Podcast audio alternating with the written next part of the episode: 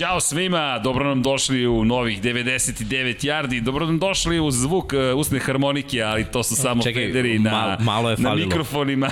Malo je falilo da bude Warner Bros. da bude, da, da krenemo, ali ekipa je ponovo na okupu, izdanje 4,1 sa 4 jahača apokalipse i šefom koji sedi tamo i upravlja paradom, koji polako, ali sigurno, dobija mišiće Vanja, ćeš moći Dom Pablo uskoro da oboriš ruke kako Da, pa krenuo. ne mogu ni sad, tako da- Mišićna masa raste, spremna se ta Pre letnja početka figura. sezone možda. E, ali čekaj, kad se nismo videli, jeste mi dobro? Mi jesmo, gde si ti? Malo sam Da, zaribao. bre, ste dobro, bre, gde si bio? Zaribao.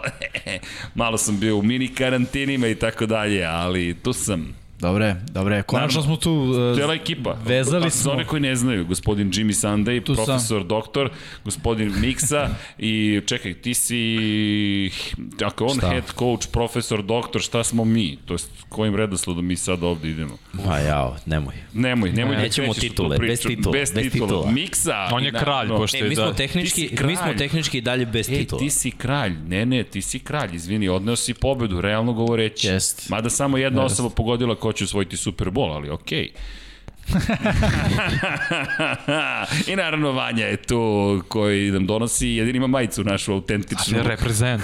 reprezent, tako je. Ali nadam se da ste nam dobro, kao i uvijek što kažemo, mazite se, pazite se, vodite računa jedni u drugima. Probali smo da mi to izvedemo kad ti nisi bio tu, ali nekako zvuči Niste. čudno. Maženje i Kad ti to ne kažeš. Bukvalno nezamislivo. ne, ne, ne izgovoriti to. funkcioniše. Ali da, nadam se da je zajednica dobro, da ste spremni. Naravno, vodite računa jedni u drugima, uradite nešto dobro današnjih dana, gledajte 99 yardi, slušajte 90 yardi, pogledajte školicu ponovo, pogledajte šta se sve događalo, a mi ćemo se družiti uz Power Ranking izdanje broj 2, jer šta drugo da radimo nego da, jel te, proverimo ko, Flexu. ko ima moć. Znamo ko ima moć, Miksa je odneo moć u našem kombajnu, tako da... Pa dobro, to je na draftu. Pusti priču o slobodni agenti. Post trene, da. draft era. Post draft era je počela. Tek su, E, nedostajali ste. tek su prošli ove, iz Dinamo, iskreno. Vidi. Nema, ne, nije samo ono da nema ko da uvede u emisiju. Imaš novu frizuru. Nego, pa nije. Nešto ti je kraća. Samo, pa ošiš. Šta nisi? Pa, malo sam skratio bradu. To nije on, to je njegova šauma. Ali da. Opipujte, pošto nisu platili. Da. da, raspoloženje je na nivou, tako da to je... E, to pa je- pazi, s obzirom da, da su nam misteriozno timovi, svi osim tvoj, nažalost, izbjegli ovo, ovo donju. Oj, prvi, da, donji prozor. Sad, samo si ti, ovaj, nisi mogao da izbegneš, pa i Nisam mogao da tu si stavio na prvo mesto, ne bi mogao. Ne, ne, ne, znači, mada moram da primetim, evo gledam nešto ovo oko Filadelfije. Vidjet ćete da, ranking, ja bi otvario s Filadelfijom. Da. Ona je 24. na našem spisku, uh, većinom glasovali, čudno mi je. E, nije većina. 25. 29. 24. i bude 24. Zar nije logično? Profesore, ja, imamo Renea Dekarta na, na, na thumbnailu, ali ne znam, ovo je neka geometrija. Ovo poziva čudna. na objašnjenje. Da. Ajde ovako, prvo ima onaj mali disclaimer, nadam se da čitate ona mala slova. Šalim se, uh, mislim, mi u suštini da gore stavimo ekipu, ne utičemo to da će ona zaista završiti na kraju sezone. Ali, Ali, u odbranu, da, postoji nekoliko sistema. Sad ja sam probao da budem... Uh, O, ovo pažljivo slušajte Tako sada. je, tako je. E, Slušajte ovo pažljivo, ću reći samo jedno. Ovo, ja sam probao da primenim jedan princip, međutim teško je.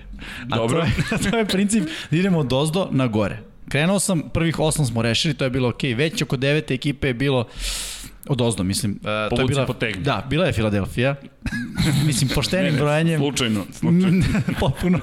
Ovaj, uh, I onda sam video da nastaje tu haos. Jer Sredina je uvek za- zanimljiva. U sredini neko stavi jednu ekipu da bude 12. neko tu istu ekipu stavi da bude 22. I sad treba naći gde, će, gde, gde staviti tu ekipu, a recimo uh, kada poredimo sa nekim drugim ekipama, dešavalo se par, u par slučajeva da dve ekipe bukvalno budu vrlo, ajde da ne kažem isto, ali vrlo slično rangirane od strane nas, nas uh, pet i ovaj uh, I onda gde koga staviti? I sad tu, onda se, um, kao onaj taj breaker u, u NFL-u kada se gleda za, za playoff ko ulazi. Znaš, mora neki taj breaker da postoji. Onda taj breaker međusobno. Da li je jedna ekipa odnosno na drugu više puta sta... Logično je da uđe Doleću u taj Eaglesi u kadar. da li jedna ekipa odnosno na drugu bila više puta iznad ili ispod Jasno, nje. jasno. Gde je onako kada se pogleda, da kažem, vizuelno, gde možemo da povučemo neku sredinu kako bismo alocirali tu ekipu što bi negde najbolje reprezentovalo gde ta ekipa treba, treba da stoji. Sad naravno, Uh, René Descartes nije zaista radio ovo. Radio sam ja.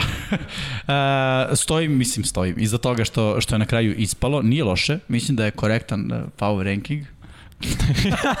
Manja me gleda čudno, on je imao pitanja kako Chargers i ovo, kako Čekaj, sad ćemo mi polako. Evo, sad ćemo pogledamo grafiku. Šta kaže grafika o tome koga smo gde plasirali? Da. Možemo da pogledamo ponovo iz prethodne nedelje ako slučajno imamo. A, nemamo, imamo. Krećemo a, odmah od ove nedelje. Vidi ovo, ko je? Ej, čekaj, ovo je u duhu Eurovizije.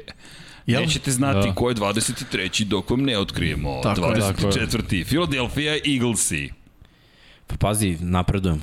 Napredujemo. E, vidi, ja ovde ne znam ko je napisao ovaj podnaslov. Neko je, što samo ti kažem, dok ti nisi bio tu, neko je ovo tražio. Neko je ovo tražio, ne mogu da se setim u komentarima, neko tražio da ovako otkrivamo Vidi, jednu po po jedan, jednu, da, da. grafički i, I šta je ispunili smo. učinila ekipa 99 Tako je, ispunjavamo želje, kao i uvek. Tako je. Mislim, ove... Ovo je dobre želje, ovo je dobre želje, da. Ovo je realno. O, ovo su realne želje, samo Philadelphia Eagles i to bi bilo 99 Da. yardi. Eto, ispunili, 41. ispunili smo i tu želju, pošto svi žele da ih vide u poslednjem uh, prozoru, da tako kažemo, ili kvartalu. Ipak su poslednji u ovom trećem uh, uh, kvartalu, odnosno Uh, prva ekipa o kojoj pričamo, ajde, ne budu bar u nečemu prvi. uh, moje mišljenje je da smo ih pocenili. Mislim da će Fila biti mnogo bolja ekipa nego što je ovo. Ja, ja sam ih i stavio malo, malo više. Ti si ih stavio na veliko 23. mesto. Pa nije to baš toliko veliko, ali Pa okej. ne, ali ti kažeš da smo ih pocenili, nego Da, samo... da. Ja sam, ja sam malo podlegao pritisku, moram priznati. O, Znaš. peer pressure. Jeste. Ja, Gde si okej. teo da ih staviš zapravo? Pa, mislim da su oko sredine. Uh. Da je realno da će biti, okej, okej. Ja mislim da će ta divizija ponovo Hrabro. biti zanimljiva. Dobro. A, a, ali mislim da Fila neće biti najgora u toj diviziji. E, ko je stavio ovaj naslov? Fly, Jalen Fly. Ja sam sve to smišljao. Vanja je da- smišljao Samo Don Pablo da prebaci Fly. na to. Fly, Jalen Fly. Moram, moram, moram još nešto da, da, da, da kažem, da, da pohvalim Vanju. Zato što si počeo, znači prošle nedelje isto i ove, da, da, da bacaš ove, ove forice. To A, je sve tvoja improvizacija, mislim, i, i dobro je, stvarno je dobro. Trudim se, trudim se, hvala, hvala. Moram da pohvalim. Jeste. I zaslužuje čovek, pa ne, pa mislim, Respekt. odradio toliko toga. Ali neću da vam dam da skrenete Niko pažnju. Sad ozbiljno. E, bilo je jedno od pod, pod naslova, ne znam da li je to ušlo u, u ovu verziju konačno je bila samo radna, da li je Jalen Hurts quarterback rešenje kao na poziciji Mislim tu quarterbacka. samo da smo pitali ovako. Da, Pa to okej. ti je to ovo, je to. Fly, Jalen Fly, dobio Yes. si upitnik, pa Tako je, e, e, odgovor je da. Mislim da je odgovor da. e, Zato što ne nema niko drugi. Ali uzeo si, kako kažem, ne zato što nema niko gnezdu drugi. Filadelfije. Ne zato što nema nikog drugog. Ljudi, Jalen, Jalen Hurts je, je pobednik. Na, kada pogledamo njegovu karijeru na koleđu pre svega, pritom on je bio deo ozbiljnih koleđ programa, znači ne pričamo o tamo nekom, ne znam ni ja, North Dakota State. North Dakota State-u ili ne znam ni ja kom Izvini, da li to implicira da je sad ušao u BYU, jedan ozbiljan primer. sistem u NFL-u? Apsolutno. Ne sada, već prošle godine. da. Ali e, zaista Alabama uh, i Oklahoma. Mm -hmm. Dva jako dobra, dobra programa. Uh, na Alabami je bio starter, uh, jedne godine osvojio, sledeće godine bio zamenjen, ako se ne varam, tuom. Tako je. I onda je opet Alabama osvojila. U svakom slučaju, deo velikog programa e, imao je e, od koga da uči, imao je taj pristup. Opet ću se vratiti na onaj komentar Najee Harrisa prošle nedelje koji je izjavio e, NFL je lagan, imao mnogo više slobodnog vremena u poređenju sa Alabamom. Alabama zaista jeste ozbiljan, ozbiljan program u, u, u tom smislu. I onda ode na Oklahomu, ode sa, sa Alabame, prosto želja da, da bude broj 1, delovao da, da će Tua biti broj 1 na Alabami i bio je. Uh, ode na, na Oklahomu i u Oklahomi pokaže da je ono pravi, pravi lider. Jedna godina nije puno. Mnogi quarterbackovi, ok, kad se transferuju, uglavnom smo vidjeli one najbolje da prave odmah rezultate, ali tako, obično treba godina da, da sve to slegne ili se bori za poziciju. Hrc se odmah izborio za poziciju broj 1, vodio daleko od Oklahoma, Oklahoma je s njim bila bolja nego bez njega, to, to definitivno. I onda je došao, došao u NFL. Dobra stvar je što je prošle godine presedeo, da kažemo, veći deo sezone, Uh, i što je u jednom trenutku ipak osetio NFL. Sad neće biti ovo, da kažem, vaterno krštenje uh, uh, u ovoj sezoni, već ima iza sebe to iskustvo, igrao i za oš- loše ofenzivne linije, mislim da će ta linija biti bolja ove godine. Biće sigurno bolje ove godine. I ima više oružja na poziciji hvatača, ima. pre svega De Devonte Smith i jedino Devonte Smith, ali e, Dobro, Rigor je zdrav, ajde. da, tako je, tako je. Rigor je zdrav i budimo realni, Rigor je pik prve runde. Jeste. Od I vidjet isto je ozbiljan taj tenis. Da, veliki znak pitanja, tako je i, i Gader, kao što si rekao, Erc neće biti tu, mislim to, mislim da je jasno, da. Uh, ali u svakom slučaju, uh, mislim da će se napraviti ta konekcija da će Eaglesi biti prijatno iznenađenje ove godine. E sad, da, da, da, da budemo primenimo ono što sad. smo rekli, da, da, da, rea- reality check kreće odmah. Pazi, jeste većina toga što si rekao tačno. Ali opet pričamo o sistemu, rekao si sistem Alabama, sistem Oklahoma, sve je to okej. Okay. A je sistem File? File ima novi sistem od ove godine. To je problem. Nije to problem samo za Jelena Hrca i ofanzivce, mislim da, da generalno će se čitav tim pronalaziti neko vreme s novim trenerom da će se uhodavati, jer dolazi trener koji nije imao nekog preteranog iskustva i njegov sistem nismo videli ranije. Znači ovo je sve onako od nule, prvi put to će malo Filadelfiju da uspori u početku. Jeste egal divizija, to mo- mogu da kažem, da potvrdim, napad će biti bolji, ali odbrana je slabija i novi je sistem. I taj novi sistem, ja sam uglavnom te ekipe sa novim trenerima, novim sistemima, mladim igračima rangirao dole, zato što to ume da bude muka. Ne mora da znači to, to je samo moj način posmatranja, to može da se desi novi trener, nova energija, sve ide dobro, ali nekako me iskustvo naučilo da u prvoj godini tu uvek ima malo povuci potegni i onda kad se sistem u stvari tek u drugoj polovini sezone e, nekako prihvati, onda sve ide na bolje. Eto. Ja, ja, se, ja e, se slažem s tobom, ali kombinujem naše zajednične, obe teorije, a to je, di, i dodajem još jednu stvar, divizija. Divizija je njihova realno slaba. U smislu i Cowboysi, i Washington, i Giantsi mogu da izgube od manje više bilo koga u NFL-u. I mislim da slažem se u potpunosti sa tobom. Da, bit će tih problema, ali ne vidim da će niko u toj diviziji imati recimo 10 pobjeda. Mislim da će ta divizija biti 8-9 šampion. Uh, zašto to ne budu Eaglesi? Pa moguće, mogu mene najviše brine kod Eaglesa odbrana, kako će secondary da izgleda. Bolje nego prošle godine, prilično sam siguran. Mislim da će to biti ključ. U napadu ću uraditi svoje, jer će napad biti bolji, igra trčanja će biti, mislim, mnogo bolje, pogotovo iza zdrave ofenzivne linije i Sandersom se opet, koji se vraća. Kako, a čime će oni da brane, pogotovo igru pasom, to će biti ključ za uspeh Eaglesa. Možemo pogledamo raspored. Da Pa se, to sam baš teo da kažem, što se tiče rasporeda, Atlanta Falcons, ok. Lagano, Ok. 1-0 za nas. San Francisco 49ers. Ok, može tu da se, možda i Čuli dobiju. smo- Da, Dallas Cowboys. Dobro, divizija. Divizija Bio kod kuće ili- City Chiefs. E, tu već problemi počinju da se. Filadelfiji. Inače Da. u Arlingtonu igraju sa Dallasom, ali počinju problemi. Da, da. Onda Carolina Panthersi, pa Tampa Bay Buccaneersi, pa Las Vegas Raidersi, Detroit Lionsi, Los Angeles Chargersi, jedva čekamo taj moment, Denver Broncosi, New Orleans Saintsi, New York Giantsi, New York Jetsi. Jel tako? I mislim, ima ekipa Da, koje da. su apsolutno pobedive. Barem jedno 5-6 su pobedive. Da li će Kada pobediti, pogledaš vidjet ćemo. raspored, ima tu dosta rupa i naravno onda Jeste. diviziono Washington, New York, Washington i Dallas. To je uvek zanimljivo. Pa dobro, Fila nominalno ima najlakši raspored. Sad, koliko će to značiti u poređenju sa prošlom godinom, ima najlakši raspored. Vidimo sad po nekim ekipama, ovo što ti kaže, ima 5-6 koji su realno može da se pobedi, Jeste. tako da i još ako uključimo diviziju, šta je granica, možda 7, 8 pobeda maks. Pa, recimo. recimo. Dobro, to jeste za nijansu više, mada, mada ja kažem opet, u nekim tim egal utakmicama ja, ja njih ne vidim. Mislim da, da će biti onako, oko prošle godine protiv Pa Dallas. Sve vreme vidim način na koji može da se pobedi, ali nek, neki mali fail do malog faila, neki fumble ili nek, neka neiskorišćena prilika i, i to u stvari karakteriše timovi u rebuildu mladi timovi. Ja se sećam kad je Baltimore prolazio kroz isto ovo, da nakon osvajanja Superbola, dve godine su još, kad da kažeš, bili tu relevantni, bili u play-offu, nakon toga tri godine bez play-offa i to su bile godine gde, je bilo 8-9 pobjeda I, I ti vidiš potencijal na neki glupi način se izgube utakmice. Ono, dosta mladih igrača jer njima nije moranje. A spoje veterana i mladih igrača kao u Fili. Fila ima dosta veterana koji moraju od sada odmah da pobede i ovih mladih koji ono tek uče. I to je onako najopasnije. Mislim da, da je najbolje kad imaš ono, mlade igrače i, i mlade veterane. A, a Fila baš ide u nekom smeru da, da će ofanzivnu liniju da podmladi za, za ono, Moraće. 10 godina. Bar. Mm. Ali zanimljivo mi je, kada pogledamo, mi smo ocenjivali ovako, Dom Pablo 28. poziciju dao Fili, od 32 ekipe, čisto da se, da se zna, kao dvanje su bili na 29. poziciji, kod Mikse 25. kod mene 25. tebe stavljam na kraj prosto zato što su tvoja ekipa 23. ali niko ih nije stavio nešto iznad. Inače, iz perspektive toga da li će neko proći u playoff power rankings, makar ih ja tako ne posmatram, to je negde koja je snaga ekipe. Sad, divizija može da ti pomogne, iako nisi dovoljno jaka ekipa, kao što sigurno nisu bili u top 20 timova prošle godine iz istočne divizije Tačno. nacionalne futbolske konferencije, pa su neko je morao da prođe u playoff.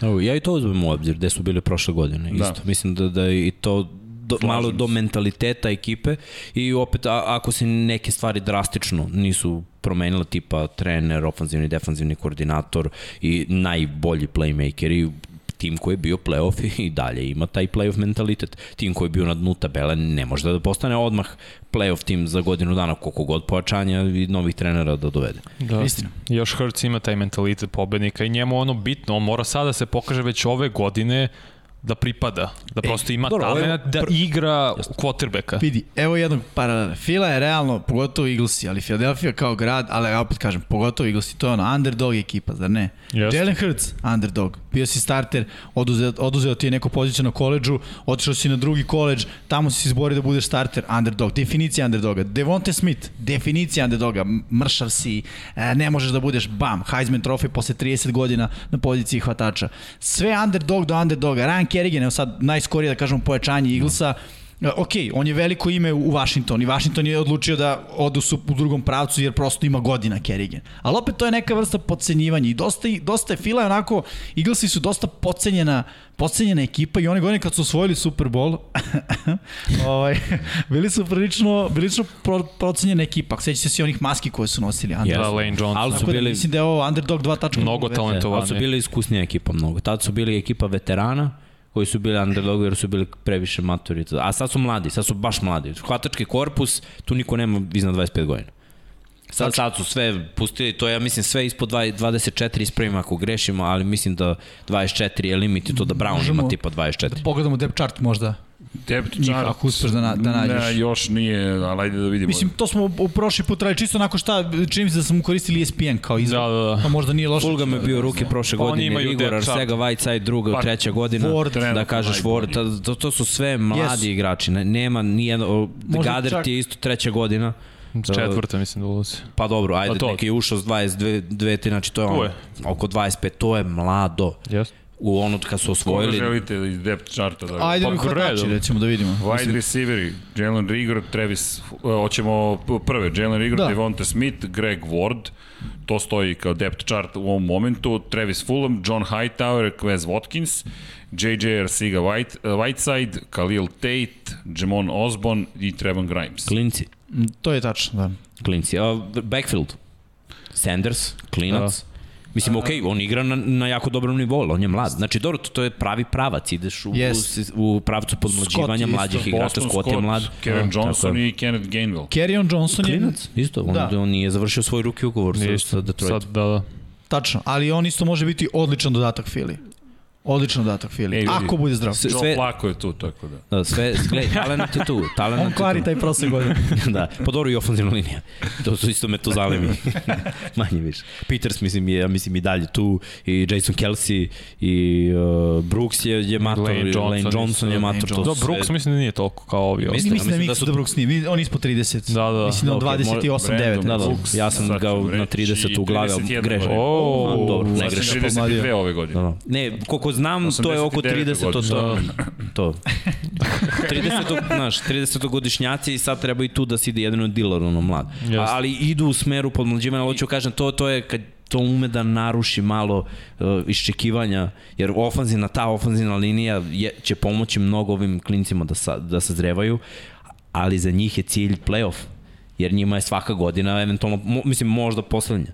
A što se tiče ovih klinaca, njima je svaka godina napredak u odnosu na prethodnu. I sad koliko mi imamo da ti napreduješ pre nego što se ja penzioniš. Tako to, je. to je ono. Dobro, naravno, ali tu negdje jeste motiv za, za sezonu, znaš, da se sve to, što ti kažeš da ti veterani povuku ove mlađe, da mlađi prihvate to da ne budu inertni ili da nemaju odgovor na, na, na, na takvu neku... Sad da li će se sve to desiti, mislim, mi ne znamo, mi pričamo A idealnom će povući mlađe. On je takav. On, I mislim da će oni veterane da priuče da će napraviti taj spoj, jer ljudi očigledno njega prate kao lider. On ima tu prirodnu sposobnost Ima. da bude lider.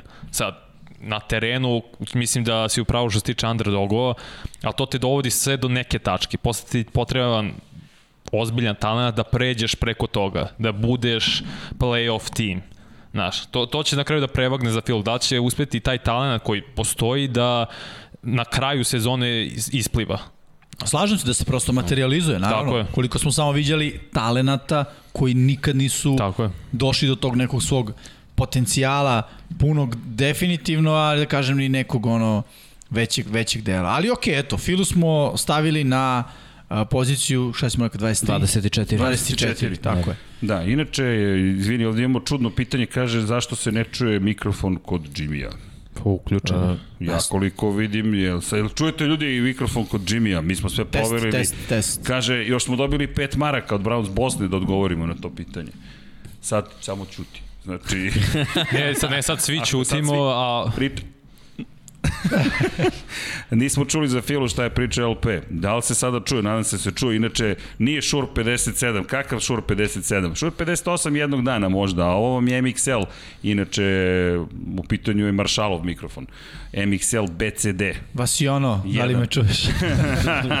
da, inače rekli su da će nam kupiti šipku ako treba samo da ovaj, plešemo. Šipku da, za zgibove? A, euro, ne, a ovaj, kada se zgibaju. Ne, nego za plešemo, pošto sam spomenuo Euroviziju, kud je spomenuo. Ali dobro. E da, ali pazi sad ovo, ko, ko voli Filu neka lajkuje ovaj video. Može. Nećemo baš dobiti Baš puno para. baš pun lajkova. Pa, Ali šalom stranu, udrite lajk, to je ona stara dobra kad ste već tu. Hvala Browns Bozna, nadam se da čujete Ivana. E, mislim da je to jedini komentar. Sve se čuje, Milhouse i Ali Ademović. Odlično. Ne odgovorili smo i na pitanje, tako da, eto, Browns Bosna, proverite vaš zvučnik, možda je tamo negde situacija. Ajde, Ali pozdrav za Browns Bosnu. A i pošto sam ja pričao o Eaglesima, ništa niste propustili. Mislim, uglavnom to nekih malo. Eaglesi su najjači, nepravedno su stavljeni ovde. I To, tako je, Super Bowl osvajaju drugi. Da sumiramo. Lagano, i to sa Jalenom Hrncom lete u ne, neslućene visine, tako da bez brige, bez brige. Če, hoćemo dalje. E, da li hoćemo dalje? Pa... Moramo samo, dalje. Moramo, mislim da bismo da... Čekaj, ima neki neka pitanja pitanja, za da, Filu. za Filu. Čekajte, čekajte, evo samo dok čekamo pitanje za Filu, da iskoristim priliku, nismo rekli koga smo prošle nedelje, jel te, pogledajte izdanje broj 40 da detaljno saznate šta su moje esteemed colleagues rekli u celoj situaciji, ali Houston, Detroit, New York Jetsi, Denver, Jacksonville, Chicago, Cincinnati, Atlanta, to je onaj donji dom, donjih osam ekipa, pa eto, Filadelfija, navijači, oglasite se ukoliko imate neko pitanje. A, Browns Bosna, šalim se, hvala, u svakom slučaju.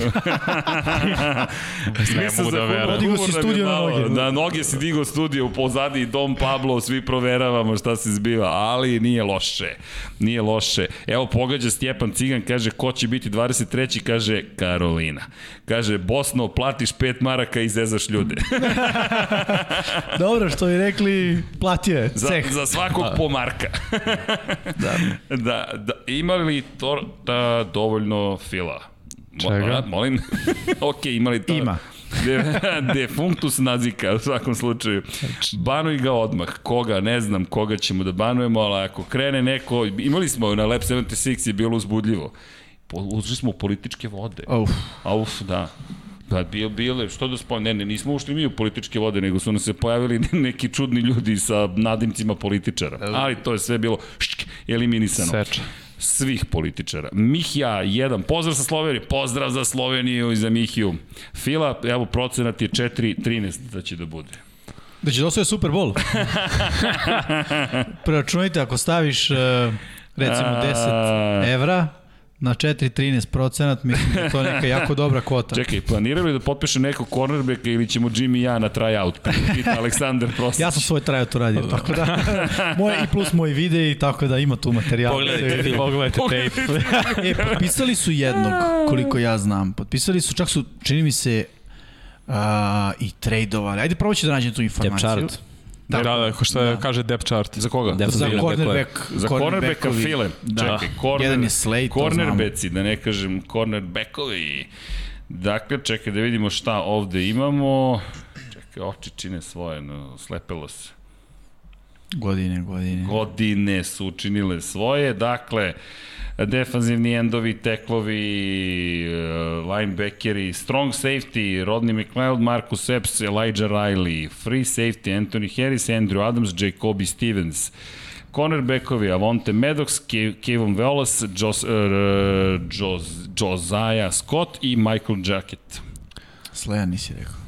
Uh, da. je, ne, izvinjam se, Darius Slay, Zach McPherson, promaših, malo sam previše scrollo, Grayland Arnold i Craig James. Da, pa možda ovaj jacket. Da. Da, ja mislim da da. Pa dobro, Harris, Slay. da, Mršavo, Harris. mršavo, mršavo duva promaja u Fili. Da, Dobro, da. ajde, vidjet ću. Mene dobro. ta odbrana više plaši nego napad, iskreno.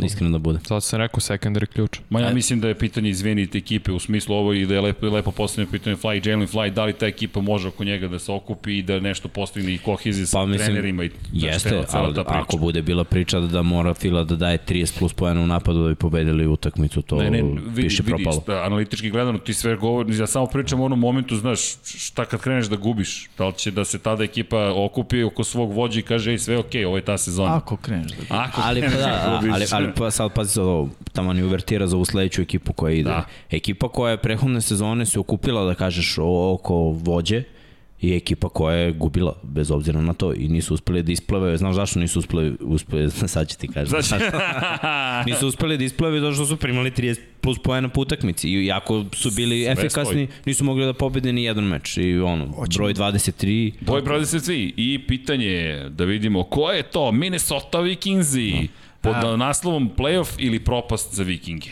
Nešto na slopa, definitivno. Pa, jer godinu dana ranije ušli su u play-off, jer je odbrana radila svoj posao. i Onda taj napad mogao da koegzistira. Da kažemo da ni tad napad nije bio nešto ono wow, Minnesota top 5 napad. Nije, nego jednostavno im- bilo je trčanja, bilo je dodavanja, imali su dva dobra hvatača i prošle godine i pretprošle godine. Imali su dobru igru trčanjem i, i ove i one tamo. Ali prošle godine je odbrana bila rupa i to se videlo. Nema raša, defanzivni bekovi propast, corner bekova je da ne kažemo safety, safety, mislim šta oni mogu tu da krpe toliko kad sve pršti na sve strane. Da. I on, linebackeri bili povređeni, znači prazno, sve u sredini prazno i drugi timovi samo rastavljaju sredinu i naravno trče jer defanzivna linija nema run stop nikakav i džaba onda i najbolji napad. Jer ti onda u napadu mora budeš perfektan, mora da daješ svaki posle touchdown, jer si u stanju da primiš svaki posle touchdown. I Minnesota je propala. Međutim, ove godine se to malo nešto izmenilo. Zašto? Uh, Pre svega malo su se pojačali na poziciji cornerbacka, vraćaju se linebackeri, znači to su ljudi ko, koji spadaju, da kažeš, u nekih top 20-30 u ligi, Bar i Kendricks. Kendricks, nije Hendricks sigurno pogotovo, to. da. Pa Da, je ajde da top uzmemo 10 neku srednju vrednost. Hendricks. Prošle godine nam je bio čak, či- čini mi se, u top 10. Pa i treba, on Jeste, je jedan od najboljih coverage linebackera. I onda. Daniel Hunter se vraća i bit će tu i Pierce iz Baltimora koji je dobar run stopper na teklu i ajde da sad ne idemo ono pozicija po poziciju, pojačali su su odbrani, to im je bilo katastrofa u napadu, e, možemo da kažemo da, da su se malo oslabili u ofenzivnoj liniji, ali eto, draftovali su, idu i oni u nekom smeru. Mladost, quarterback je isti, iskusniji od njega, ako ima protekciju, znamo što, mislim, mi znamo što očekujemo od Kirka Kazansa, to je ono, 4000 yardi, ako je dobra protekcija, dobra sezona. Da. Od Alvina Kuka očekujemo svih 1000 yardi. Uh, očekujemo zdrav. 1000 plus yardi od Tilena i od uh, Justina Jeffersona i, i to je jednostavno Minnesota koja ima neka iščekivanja. Propast može da se desi u, mo, u mojoj glavi ako odbrana failuje opet. Je, to je jedina svetla da, tačka. je- Bio je- Harrison Smith prošle godine sa presečenim loptama i dodavanjima i to je bilo Jeste. to. Uh, Ono što, što je meni nateralo da ih ja dignem gore više od ovog, ovog mesta kada sam glasao jeste divizija. Jer je njihova divizija toliko, ja ne vidim ove godine iskreno Chicago i Detroit da mogu da, da pariraju Minnesota i, i to mi Da nekako tebi su na deluje... poziciji 17. Da, ali znaš zašto, to mi deluje kao četiri lagane pobede. I onda Green Bay, mislim, ja i dalje ne znam da li Rodgers igra, ali ajde da kažemo ako igra, biće napeto, mislim, da igra. Gledaj, oni su igrali prošle godine sa, sa Packersima, je tako? Prehodne sezone. Nije, nije bilo ono kao došli Packersi i počistili ih. Uopšte nije bilo tako. I uzmem raspored, znam, mnogi su pisali kao ne treba raspored, nego samo roster na papiru, pa kako roster na papiru ako igra protiv najgorih Pa, da. ekipa, onda najbolji roster ne postoje toliko dobro, mora da se uzme obzir raspored. Mora da znaš kad ti je baj, koliko vremena imaš da odmoriš posle toga, gde idu, i ako idu nizovi slabih ekipa, ako vežeš tri pobede ili kao na primjer ko prošle godine što što je bilo za sever AFC-a da ti dođe onako da vežeš istog NFC-a i, i jug ona, i dobiješ pet utakmica za redom pa znaš koliko to znači za ekipu Kako ne? kad kreneš da gaziš gaziš I gaziš raspored je sledeći, da zanemarujemo predsezonu. Cincinnati Bengalsi, Arizona Pobedljiva. Cardinalsi, Seattle Seahawksi, Cleveland Brownsi, pa onda Detroit Lionsi, Carolina Panthersi, pa slobodna nedelja, Dallas Cowboysi, Baltimore Ravensi, Los Angeles Chargersi, Green Bay Packersi, San Francisco 49ersi, Detroit Lionsi, Pittsburgh Steelersi, Chicago Bearsi, Los Angeles Ramsi, Green Bay Packersi, Chicago Bears. Pazi, kako ja to vidim? E, Zapad NFC-a, ukrštanje sa njima, nim ne ide na ruku. Nikako. Nikako. Ne, ne, to, Istok NFC-a, to su mečevi kao i međusobno u istoku NFC. Znači, Minnesota može dobiti svakog od njih, a može izgubiti od svakog od njih. Tako. Ja bar tako vidim. jeste i dobro vidiš I na to da još dodamo, čini mi se, sever AFC-a, tako? jeste. Gde Pa dobro, će sever- biti pregaženi od Clevelanda, od Baltimora, Pittsburgh vrlo može da, vrlo da. realno da ih dobije, Cincinnati me ne bi iznenadio da ih pobedi. Tako da, jedna prilično, ako mene pitaš, sezona slična prošloj, i da sve što si rekao, Miksa što se tiče odbrane, slažem se, ali a, prosto mislim da ta jedna godina u kojoj a, je ta odbrana pretrpela udarce, ono, bukvalno udarce u, u, u fizičkom, mislim u pravom smislu te, te reči, ne može tek tako da se da se vrati. Znaš, mislim da, da je to teško za, za odbranu koja je jedne godine bila sakata i sad sledeće godine se vratili su se neki igrači, da, ali ovi što su igrali i dalje imaju, da kažem, ožiljke u, u, svoj, u svojoj memori. Znaš, i dalje Harri- Harrison Smith je bio deo te raspale odbrane. Bio najsvetlija tačka, ali ok, on je pro bowler, on je neko ko može da se izvuči iz te situacije.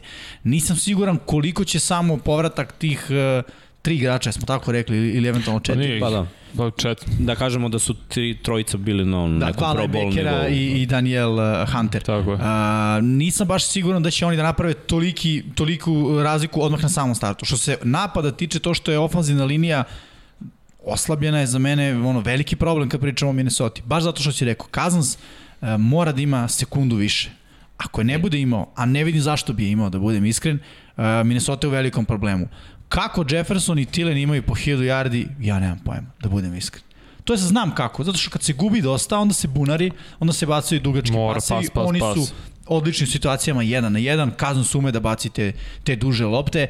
Uh, Kirk Cousins deluje kao quarterback koji ne voli da puno da rizikuje, on neće baš baciti uh, interception da bi ga bacio, ali to nekad zna da ga, da ga košta. Uh, ja da imam takva dva hvatača, mislim da mu je pametnije da rizikuje sa, sa Tilenom i sa, i sa Jeffersonom u nekim situacijama, nego da prihvata sek i da traži tu sekundu više protekciju od ofenzije linije, jer je neće dobiti. Problem je to što nema ni Rudolfa više, nema tog nekog ko može odmah da nađe za 2-3 sekunde ako popusti ofanzivna linija. Onda ima Smith. Ima, ne, Smith je, jeste, Pošto je Rudolf već pao u formi. nema tako da- veze, opet je bio ni safety blanket, znaš. Ako Ali nema Nije šta, toliko ni koristio Rudolf. prošle godine, znaš. A pazi, ne sviđa mi se raspored jer posle šeste utakmice imaju baj. To je ili šesti vik. To je rano, da. I to je baš rano, pogotovo za nekog ko kuka ako je ofanzivna linija slabija, imao je probleme s povredama, slučajno da se on povredi tako sedma, osma nedelja, to je odmah propa za Minnesota. Ali ako uzmemo u obzir da, da je ono, utakmice da imaju te pobedljive, što, što kaže Jimmy, znači u njihovoj diviziji, u ovoj diviziji s kojom ukrštio i random tekma, mislim da im je Karolina, to je takođe jedna pobedljiva utakmica. Da. Znaš, vrlo lako može da se desi što, što, što on kaže da, da oni dođu, prošle godine je 8 bilo dovoljno da se uđe U u, ple, u play-off u NFC-u. Znači ove godine, ajde da kažemo jedna više da, da, da može da, može, pazi, ne možemo da znamo. Zapada, A- NFC-a, mislim da će, znaš, biti... Ovo, ja opet ljudi, očekujem tri sa zapada. Ajmo ovako, jedno pitanje. Tri, koliko godina već? Tri godine Kirk Cousins, ovo mu je četvrta u Minnesota. Koliko puta su ušli u playoff? U njegovoj Dva. eri? Dva, jel? Prošle godine nisu. Ili jednom? Jednom? Jednom. Jednom i pobedili Saints. Izgubili Jednom. od San Francisco. U prvoj godini Dalvin Cook je bio povređen. Jeste. Tačno, da. To, to moramo odmah da, da, ono, da otpišem jer nije bilo trčanja. Vidi. I prošle godine je Dalvin Cook bio onako malo povređen, ali se videlo kad je zdrav da je Minnesota igra... Ma da, čovjek da. imao. Da, jer je imao one utakmice po Jeste. 200, znaš, ali... Da, šta je meni tu, šta je poenta? Poenta mi je da je to, ja mislim da je ovo tim gde možemo najviše da pogrešimo, iskreno. Jer Da, da. ovaj, ovaj tim može da napravi, ovo, ovo je super naslovanje, svaka čast, pro, playoff ili propast za Vikingi, bukvalno, jer ja mislim da je to tim, ja sam ih stavio na 24. jer im više ne verujem, ali ovo sve što si rekao, sve što ste rekli, znaš, me, govori u prilog tome, ej, ova ekipa može da, da postigne mnogo bolji rezultat, ali ne znam, ja stvarno ne znam, samo im ne verujem. Ajde ovako da pogledamo. Ako ovo bude propast sezona za Vikingse, šta svi očekujemo? Novog kvotrbeka, tako? Da, promene. Znači na draftu mora da se nešto radi ili da se traduje za nekog kvotrbeka. Uglavnom očekujem, a šta znači nov kvotrbek? Uglavnom znači rebuild. Osim ako nisi kolci kao ove sezone, pa to nije rebuild, nego je to samo dodatak. Minnesota bi sa novim kvotrebekom praktično krenulo rebuild. Jer bi tu to značilo po meni i potezi u odbrani da se povuku, u ofanzivnoj liniji da se povuku, to smo već dotakli 3 4 restrukturiranje 4 ugovora. 5 tako je, 4 5 pozicija, quarterback, ofanzivna linija, a, secondary, je tako? Aj sad ako razlažemo cornerbackovi, safety, šta otišao je Harris, je tako, on je sad u Jeste. Philadelphia, tako da, znaš, otvorit će se mnoge rupe, ukoliko se već sezona bude propast, mislim da su u Minnesota da će biti najbliže onome vreme stisnemo dugme restart i da krenemo iz početka. Tako da, slažem se u potpunosti. Ako uđi u play-off, Biće i to pitanje šta sad. Mislim da će to biti teže za njih da odluče kao i Houston svoje vremeno sa Billom To O'Brienom. si baš lepo rekao. Produžava se agonija, kao eto ušao u play-off. A to je pad to je rezultat. pozicije, ušao si u play-off, još ako dobiješ utakmicu, ali ja ih ne vidim da idu dalje od toga. Istina. Da. Znači, ne vidim da idu dalje od toga. Zato je bio ovo naslov playoff ili propast, jer jedno povlači drugo. Ako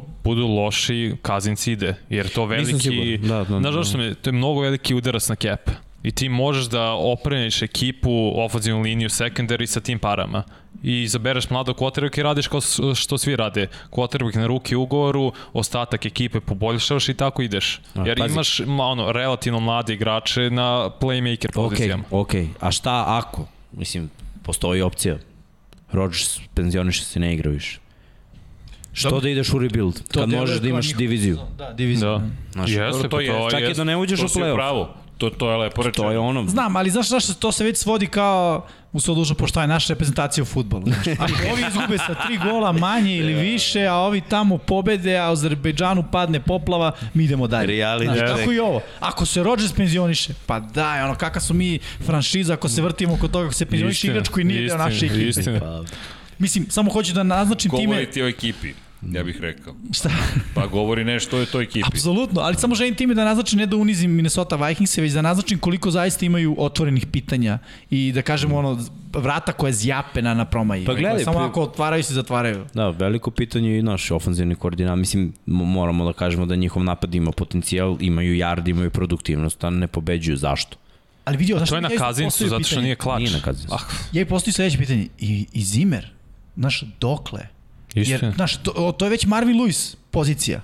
Jeste. Realno, on je Baš- njegov baš si učenik. lepo rekao. To je ono, Da, tu to- si u to je to. play-offu si, na korak si, divizija ti je očajna, ali, znaš, ti si u svojoj diviziji, Nikad prvi, drugi, ništa. prvi, I drugi. ljudi, ali ovo je super što si rekao, ali realno, ako i uđu u play-off i pobede jednom, je li to dovoljno? Je li to ambicija Minnesota Vikinga? Nije dovoljno, nije ambicija, ali mislim, ušli su i u finale pre koliko, četiri godine. Pa da, sa Caseom Keenumom ušao. Nije, ne, ne, ne, ali ušao je ceo tim. Mislim, Jeste. baš si lepo rekao, tim. Jeste, jeste. Mi, mi sad Još od tima idemo na individualce, ali Da, da. ovde ne rangujemo To individualce. je još imao i Minneapolis Miracle. Da.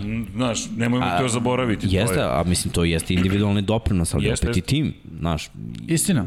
Tim je došao gde je došao i tim je izgubio Meni tamo ovo gde je došao. Najzagonetnija ekipa, moramo da vam privijem. Ima ih još nekoliko. Mislim da, Da. da već sledeća takođe za, zagonetno, samo da pogledam. Imamo neko Ali pitanje neću za čekaj, čekaj, Da, da da, da, ispoštujemo, naravno, da da, neću da idem dalje, nego samo kažem, ima i, ovo, ovo, htio sam da kažem kad sam pravio, najteže je ovaj bio prozor. Mnogo ekipa koja smo raštrkali na sve jeste. strane, dole, gore, 6, 7, 8, 9 mesta razlike između poslednjeg i prvog, ono, baš je bilo teško uglaviti sve ekipe. Meni jesu bili u ovom prozoru, jer smatram da je ovaj prozor za ekipu koja nije u play-offu. Tako sam pravio. Znači, ovo je meni prozor da Pa ekipa da. nije. E sad, samo mislim da nisu u play-offu, ali da su bolji od onog dna. Jer mislim da su drugi u svojoj diviziji, a kad si drugi u svojoj diviziji, generalno skupiš neke pobede, ono, i ma, malo si bolje, ono, na rang listi. Kaže, Miksa ne diraj mi Rodgers. Eto, bravo Jimmy za poređenje, pozdrav, pozdrav svima, pozdrav, pozdrav, pozdrav, Pozdrav. pozdrav.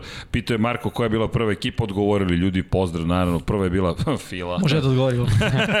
Ako hoćete da, da ne. zna se koja je bila prva ekipa, ali to je 24. 23. Minnesota, ako neko ima pitanje za Minnesota, tu smo, evo, Defunctus nazika ceni 10-7 da će biti za Filu, Saša 7-10, ali to je to, to, to, to zabavljamo Kažem, se. ušli smo, ovo je sad zona sumraka prozora. Jeste, znači, jeste. sve je moguće. Ono, zašto, zašto da Fila ne bude 10-7? Mislim, okej, 9, 8. Mislim, zašto, čekaj, mi pričamo o Minnesota ti Ne, znam, zašto ne, sad da da kažem, sad sam da kažem, zašto i Minnesota ne bi bila u toj situaciji? Slažem nije se. nemoguće, nije nemoguće. Minnesota Zato što igra sa istokom NFC-a, ne može. Uh, igraju zapravo sa zapadom NFC-a i sa severom AFC-a. Tu su njihovi Jeste, problemi. Ali tu su imaju, njihovi problemi. imaju ovih par utakmica koje su određene, ali da vidimo samo ko, koga tu imaju. Pazi, predsezona Indianapolis Colts, dobro, to ne veze, to ne gledamo. Nema nikog od vas. I vidi, Dobro. njihova divizija. Jeste, jeste, pa dobro, divizija. Chicago okay. pobedi, Detroit pobedi, međutim Chicago Ali može se Chicago izgubi. može i da pobedi. Da, to ti je to. Ali lepo je Mikse rekao, opet Green Bay. Ali ok, divizija. Chicago, Chicago je malo u, u, u većem problemu da. ove godine. Prošle godine neka pitanja su bila rešena. Ove godine Chicago baš mora da pusti mnogo talenta. Kaže, kada budete radili majice za 90 yardi, uradite jednu i sa natpisom, sad ću ti kažem. A to se podrazumeva. Ljudi, to je, to je special edition. Nije limited edition, special edition. Treba i limited. Da Treba budeš. limited. Ne, ne, to u pojama Ravensa ide limited. Pa da. Pozdrav za Marko. Color pozdrav. rush. Color rush boje, da, da.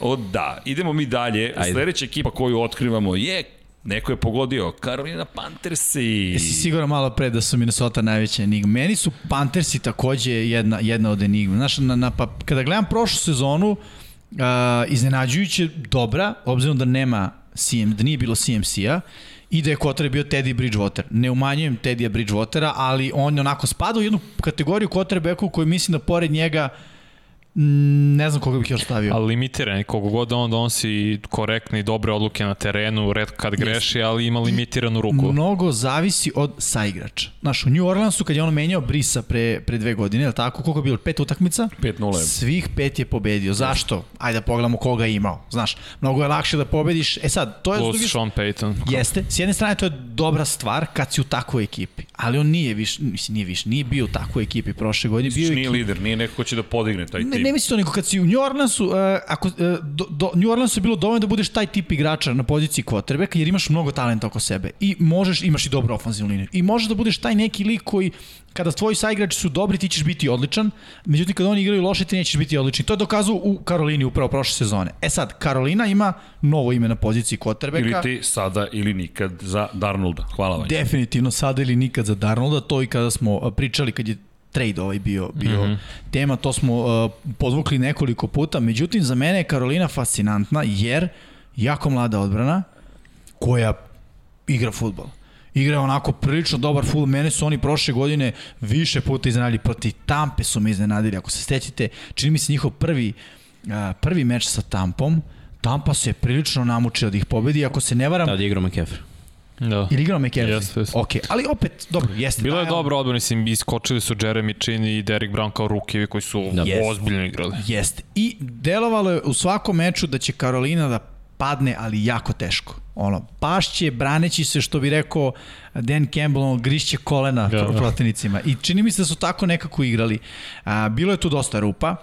Ove sezone, onako sad sve kao i svaka nova sezona, sve deluje svežije, sve deluje kao idemo iz početka, sad imamo šanse, imamo Darnolda koji opet pik prve runde, to nema šta, vraća se Treći CMC. pik ukupno. Tako je, vraća se CMC, ta odbrana je prošle godine pokazala potencijal, može biti bolja, očekujemo da Pazi bude startere. bolja. Da, ako ovako bude, naravno. Darnold na poziciji quarterback, Christian McCaffrey, running back, Robbie Anderson, DJ Moore, David Moore, pa Dan Arnold, Mikey, De, uh, Mikey Daniel, Cameron Irving, Pat Elfline, Matt Paradise, John Miller i Taylor Motton. Gledaj, ofanzivno će biti problem, kao i prošle godine. I to je razlika možda veća nego kakav je tip igrača Teddy B. Uh, u, ra, u poređenju sa Saintsima. Prvo, Saints imaju 10 puta bolju odbranu što su imali kad je Teddy B igrao za Saintse nego što je prošle godine imala odbranu Karolina, bez obzira što su bile talentovane. Jer odbrana Saintsa je bila top 5 odbrana pre dve godine. Mnogo je lakše kada imaš, bilo je drajvova gde Teddy B nije mogo da uzme novi prvi down. Ali mnogo znači kad ti odbrana vrati loptu za 2 minuta, u odnosu na to kada drugi tim vozi tvoju odbranu 80 yardi, daje im poen i ti sad moraš da izjednačiš. To je nešto što, što Bridgewateru ne leži. E, Sad, on je nekako držao koncept do- dok je mogao sa ovom ekipom bez uh, McCaffrey-a koji ipak iziskuje pažnju odbrane. Mike Davis igrao dobro, stvarno igrao dobro, ali on je bek koji trči. I to je to. McCaffrey zahteva pažnju. On je izuzetak. McCaffrey iz backfielda ode u slot, sve se menja u odbrani. Mm.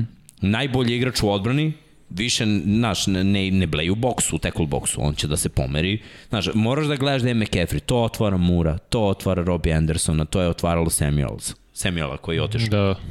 Međutim, oni kad su ga izgubili, onda, onda se videlo u stvari koliko Karolina be, bez talenta. I mislim da, da jeste, sad ili nikad je za Darnolda, ali Darnold će biti u nezahvalnoj situaciji ove sezone.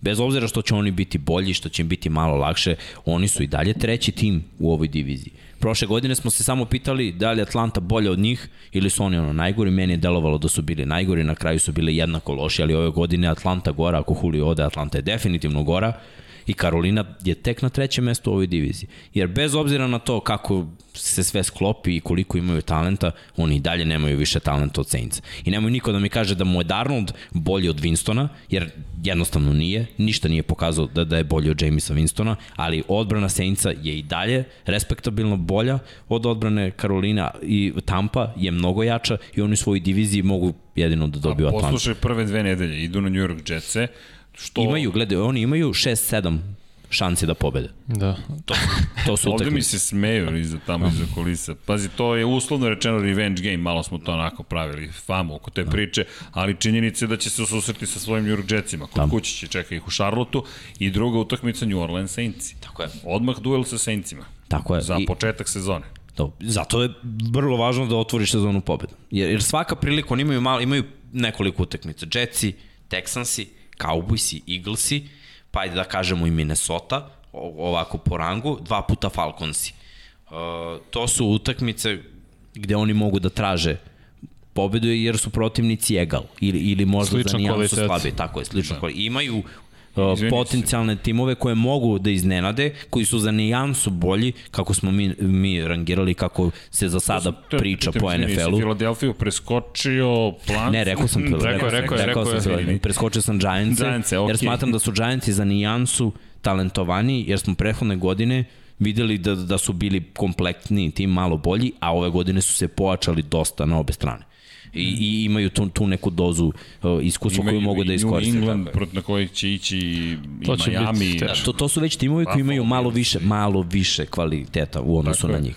Ne, ali Zato nije- sam preskočio, ali, ali raspored im je nezahvalan, oni jesu, oni su mladi i, i biće, biće jako teško da, da oni se nekako iščupaju. Mislim da je realno da smo ih stavili ovde u ovaj treći Ja prozor. mislim da je, izvini, završnica Mhm. sezone, poslednje tri utakmice, Tampa, New Orleans, Tampa.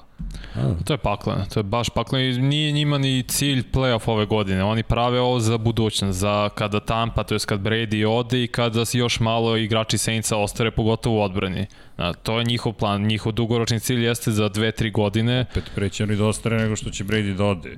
Pa nema veze, opet 2-3 godine je njihov plan. Da li će Ali izvini, ovo je Darnold tvoje pitanje, nema. sada ili nikad za Darnolda. Šta, ako to nije cilj, šta, čemu ti služi Darnold? Darnold mora da, Da da vidiš- služi, e to, da vidiš da li je spreman da bude quarterback startni kalibar pre svega, da bude to u toj nekoj sredini ove godine. Misliš, ovo je šargarepa i štap.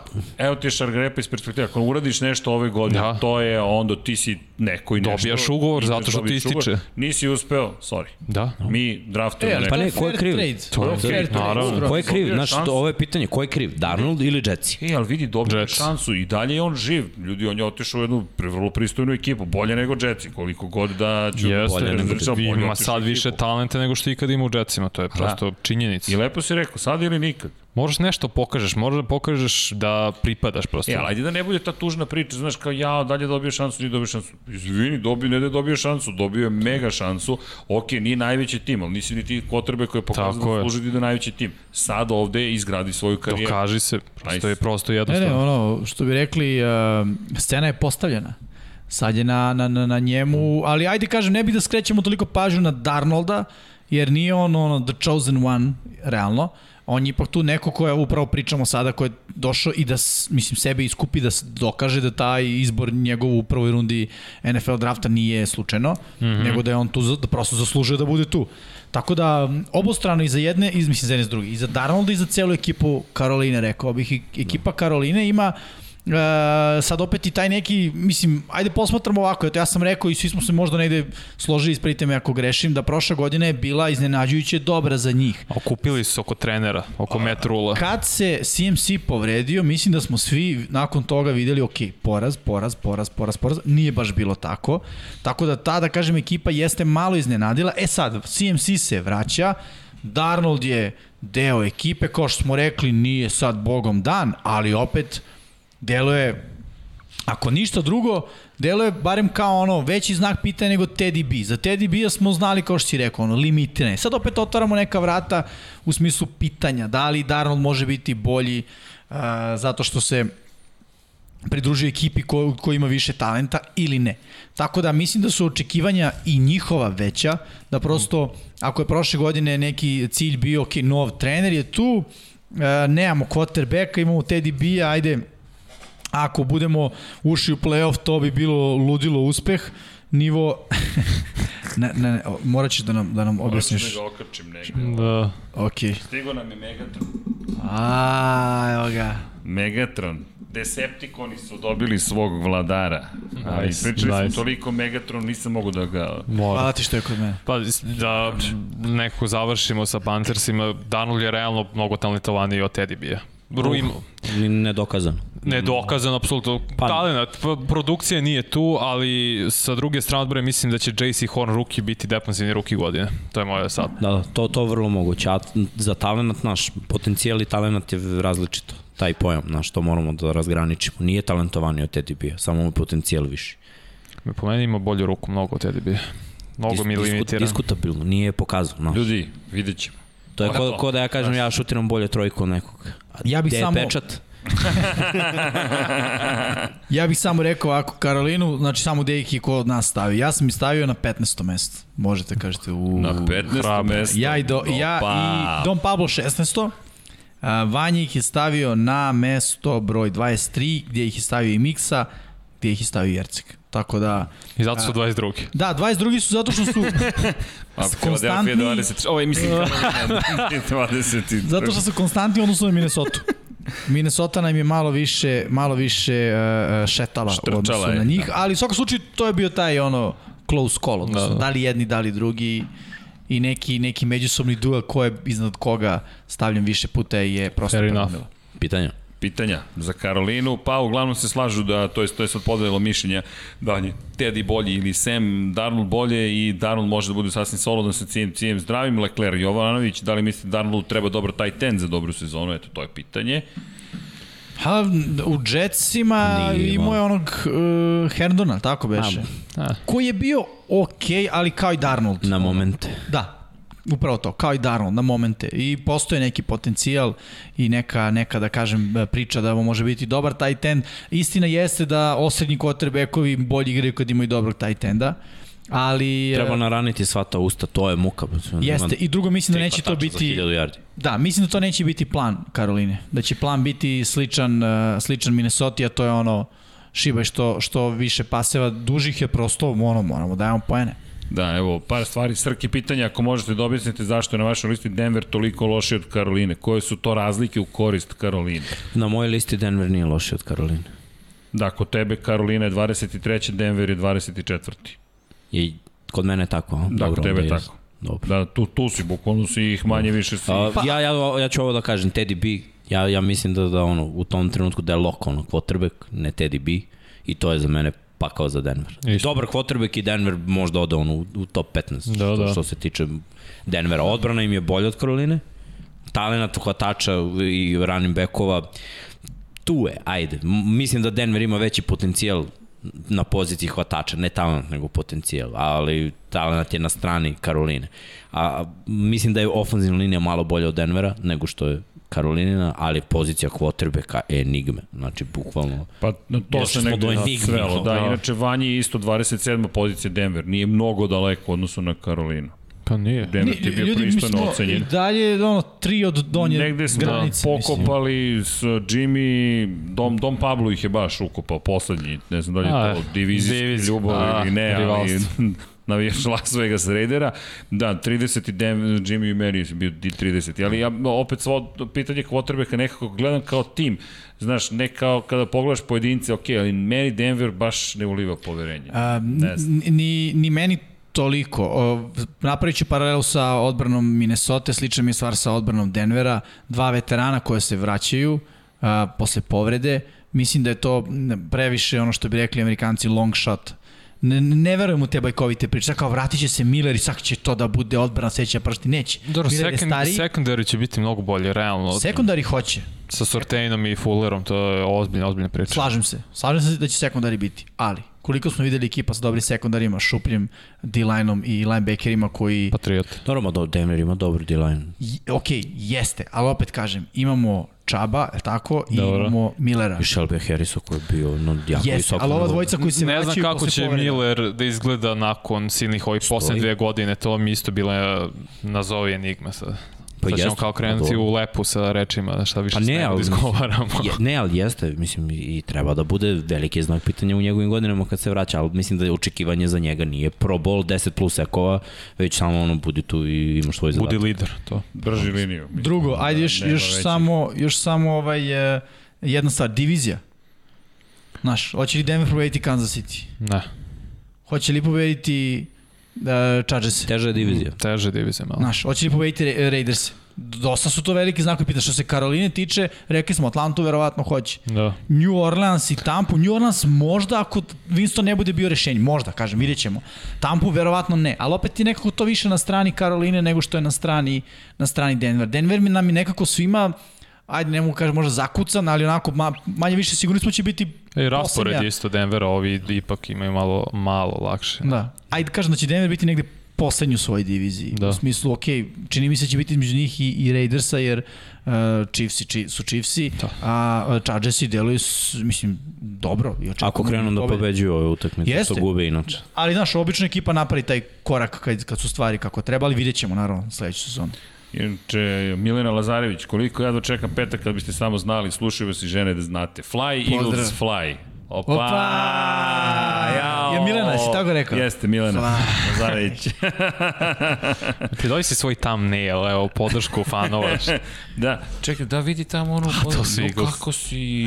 Uh, Kako si, Baro? Ne, mogu da, easter, e, easter egg je pao, Avengers i ono, tamo Orlovi le, rano lete i slično. Tako je, tako je. Da, i Dekart. Da, ok, inače, de, ovo je, ovo je clickbait, klasičan. Dakle, ili obožavaju ljudi tamne ili ga preziru, ali se klikće.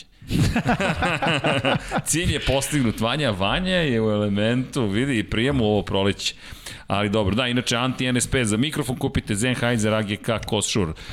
I Može, može, ali ako mogu da dam toplu preporuku, samo razmislite da vam treba kondenzator ili vam treba dinamički mikrofon za kondenzatore, morate imate Phantom Power i preporuka, nemojte na mixetu, kačite na audio interfejs, bit će vam čisti zvuk. Ovo su MXL-ovi, zašto?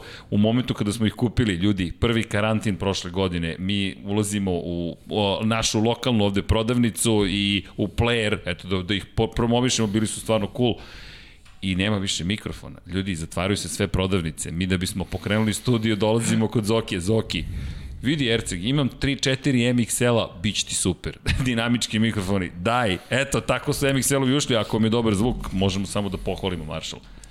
A jel, da, da otkrijem crazy, da otkrijem easter egg ili ne, da vidimo da li će iko primetiti miksin, Šta? miksinih ruku dela. Ma neka primeti. Neka primete, okej. Okay. Je se vidi u kadru, nešto se vidi u po- kadru. Ne, ne, ne znam, ne vidi se, samo dvoje- znači sa četvorke. u da četvorke. Ma da. Sa četvorke O, vidi se lepo. O, Da, da. ne, ko vidi, vidi. Lepo ali, se vidi. Nađite, Evo pitanje, čekaj, čekaj, imamo pitanje. Ko je pitanje? Koji Hall of Fame igrač se nalazi Ako toga baš ova. Traži pitanje ekranu kao Čekaj, čekaj, čekaj. hoćemo A čekaj, da- da skloni potpis eh, Don Pablo da vidi sve Hall of Fame igrače. Dobro, ali koji se nalazi... Samo da jedan Hall of. Fame igrač se nalazi u ovaj, o, ne, ne, ne, Ne, ne, ne, sve u redu, ali, o, Os- da, ali da koji dodamo, nije dole gde je da potpis. dodamo dimenziju. Ajde ovako, može neko da generiše pitanje, pošto meni, koji sam deo ekipe, nije jasno šta je. Može li, e, na- nađi imenom i prezimenom Hall of Famer. da, nađi imenom i prezimenom. A, znam, niste. Okay, okay, okay. Da. Eto, eto, nema nagrade, samo je zabavno. Je, i tako je vreme za 21. Da. E, O da, Za, mo, izvinjam se, 21. pa da. Va, vidi, ne da je re, vreme, nego! Don Pablo isrekao, manite se Dočekao da priče, klikne Laz- enter. Ajde, si. Seci s tom Karolinom. Seci, kakva Karolina, ko su ti ljudi? Ajde, molim vas, Charlotte. Ja se slažete da nastavljamo sa Enigma ekipama? Mislim da je Pa. ovo još jedno u nizu. Da, ne, on to stvarno ne znam šta mislimo o Raidersima, to je tako neko, eh, ekipa. Ne volim te ekipe što ne znam što mi je svejedno. Na, nemaš ni neki strah od njih kad igraš protiv njih, ali opet mogu da te pobede, kao što su pobedili Chiefs prošle godine. I zato je ovo Viva John Gruden. Da. Viva Dobro. John Okej. Gruden. Do, Da li će Da. biti da živeli? raspoložen, nego vidi ga. pazi, najveći ime u toj ekipi je John Gruden, definitivno. E, e, to je možda i Da li je to problem? Možda i jeste, tako je. I najplaćenije ime u toj ekipi je John Gruden. Mada, znaš, sa, sa aspekta korporativnog, Ne, bukvalno, logično je da ti šef bude najplaćeniji, zar ne? Malo je nelogično da kao igrač koji je, i- da ne kažemo, znam, pitaj Vanju. ali ovaj... Slažem se s tom svoje. U svakom slučaju, najveće ime ekipe je trener. I to ne zato što je nešto uradio sa ovom ekipom, ne zato što je nešto uradio u poslednjih 10 godina, nego zato što je nešto uradio Pred skoro Sa 20. Tampa Bay sa Buccaneersima. Tampa Bay Buccaneersima, tako je. Plus ovo je četvrta godina u tom ugovoru od 10. I sad, je, Jeste. sad već mora da, znaš, da, po, da pokazuje neki napredak, neki cilj. Ka čemu idu Raidersi zapravo? Ja bih rekao da su bolji nego pre dovođenja Grudena. Znaš, nekako opet... e, kao Mnogo su bolji, da. ali, ali imali su nezahvalnu situaciju. To moramo malo u odbranu mm -hmm. Raiders. Oni su išli u potpuni rebuild gde su se odrekli skoro svih svojih talentovanih igrača. Mari Cooper, Khalil Uh, i- Mack. Tako je, i zadržali kvotrbeka da oko njega grade, ne da izaberu novog za malo para, nego su platili ovog jednog koji ih je u playoff i da oko njega grade. U tom scenariju koji je da daje idealan, moraš da ubodeš sa svim draft pikovima.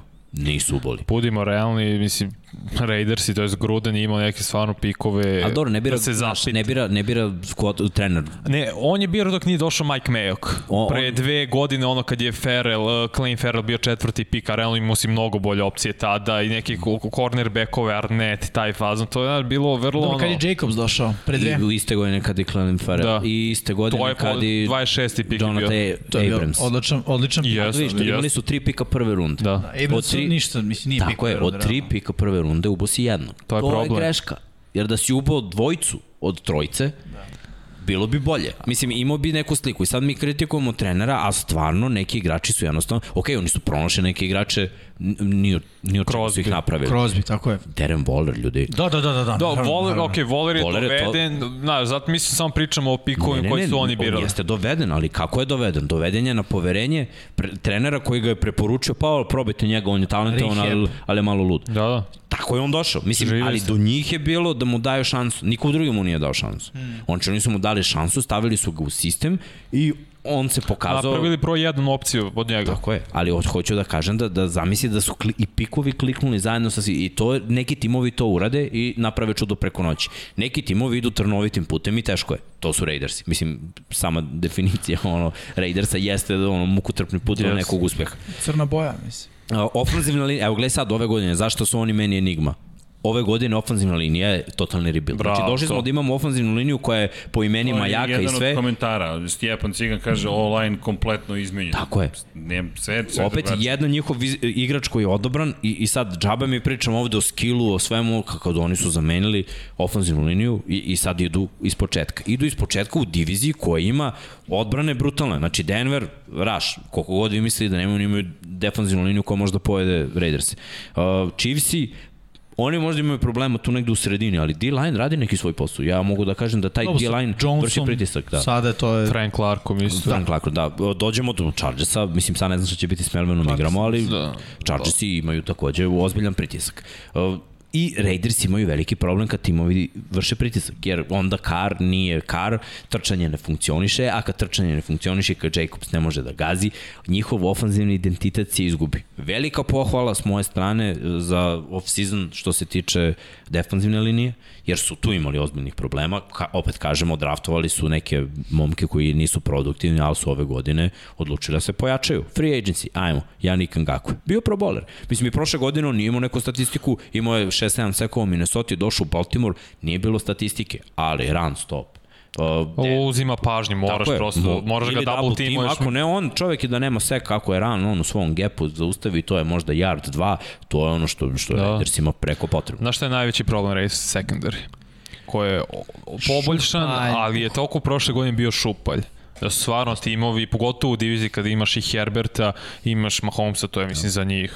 Gledaj, oni su, znači njihovi safety, prvo su draftovali Carlo Joseph, pa su failovali, jer čovek samo je obarač, nikakav u kavraču. Pa Abrams, samo obarač, nikakav Šta u kavraču. rekli da ne drugi nisu obarači, nego udarači. To je Udarači, velika razlika. bravo, Znači ono, idem na Superman hit, ako promašim, Dobro. ako pogodim highlight. To je Abrams. A Joseph ima, on, on lepo osigurava, ali mislim pogubljen u, u kavraču. Jest. I onda ove godine, ajmo još, znači sad, to je sad ono ulaganje safety, safety, safety dok ne ubodem safety-a. Ali koliko tim ima godina? Mislim sad mi brojimo godine Johnu Grudenu, ali koliko godina treba Raidersima da ubodu cornera i safety-a? Koji su startni srki cornerbackovi Prema safety sad? ESPN-u, mm -hmm. samo sekund, molim vas. Stranica se učitava. Vas, vas, sačekajte. Page error, ne, izbacio page error za Las Vegas. Mislim, moraš puno ime. Ne, ne, skraćenice su, samo da vidim koju su im sada dali. LV, nije LVR, nego je LV. LV. Okej, to je kada kucaš u kada kucaš Universal Resource Locator, Derek Carr, Josh Jacobs, Henry Ruggs, treći, Mislim, John hoćemo od Brown, odbrane. E, Mogu odbrane. Ne, Hoćeš- sve jedno je sad. Pošto smo se od, oko odbrane i pričali. Da. čisto Ok, vidimo. ajmo. Uh, starteri, uh, Cleveline Farrell, Farrell, Quinton Jefferson, Jonathan Honkins, Yannick Ngakwe, Corey Littleton, Nick uh, Kwiatkowski, Jonathan Abram, Casey Hayward, Jonathan, o stvari Abrama stavljaju na dva mesta. Dobro, Trevor Morig i Trayvon Mullen. Bolje po Allen je imenima. bio prilično loš prošle godine. Jeste. Što se Ajde, tiče... Mladus. Da. Pa da mu pripišemo to. Kao. Ajde. Ruk je bio. Da. Ok, da, da. A linebackeri na pa, Kvijatkovski je mnogo bolji prošle sezone imao od, od Littletona. Uh, od Littletona se mnogo očekivalo. Moram, moram da pripišem na D-line. Jeste, ali taj Kvijatkovski ima isti D-line ispred sebe. Pa mi nekako bio veći impakt na Pro, terenu, pa znaš. da, ali da njima da su mnogo oni su očekivanja igrača. bili veće na Littletonu. Stoji. Jesu, jesu. Ali moramo da budemo i re... očekivanja su jedno, ali realnost je drugo. Kada Da. dođeš od najjače defanzivne linije da igraš iza nikakve, mora da Tačno. budeš izvanredan talent ako hoćeš da budeš produktivan. On jednostavno nije, on je igrao tamo sa linijom gde ako neko prođe, prođe da dobije već tri udarce i usporio se. I ti kao skupiš teko. Da. E, sada ne prolazi ni sa kakvim kontaktom, Jest. dolazi pravo na tebe full speed. Mori, se- Morig je ozbiljno, mislim, po meni pojačanje na safety ove godine što su izabrali bio realno najbolji safety. Sad opet Hayward iz Chargersa došao, to će njima značiti mnogo. Iskustvo. Da, koliko je on još može da igra na visokom nivou, to je Nikoliko, pitanje. ali mislim da je point iskustvo, ništa drugo, znaš, doneti, ne očekuju oni njega da spakuje nekog Mentorstvo igrača. za ove mlade. E, Da, ali mislim da je pristup, ne očekuju da on sad eliminiše jednu hvatačku opciju na, na, na meču, mislim da to ne može da uradi, ali očekuju da kad je on na toj strani, da quarterback bare malo više razmisli šta treba tu da se desi. Da, da neće da bude onako, aha, idemo ovamo, jel, o, ovo je rupa ko što je prošle godine bilo recimo sa, sa ovim uh, Malinom, tako? A, ajde da su kažemo, mali ni Arnett bili. Da, da, Arnet tako pogotovo. je, i Arnett se obrukao isto više, više puta. Što opet govori ti, oni su svi sa velikih koleđa, Clemson i Alabama obojca, ali to ne znači automatski da ćeš biti dobar. Jer svako, oni, oni su malo išli, što bi rekli amerikanci, naričovali su njih. Oni su mogli njih u drugoj rundi da pokupe, a obojica su po, u prvim rundama, bez razloga. zbog samo imena koleđa, Jeste. mislim. I kad pogledamo, recimo, izvini, uh, Alabama uvijek pričamo kako ima dobar sekundari pre svega, ali oni imaju uh, u NFL-u igrače koji nikad nisu se Da, imaju neki koji su ubice, koji su brutalni, ali oni iskaču.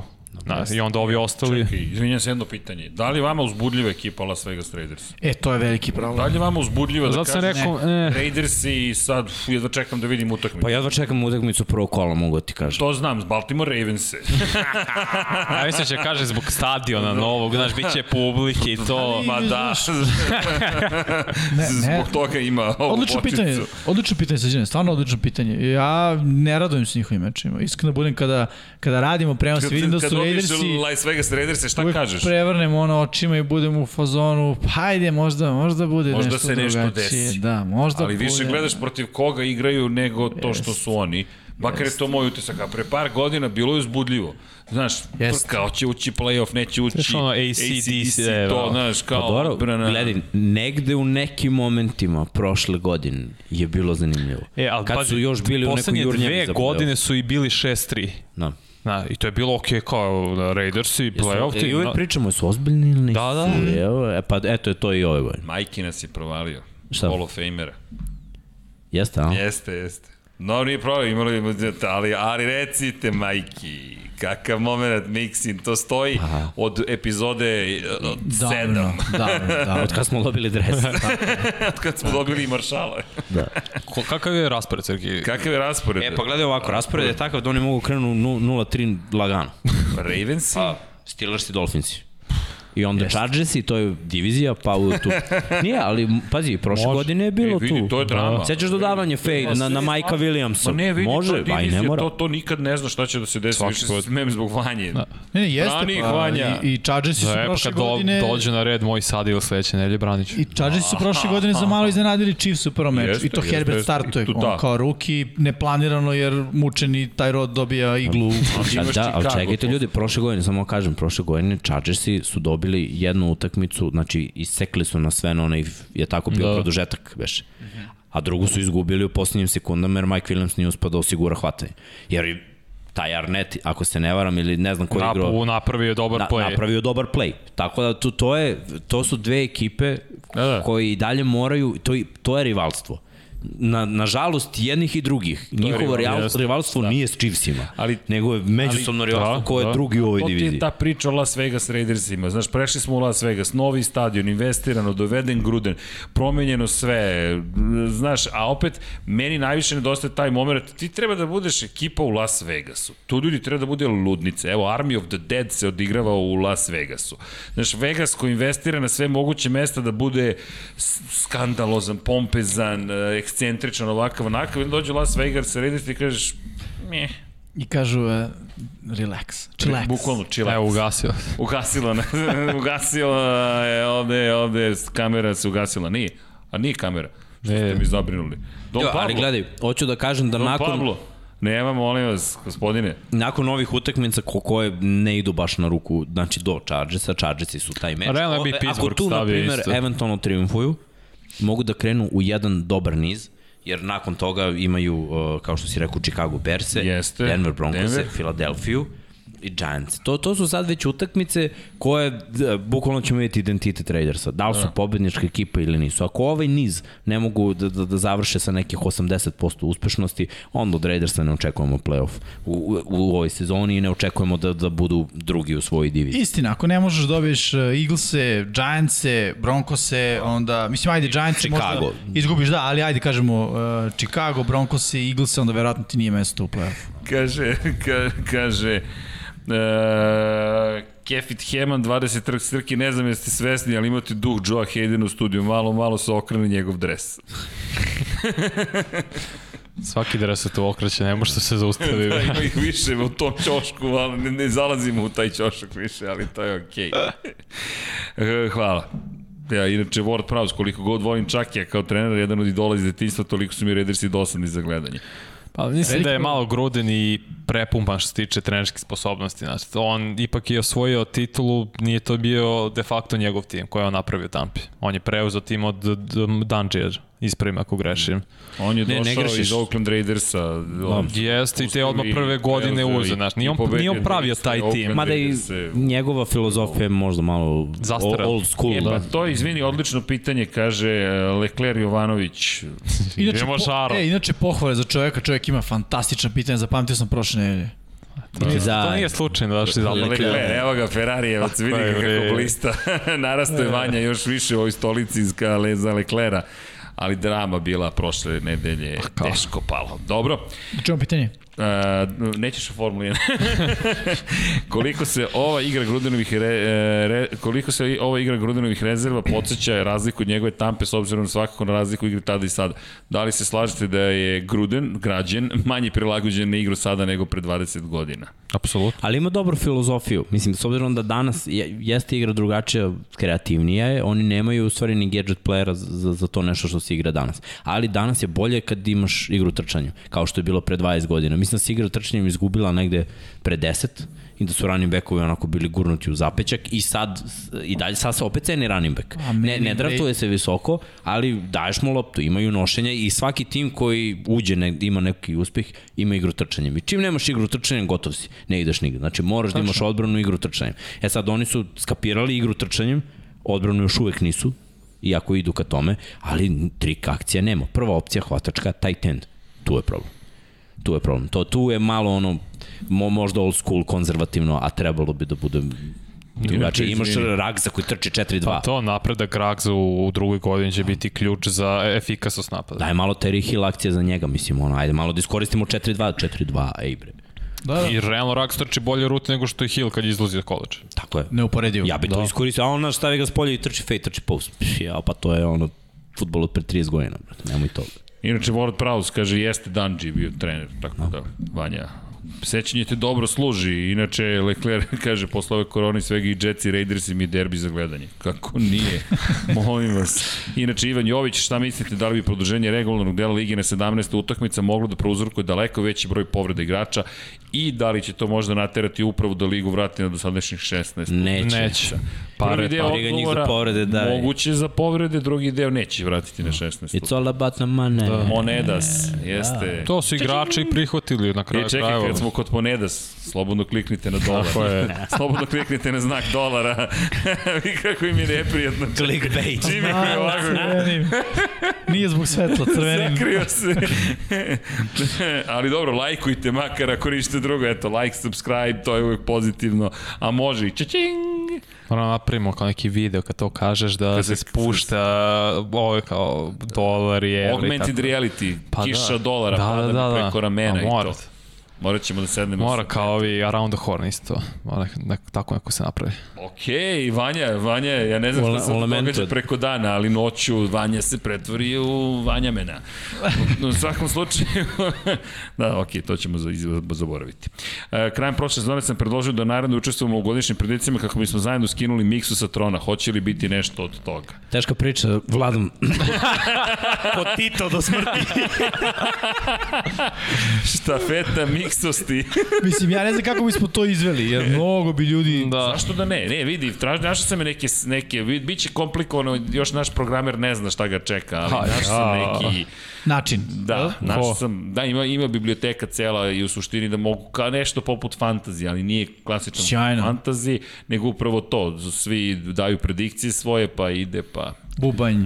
Ako, ako, ali to, ima- pazi, ako to slučajno ne uspe ništa, Jimmy će napraviti svoju opet to Excel tabelu i svima šalje. Ej, eto ti ideja, bravo Vanja, otvorimo Google Sheet to. koji je otvoren svima i koji se zaključava na, na, u, u 19 časova uveče nedelju.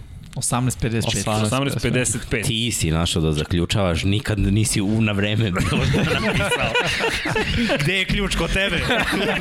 Kakav lik. Idemo sledeći tim, Ja ajmo. sam samo rekao mi, nisam Da. rekao ja. Da, da, čekaj. Ne, Ne, vi kao vi, kao gledaoci, vi u 55. Da smo ti zaključali, sad bi ova lista bila drugačija. Ok, uh, idemo, dalje. dalje. idemo dalje. Kaže i Dušan Ivković, čak me smorilo samo pričanje o Raidersima. Da. ne dirajte miksu najbolju, nikoga, ne, ne, nemojte ništa da brinete. Daju ključici klimu malo pod... Da, Čovjek naći- došao u šulji, misli, prvi sve lepo. E da, izvini, pisao neki ugovor. Ne. Ma sve stvari mi na pranju. Moram ove, Ispod ove maj- svečane stvari. Ispod ima majicu bijem ženu, ali to je za ovaj gornji. Za ovaj prvu osminu, prvi Kad kvartal. budemo išli na Power Rankings da. number 4. Ok, dakle, bolje da se zaključa pred TNF. Može, može, pred Pa, Thursday Night da, Football. da, da, da. Da, a ovo pi- pitanje za po, posle ću da pročitam, ali okej, ali da, teške teme su to sa Houstonom, Watsonom i tim novim kompanijama koje spomenjete, Da. kasnije ću. A, u svakom slučaju, idemo na sledeći tim, a to su Dallas Cowboysi. Mesto number broj 20. 20. America's team.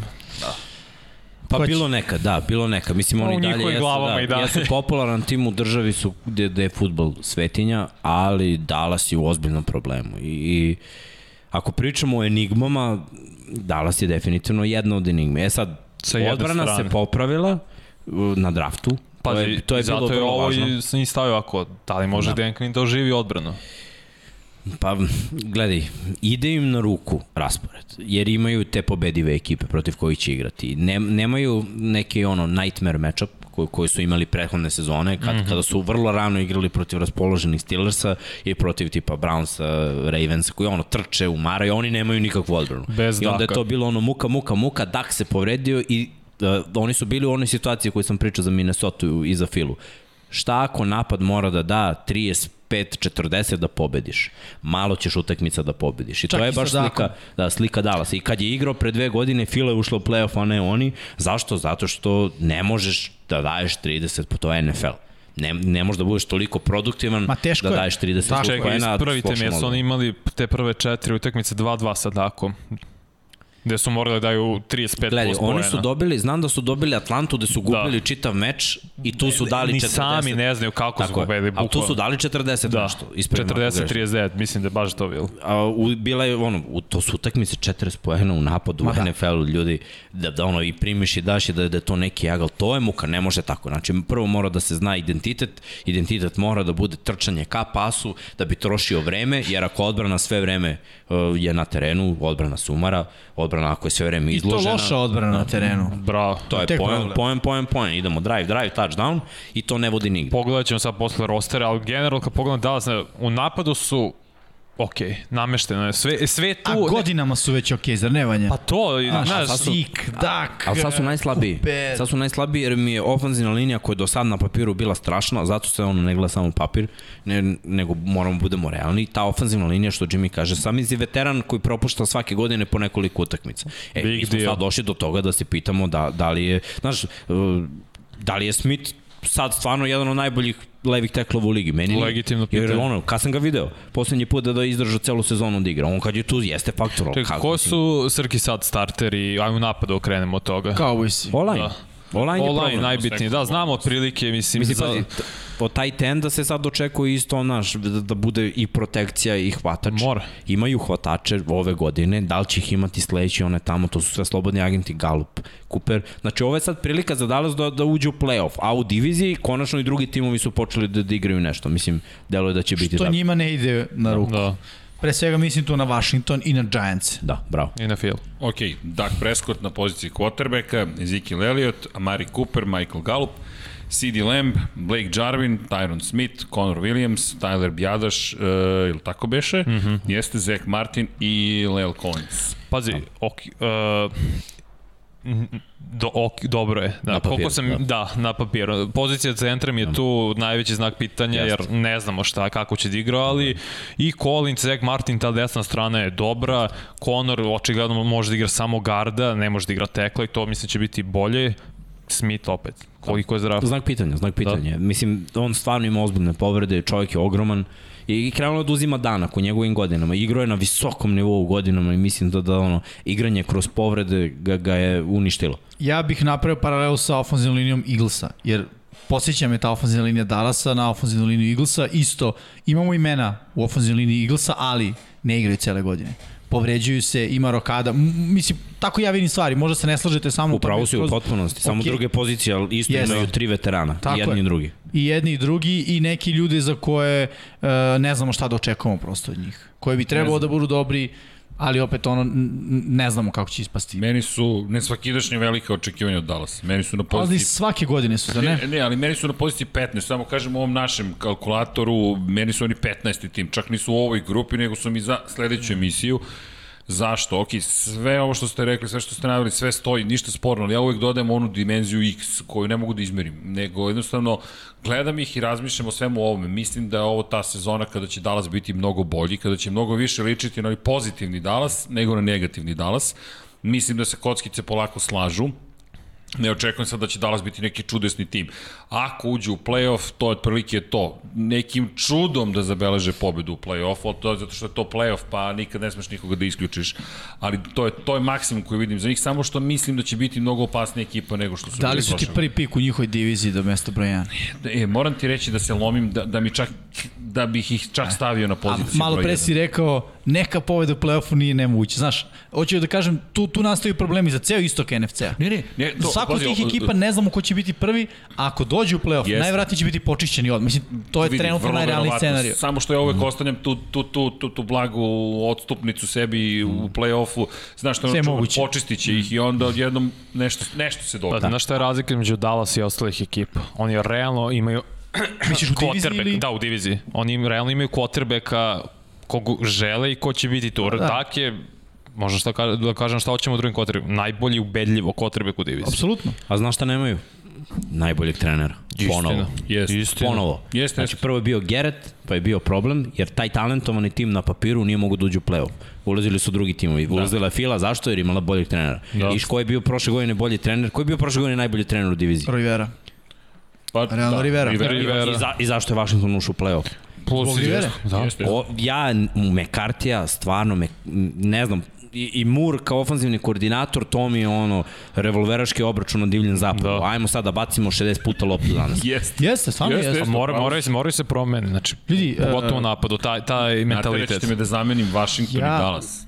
Samo zbog Rivera. Ali Ja- si pravu 100%. ja ne verujem u to ono oživljavanje karijera trenera koji su u jednom trenutku prestali da budu u NFL-u. Zato imam, kažem, problem i sa Grudenom i sa McCarthyjem, apsolutno. McCarthy pre Grudena definitivno. Ali znaš ono, bio si trener u jednoj eri i to si imao van serijskog igrača, mislim na. McCarthyja u, u Green Bayu. Ne samo jednog igrača, imao je on i tu van serijske hvatače u tom, u tom periodu. Ma imaju i odbrani. Imaju odbranu, tako je. Clay Peppers Matthews. mu je igrao, bre. Vi, Peppers. Man, ozbiljan Jest. tim je imao nekoliko i šta je uradio u jednom Super Bowl. Tako je. I hoću da kažem, i onda napraviš pauzu i kao vratiš se u NFL i vratiš se realno u ekipu koja nije ni nalik toj ekipi koji si bio i ne možeš da furaš taj futbol. I ne samo Da. to, ti si ovde, ako postoji centar pažnje, to je svakako Green Bay, ali ako postoji veći centar pažnje, onda je to zaista Jerry, Jerry World. Ti zbog Jerry Jerry. Jonesa i to je Disneyland na svoj način. Ti si tamo stalno u medijskom cirkusu, to, to, to, to, to ne, možeš, ne možeš da se izvučeš iz toga. Nije svako za ekipu Dallasa, tamo ti baš treba snažna ličnost koja će moći da podnese sve to što se tu događa. Da, još plus kako će, odbrana prosto mora da izgleda bolje, jer ne može da dopustiš kao prošle godine Clevelandu i Ravensima da imaju 300 yardi trčanja. To je, ne, ne može da, igraš tako prosto i zato je Dan Quinn kako će da sklopi sve, draftovali su Majku Parsonsa, mislim da on i Smith o, o, imaju ozbiljan linebackersku ekipu i da se to vrti, da i, i Venda reši sve, Uh, ko je corner i Srki samo mi pomozi, Sam Uh, Diggsa. Diggs Da, ne znam ko je sa druge strane. Za cornerbackove imaš ovako, Uh, Trevon Diggs, imaš uh, na safety ima su Donovan Wilson, Demonte Kazi, Anthony Brown, zatim imaš Jordana Luisa, imaš uh, Kelvina Josefa, imaš Francisa Bernarda, Reggie Robinsona. Ta, da, to, e, to je problem, tada jedna ne, izvini, strana... Slušaj mene, ja sam se vratio na linebackere, još razmišljam. Nema ko je veze. moguće Bernardo je ovde. Jordan Lewis, izvini, Maurice Ken- Da, pa koja je druga strana nasuprot uh, Diggsa? Ma što nasupro, pa ajde, šta je Diggs? Pa, Mislim. da Isto. Diggs Klinac. može da bude do, dobar cornerback. Mislim da može da Pa, bude baš dobar cornerback. Znaš od čega će zavisi kakvi će cornerbackovi da budu, i je. njihovog pritiska. A ima dobrih ofanzivnih linija kao, kao što smo mogli da vidimo u, u ovoj diviziji. Ima i nji- njima i raspored s vremena na vreme ono leži i ne leži. Ta, tako je nekako koncepiran. I, I oni će morati ovo što im leži da koriste, što ne leži da daju, da se suprostave što bolje. Mislim, u prvom kolu odmah ide Šamar, zvanični šampion. Mm. Da li nam delilo Dallas da, da može rame uz rame? Znači, Dak prvo je propustio celu sezonu skoro. I sad se vraća i prva utakmica protiv defanzivne linije koja je ubila Mahomes. Da, da, i vidi, ne samo prva nedelja, to je season opener. Da, Da. NFL kick-off. Tako je, otvaraš sezonu protiv šampiona. Ideš još i na Brady-a koji... Ali u tim al tu i nemaš utakmicama pritisak, tu ti je već upisan porad, znaš. Ne bi Da se baš složio. Ne, jer što da igraju u gostima, da je to kod kuće, da je Jerry World, Pazi, mislim da bi bio baš da je, pakao. Da je Dak povređen i da je tu Do- Dalton, da, svi bili u fuzonu, ovo je lagani L, ako bude nešto blizu, odlično smo odigrali. Sa Dakom, veruj mi, to je Dallas. Tu su očekivanja. Da li zaista Znaš šta misliš da Jerry? Jones e, već sada ne razmišlja od pobedi na Tampa Bay Buccaneersima? Da, bre. Da, baš živi u zabludi, Jerry znam. Nije mislim, pitanje zablude. Stižu kutije s majicama. Zahteva, tako je. znaš. Kolora žako pobedi. Vidi, ne bi me čudilo da mu je to najvažnija utakmica sezone. Zaista me to ne bi iznenadilo. Da je to na nivou, ej, Šta ne govoru, pravo si sve. Ne, Znaš, ne, to je meni baš to tako. delo da će Jerry da izvrši takav pritisak na tu ekipu da će to da bude ljudi... Karikiri. To, idemo na Brady-a, Tampa Bay Buccaneerse koji su prošle godine osvojili, a doveli su ja. Ja sad imam mog quarterbacka, imam Zeka, imam... Već čujem ono, govor. Can't get better than this. Znaš kako to? Ej, ovo je Super Bowl pre Super Bowla. Da, pa vidi, U to prvom će... kolu. I još Prvom da misli kolu. NFL kako će, koji kao slučajno Ali izabru. pazi, jeste, Pa pazi ovo, ako. Dallas pobedi zvaničnog šampiona i Razumeš? generalno Tampa i Bucks-e, da li misliš da oni sebe ne vidi u Super Bowl? Znaš, Ko? šta će to, pa to ima da eksplodira normalno, sledeći Finale dan. konferencije minimum. Pa, to, Vi- Dok ne izgubu od Eagles u trećem Da. kolu. Istina, i to je Oni Panther će trno na konjima da ujaš u Arlington. pa znamo To- ko će to- prvi da uješ. Pa ne, vidi, ali zato, zato je to ogromna utakmica. I onda ako Jeste. padne hladan tuš, to jest bude opet, jel te, hirurgija na Raymond James stadionu, šta si dobio? Ali al, ajde da uđemo malo dublje. Ajmo, ajmo, razlike. ajmo. Jer, jer stižu utakmice koje su totalno pobedljive. U sledećih pet oni mogu da naprave taj jedan niz koji bi im olakšao posao da, se nađu u tom Pa play-offu. Chargersi. Mogu da pobedi. Tim koji je talentovaniji Realno. malo, ali nikad se ne zna. Mislim, sve je moguće Naravno. da dvoboj quarterbackova mm -hmm. pucača. I sklapanje kod Tako je. Chargersa, da li će leći Eaglesi uvek su bolji od Eaglesa i uvek Eaglesi nekako nađu pobede. da redko kad pobede, bukvalno. Uh, Panthersi. Ono, ne znam, Texas. stvarno ne znam, stvarno ne znam. Uh, Giantsi, divizija. Mm. Ništa ne mora da Dobro, znači. to, to, da, Pazi, Pazi, to je baš, nominalno- to je ružno, ut- ne ružno, to je tvrda utakmica. Pazi, to je, nominalno dve najbolje ekipe u toj diviziji. Na Ja, papirima ja vidim. Giants se stvarno da s lakoćem uzimaju diviziju. Ali mislim da mi se upravi, mislim da će Washington to, da gledaj, bude... Pa, To, to je jedan niz. I onda imaš Patriotse koji jesu bolji talentovani, i, ali ono, ne znam. Ja mislim da, da Dallas ne može da pobedi Patriotse zbog odbrane i to smo videli kad je Dallas bio ono najjači, kad, kad su mu verovali da ulazi u playoff Jeste, jeste. i šta su postizali jednocifren broj pojena protiv I Saintsa i, vidi, i, protiv Patriote Patriotsa, ali onda meni Minnesota, Denver, Atlanta. Znaš, Znaš, još, još Patriote, pazi, meni deluje kao zaista ozbiljan tim. Dobro. Ideš u žilet stadion, da, Da, da. stadion. Ok, pitanje ostaje quarterback, ali mislim da, je- Ali da je gledaj, Bill sklopio. Ali to je ta, ali to je ta jedna, znaš, i onda ima Minnesota, Denver, Atlantu, pa imaš još Raiderse, Washington Giants i, I Philly još jednom. Znaš, a dobro, gledaj, ajde da zaboravimo ove koji su, kao Okej, da kažeš, okej, ali- sigurni poradi. O, oni imaju ovde 10 prilika da pobede. Imaju. Imaju, Imaju 10 prilika. utakmica gde su egal. I imaju, Vidi, na, znaš, imaju utakmice gde, gde su otpisani kao Tampa, kao Chiefsi. To je normalno, svako ima ovde ne, negde gde, gde nisi favorit. Meni deluje, na meni zaista deluje ta ekipa, neš, iz nekog razloga mi ta njihova cela zvezda i teget izgleda ozbiljnije. Sve što su uradili, sve što im se sklopilo, poklopilo, oporavak Daka je najvažnija stvar koja im se dešava, nema tu šta. Sigurno. Sve je propalo prošle godine kad je puk, kad je A stradala. tak se nije oporavio. I ugovor. Oporavio, da, okej. Okay. Mi se nadamo da će biti spreman On je dao izjavu ako bi se igrao sledeći vikend, kao ja sam spreman da igram. Uf. Tako je, to je bilo zvanična njegova izjava. Pa ja mogu da dam izjavu da sam spreman da zaigram sutra protiv Novog Ej. Apsolutno. Viš kako se Tibu desilo, pazi šta Ja želiš. sam, Moguće ja mi da sam budem spreman za combine. cornerback. Pobedit ću. Sledeće nedelje vas pobeđujem. Da, da se održava, ali pošto ne, onda... E, ne znam da li ste, e, sad kad sam spomenuo Tiboa, samo vrlo kratko ću da je Brandon Jacobs iz, iz Giantsa Da, rekao da, da, hoće da se da. vrati iz penzije, nema šanse da je Tibo bolji atleta od mene. Kako, kako ego udara, to je neverovatno prosto. I to ti igra defensivnog enda. Da. Da, kaže Realno ne mogu da igra ništa drugo. 38 godina ima inače Što, Jacobs. ja nemam nikakav problem sa Nisam tim. Ne, ne, samo kažem ko je to level experience.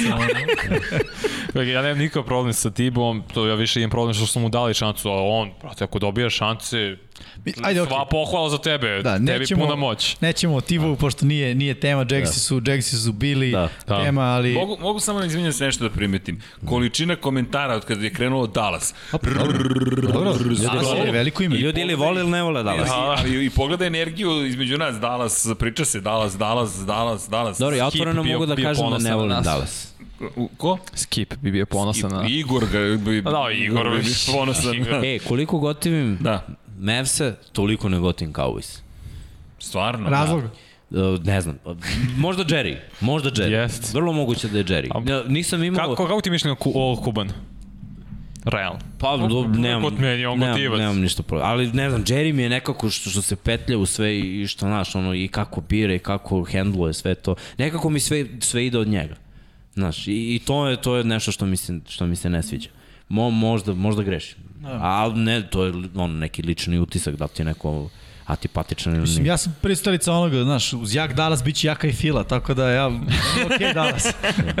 Ma ja, ja ti kažem, me miksa, miksa, miksa. Gle, jer u, od da kad, ono, od kad baš pratim NFL, I oni su imali tim i kad je Romo bio tu i mislim došao Terrell Owens, brate, i tim čina. uvek. I znaš ono ti, i ništa, ne mogu uđu u play-off. Pa posle toga Romo završio, pa Dak, pa ono, ruki sezona, pa ubice, jedan play-off i posle toga ništa. Oni su bukvalno 20 godina, no šta 20? 30 sad već skoro. Pa nije, Sad 20, 25. 26 od 25 Superbola. godina, bre, su Polako, ništa Vanja, od godine se nižu. A mi stalno ono po. Dallas, play-off, osvodi Dallas, Dallas, oni play-off ne mogu uđe, mislim. Ko, kako su mi ih stavljali? Zaslužuju bre ovde da Kako budu smo ih desu. stavili? Ja sam ih stavio na 15. poziciju, to znam. Ajde, kaži da Ali ima ovako, Jimmy, 18. mu je Dallas. Da. Vanji je 19. Dom Pablo Dallas 20. i Miksa tebi 19. Pa kako je onda 20 ako je svima nama Jo, ispred? mi, Nema, pusti to. moraš da prestaneš da postavljaš to Jer imaš pitanje. orlove koji lete kod Dekarta, eto zato. E, opet ću da objasnim, znači prosto, pošto sam prvo krenuo dozdo, Pa onda naišao na problem, onda sam krenuo od ozgo i rekao, aj naćemo se negde u sredini sa, sa e, veruj mi, mnogo lista šeta gore šalim Prosto ima ekipa koja ima, koje su uh, u odnosu na Dallas mnogo više ispod i mnogo češće stavljene ispod njih i one su, do, moraju da imaju, budu lošije rangirani. Sada, tebi ako Dallas deluje kao da je trebao da bude, ne znam, ispod ili, ili iznad neka od ekipa koja su Ja sam ispod čujem ili još iznad. jednom da objasniš sve mnogo mi lepo. Ja, iako sam rekao, slušajte pažljivo, hoću reći Slušaj, samo jedno. Slušaj, nemoj da nasjedaš bre na prvoj karti. Tačno. Još uvek Da li je. si, Vanja, čuo za Schloss Adler? Nisam. E, ili ti Hohenwerfen Castle, to ti je Orlovsko gnezdo, tako da ovde si u Orlovskom gnezdu, znači ušao si ovde. A jesi gledao film Nije Orlovsko? samo Orlovsko, samo... Ima ovde ptica. Ima ovde ptica. A, da ne pričamo o letačima. Da ne kažemo ptičurine, uplaši me ptičurine. ovaj, i mlaznjaka. Ima, ima i mlaznjaka. Ima ovi što tamo, ja a mi kad poletimo, sa ovaj da. sprži, da. No da, njegovo je na, nije na zemlji. Ne? Ali dobro, Elem Orlovskog gnezdo, to ti sa Clint Eastwoodom. Morat ću zapišem da napravim on spisak. Je polako. vreme, čekaj, neko mi pitanje. pitanje? pitanje. Čekaj, danas, Čekaj, koliko si rekao da ima? ste ozbiljni, šta vam, šta se desilo za za ovih par nedelja? E. Da. E, Dušan, i- i Dušan Ivković kaže, nije valjda da će Fitzpatrick uzeti diviziju. nije nemoguće. Pa nije nemoguće, da. nije nemoguće. Ma da ja verujem u ovoga, e, kako se zove čovjek. Toliko veruješ u njega, Hajnik. Tako je, Heineken, da, uglavnom mi je bio Tuborg.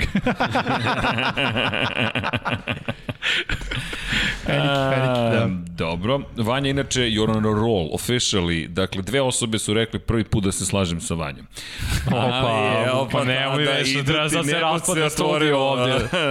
znači, Mali korak za čet. Pod naslovi ovde. Veliki. Se vidi, Vanja, vodiš u grad sada. Mada sve je zatvoreno, prošlo deset. Da.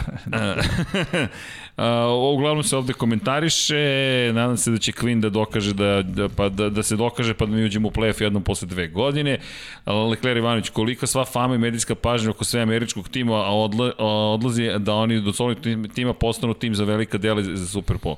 Aha, ne, koliko to sve odlaže od toga da ovaj solidni tim postane veći tim od tog solidnog tima. A mislim da čim si u NFL-u ma, imaš spotlight. Sad, Yes. okej, neka ekipa više, neka ekipa manje, ali ej, Jags imaju spotlight sada, ono, pričamo Trenutno. o T-Bow. Browns imaju spotlight. O, Browns imaju spotlight koji nisu spotlight. imali ono vekovima, da Da. kažem. Tako da, ono, kad si u NFL-u, e, to se očekuje tebe da budeš taj tip koji će sve to da podnese s aspekta igrača. Jeste dobro pitanje u tom smislu, ali e, evo, baš da se vratim što je Miksa rekao. Već zadnjih koliko mi pratimo NFL na ovim prostorima, a možemo slobodno da kažemo i 10 godina pre toga Dallas je u spotlightu. Uvek je u spotlightu. I uvek se priča o njima. I uvek je to era, a, da li je Romo, da li je Aikman, da li je a, Zeke Elliott, da li je Emmitt Smith. Znači, to su veliki igrači. Des Bryant, pa Witten, pa da ne znam, idemo nazad, ovaj Irvin. Znači, to su velika, velika imena i spotlight je uvek na Dallasu. Pa da, i oni su realno najvrednija sportska franšiza na svetu. To uvek stoji, tako će, mislim, verovatno i ostati. Da, pa to je ovo što i Nikola kaže, danas je velika istorijska ekipa, nemojte ih previše poceniti, ali ima tu jedan zanimljiv odgovor uh, defunctus nazika. Setite se kako nedavno Julio odgovorio na pitanje da li će u Dallas. Da, Julio Jones koji je rekao da za početak neće biti u Atlanti, ali na pitanje da li će u Dallas rekao nikad nisam ni pomislio na Dallas, želim da pobeđujem. Tako, pa da, to su druga rečenica je bila želim da pobeđujem, bu- bukvalno je rekao prosto ljudi ja želim da idem negde da ću da pobedim. I Dallas mi, o, kaže, nikad nisam pomislio na Dallas. Da, da, da. Naravno da nije. Mislim, Prosto nisu... u njegovim godinama rekli smo koji je Tako njegov je. cilj. To su timovi koji su već bili u play-offu. Znači ti ne možeš da očekuješ od tima koji nije bio u play-offu, u diviziji koja je očaj, koja je sa sedam pobjeda si idu u play-off, u, u toj diviziji oni ne mogu da uđu u play-off i sad da je potencijalno Pazi. top 10 hvatač u ligi ide tamo da, da osvoji Super Bowl. Važi. Pritom, nije kao da Dallas su gori što se tiče hvatača. Mislim, Gallup, CD Lamb, pa Mari Cooper, to su sve odlični hvatači. Yes. Mislim, Ali- pričamo o tri od potencijalno četiri na terenu. Šta ćeš više? A problem je to sa Jerryjem što on voli takve igrače. On voli mega, giga zvezde i Dobro, da, to da. Jerry bi ga doveo. Mislim, svaka ekipa bi ga dovela, ali s druge strane, pita se i on, ovo što je Miksa rekao. I što si ti. Komuniciramo Mikse i ja. Čum, čum, čum. Klikći, klikći grafiku. Klikćemo grafiku ili ti idemo na sledeći tim. Ako je sada bilo diskusije, sad će da postane užareno. Sada kreće, pa Kreće kao čelik vruće. Pa da. Pittsburgh Steelers je na poziciji Ja, 19. ja sam jednostavno morao ovo da, da zatražim da krene odmah, jer kako bre Pittsburgh koji je bio u Čekaj, play-offu. čekaj, ej, ima, imam Jo. uvod, baš vidiš da se gledamo, značajno čiukamo, to je ove obrove rade, to je komunikacija na nivou SOS, pomozi mi, trepni dva puta ako te Jimmy oteo. U svakom slučaju, da, Jimmy, pazi sad ovo, podela između ekipe. Miksa kaže za Pittsburgh da su pozicija broj 14, Playoff tim. playoff tim. Hrabro. Dom Pablo kaže 19. Vanja kaže 21. ekipa, ja kažem 11. ekipa i Jimmy kaže 21. ekipa. Ja Možemo ti Rene Jimmy i ja. Dekarte stavi negde ovo. Ova dvojica ga vidi u gornjoj polovini, mi zakucano na 21. mesto i Dom Pablo Devet. kaže 19. Možemo Jimmy i ja prvi da krenemo, zašto? Kreni ti da? prvi slobodno. Ima, jest. Imao si dva, Evo. dvoje, dvoje ljudi se složilo Evo s šta- tobom, Big deci. Ben Pa evo, kuca, Da, odnosno otkucava. kucava. Koliko je? Ovdje, to sam trebao, bravo, bravo. Opa, To ćemo promeniti. Kako su... To je to. Mogu da radim se, part time da pišem neki nastav. Odlično, ovo je, od... ovo je odlično, odlično. Social media copywriter. Pazi, Ben kako će da bude, ne znam, uvijek je dobar na početku sezone, ali nakon operacije lakta videli smo da je ruka sve slabije i da ne postoji više taj deep threat koji može da baci. To je prvo. Drugo, ofenzivna linija, apsolutno nova, novi centar, novi guard, novi tackle, skoro sve novo. Ništa skoro nisu učinili da to poprave, realno gledajući. Dobri strkače. Doveli su trgače. Znaš, Što je kao, imamo upgrade. problem u vezi, ajmo napravimo dete. Kao, nemamo ofenzivnu liniju, Ne. uzet ćemo trkača. Upravo to, odbrana je malo slabija, pogotovo u sekundariju, ne toliko malo, malčice malo. Malo. I otišao i Dupri, što znači će Vatu biti teže da pravi toliku prednost to sada što nema Duprije s druge strane. Mada gledaj, gledaj, gledaj, Dupri se poredio prošle godine. Jeste i A, je Čim se on opala... povredio, Ne, ne, Bio je. Gledaj, Bio napad, napad je bio problem veliki. Je, pa, a da li će ti napad biti bolji sada? Odbrana, je- odbrana je dalje radila svoj Ajmo ovako, jel su ti bolji od uh, Baltimore? Defanzivno, jesu. Ne, kao tim. Nisu. Cleveland. Nisu. Ali okay. gledaj, gde su bili prošle godine? Ne, ne, ne, okej, okej, sve jasno, imali smo a Da, najlakši raspored prošle na godine kako su krenuli. Sad druga priča. Da li su bolji od Patriota? Gledaj ovako, od Patriota na papiru, od, Da, ne. Na, pa- gledaj, na papiru nisu bolji. Ali Patrioti dalje imaju veliki znak pitanja, mnogo veće na poziciji kvotrbeka od ovog ovde. Ne znam da li je mnogo veće, ali imaju. Ali jel imaju mnogo boljeg Big Ben, trenera? ne, Jel Big imaju Ben. mnogo boljeg trenera? Imaju. Ali Big Ben, sa ovom rukom koju ima i ovim laktom mehaničkim, može da baci 25 yardi više od Kema Newtona. E, ja sam... Stavljam pare. I 25 puta više od Kema Da, Newtona. da. A ja sam Je, htio da kažem na tvoj uvod, e, kao e, Big Ben povredio laka, to ono, ko je odgovor Steelersa, bacit ćemo 55 puta po utakmici. Da, Mislim, a- to, ali ali, to- novi, novi osi, liniju. novi osi. Da, nemamo ofenzivnu liniju, uzet ćemo trkača. Imamo kvotrbeka bez lakta, bacit ćemo 100 puta na me. Mislim, ne razumem. I Bilo još maj, da ti biti Miami. Egal. Uh, Jer, jer, jer mi je, ne ne, sad ću ti kažem, isto, sad, ne mogu to jače od mene. jel Maldini navija za Steelers? Zato su ti ego. Ne, ne, ja poštujem Steelers vrlo, to, evo, baš- baš govorimo o tim franšizama. Miami je ekipa koja će za dve godine da bude mnogo bolja od Steelersa. Jer Steelersi će baš ovo da dođe što ti pitaš koliko je Benu ostalo, ali ne ove godine. Jer Miami će samo da, Tua će da sazrili i, i ekipa je bolja i talentovanija, ali uh, Pittsburgh za sada ima taj kor koji je zadržao od prethodne godine. One tamo godine, jed, malo im je falilo da uđe u playoff bez Big Bena. A čekaj, čekaj, a zar Miami nema isti kor? Manje više zadrži. Uh, ima, ali su mladi, Manj, još uvek, okay. gledaj, Big Ben koliko god ruka i sve, on ima to iskustvo da, da oni se nekako ušunjuju u playoff. Što Dobro. Tua nema. Ali Big Ben će da ode, ja mislim, za dve godine i onda je Ja ja mislim, Pittsburgh u nakon problemu. ove godine Teško. ide. Ali oni će verovatno da pogure. To ono bilo veliko pitanje šta oni očekuju od budućnosti. Znaš, to je njihovo, oni ove godine će možda i ući u playoff, kao ono, pošto je sedam ekipa, uh, imaju talent, oni su defanzivno posljednje dve godine top 5 bili ekipa. Jesu. Yes. To je, to je ta strana lopte meni govori, ok, o, oni imaju u napadu onda prilika i prilika. A šta ako taj napad ne deluje kao na početku prošle godine? E, to E, e, o, stavlja da. veći pritisak na odbranu. Znaš da ja iz njih Stavlja, svrstava? stavlja.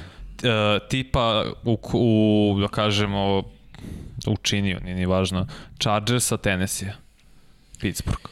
Jer i to meni mogu biti playoff ekipe, ali verovatno neće biti jer vidim uh, Baltimore kao od dru, na, sa druge pozicije i dve i to je zapravo onda još plus dve ekipe sa AFC istoka. E sad, To, to su meni taj koš zapravo, te tri ekipe gde ono, ok, mogu, sve tri na neki Stoji. način, ali realno na kraju će da izvise. jeste, i ima nekih paralela koje to možemo da povučemo. Od te tri ekipe oni imaju najbolju odbranu. Jeste. Definitivno. Od, od te tri ekipe, Uh, ajde da kažemo što se tiče hvatačkog korpusa imaju definitivno bolje od Tennessee, jer Da. Tennessee je ostao bez, bez ikoga. On, oni Ostao imaju, jednim. ja moram kažem prošle godine da, da mene Claypool oduševio, on je bio pr produktivan 10 touchdownova i videlo se da, da ima konekciju s Benom. Juju se vratio i to za male pare. Uh, Juju, kako god ga mi ocenjivali, on nije broj 1, ali Juju je produktivan. Uh, ako gledamo broj 2 hvatača u svim timovima, on je tu, pa m- ajde Mike Williams, da, da, da, da ti dam, ajde da, da je on, jer Keenan Allen je neprikosnoven tu kao u ove tri ekipe što smo uporedili AJ Brown, ali pozicija broj 2 Steelers imaju najbolje hvatača broj 2, a je Deontay Johnson. I onda dođemo na AJ Harris, Ali ko je broj 1 u Steelersima? To je pitanje. Mislim da Da. će Claypool biti broj 1. Da. Nije mi nemoguće, samo, ne, ne, ne, samo ja, pitam. ja, kako sam vidio prošle godine, šta Ima- je on potencijal. pokazao, prvo brz je, on je 4-3. To je već, Claypool. Claypool. Da. To je već meni respektabilno za broj 1. Visok je, zna da napravi separaciju, on je radio... Megatron. Da, da, radio je, čekaj, radio je jet sweepove, dobio je screenove, on je davao poene.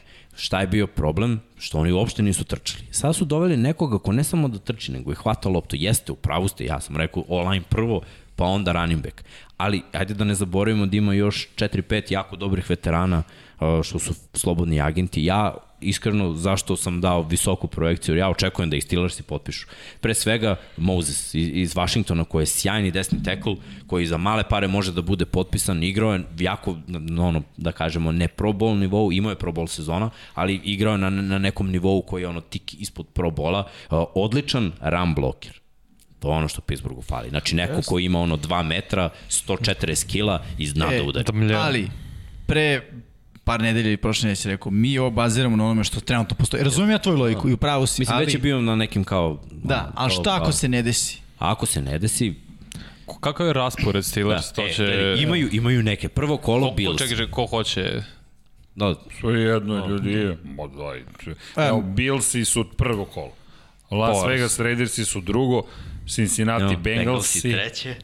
Green Bay Packersi. Veliki znak pitanja, ali ajde da kažemo ako bude na papiru ko što Rodgers igra, to im je ono meč koji im ne ide na ruku. Da, Denver A onda ide Denver. ide. Onda ide Seattle koji tek ima problema kao što ima Pittsburgh. Oni isto imaju roster Slično. koji je utanjen, nemaju secondary, D-line i ofenzivna linija. A više verujem u Wilsona trenutno nego u Bena. Ej, isto mi je nivo poverenja. Isti mi je nivo, jer nivo linije su mi ono, Ljudi, ja. Ali samo, samo, pazi, to su Pittsburgh Steelersi. Sve ja razumem, logika, racio, sve. Ali iracionalno. To je iracionalno, Sve razumem ja ću logika, da zastupam, ali- ali jeste, to imaš velike ekipe i male, imaš male ekipe.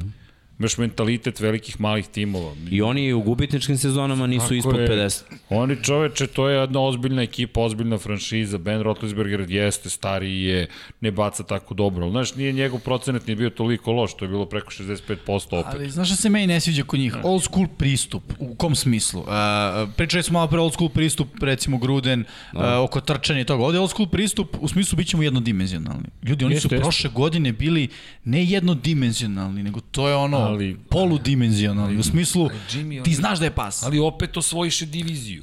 Pa znam, ali Na ajde raspored. Na znaš, raspored, pa, pa- ne mogu pa- kažem pa sreća, dobro, ali ajde, nije ali, ali, ali, na raspored. njegov- Da. Rešili su, rešili su neke Čekaj, utakmice. di, njihova divizija se ukrštala sa istim drugim Vidi. Divizijama, znaš, i to nije bez veze divizija. Ne, ne, ne, oni su Protiv očistili, koga su- oni su očistili diviziju. I- ne Zato su bili prvi u diviziji. Protiv koga su oni beše igrali, su beše bili kolci, kolci, kad je Big Ben u drugom polovremenu preokrenuo i kad Da, su pobedili. da, da. Protiv Ja sam mislio posle tog meča, evo ga, vraćaju se, to je to.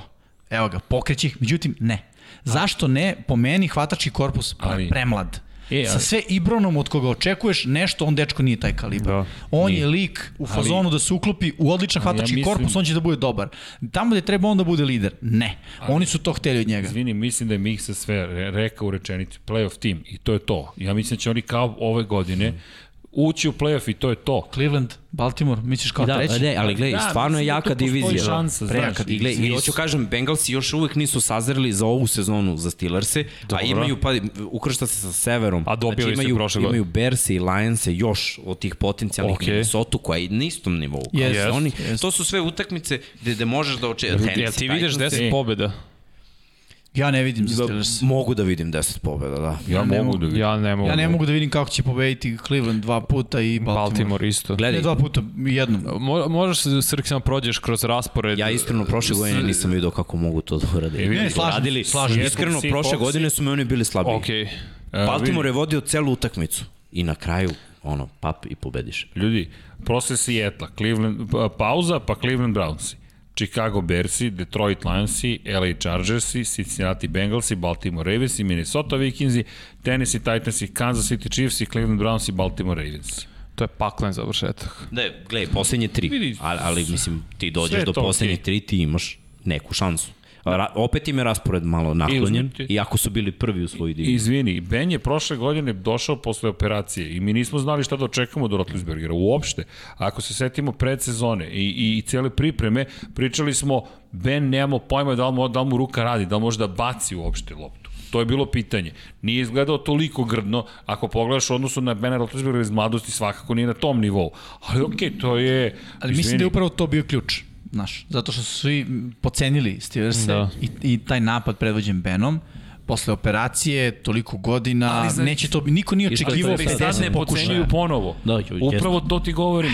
Upravo ih pocenjuju ponovo. Svi Mi ih su, pocenjujemo. Pa ne, ne, pa pazi, mi ne znamo, ali nije, nije da se nešto u ligi sad priča o Steelersima da će to biti čudesan tim. Pa nije ni A- prošle godine. Ali to, ja, ali ja, ja ne mogu da verujem, da, ja ne mogu da otpišem, možda sam ja samo, po- ono, Divizija, biće navika. divizija Nema Duprija. mno, mnogo bolje. Nema Ljudi, to, to su sad sazreli, pogotovo klimi. Oni, oni su sad spremni realno, ako pogledamo na rosteru, oni su spremni da. za ozbiljan playoff. Da, da budu... Finale konferencije. Da, sa, sada. Uh, pričali smo Sinci u prošle nedelje. Bolji su nego, nego prethodne godine.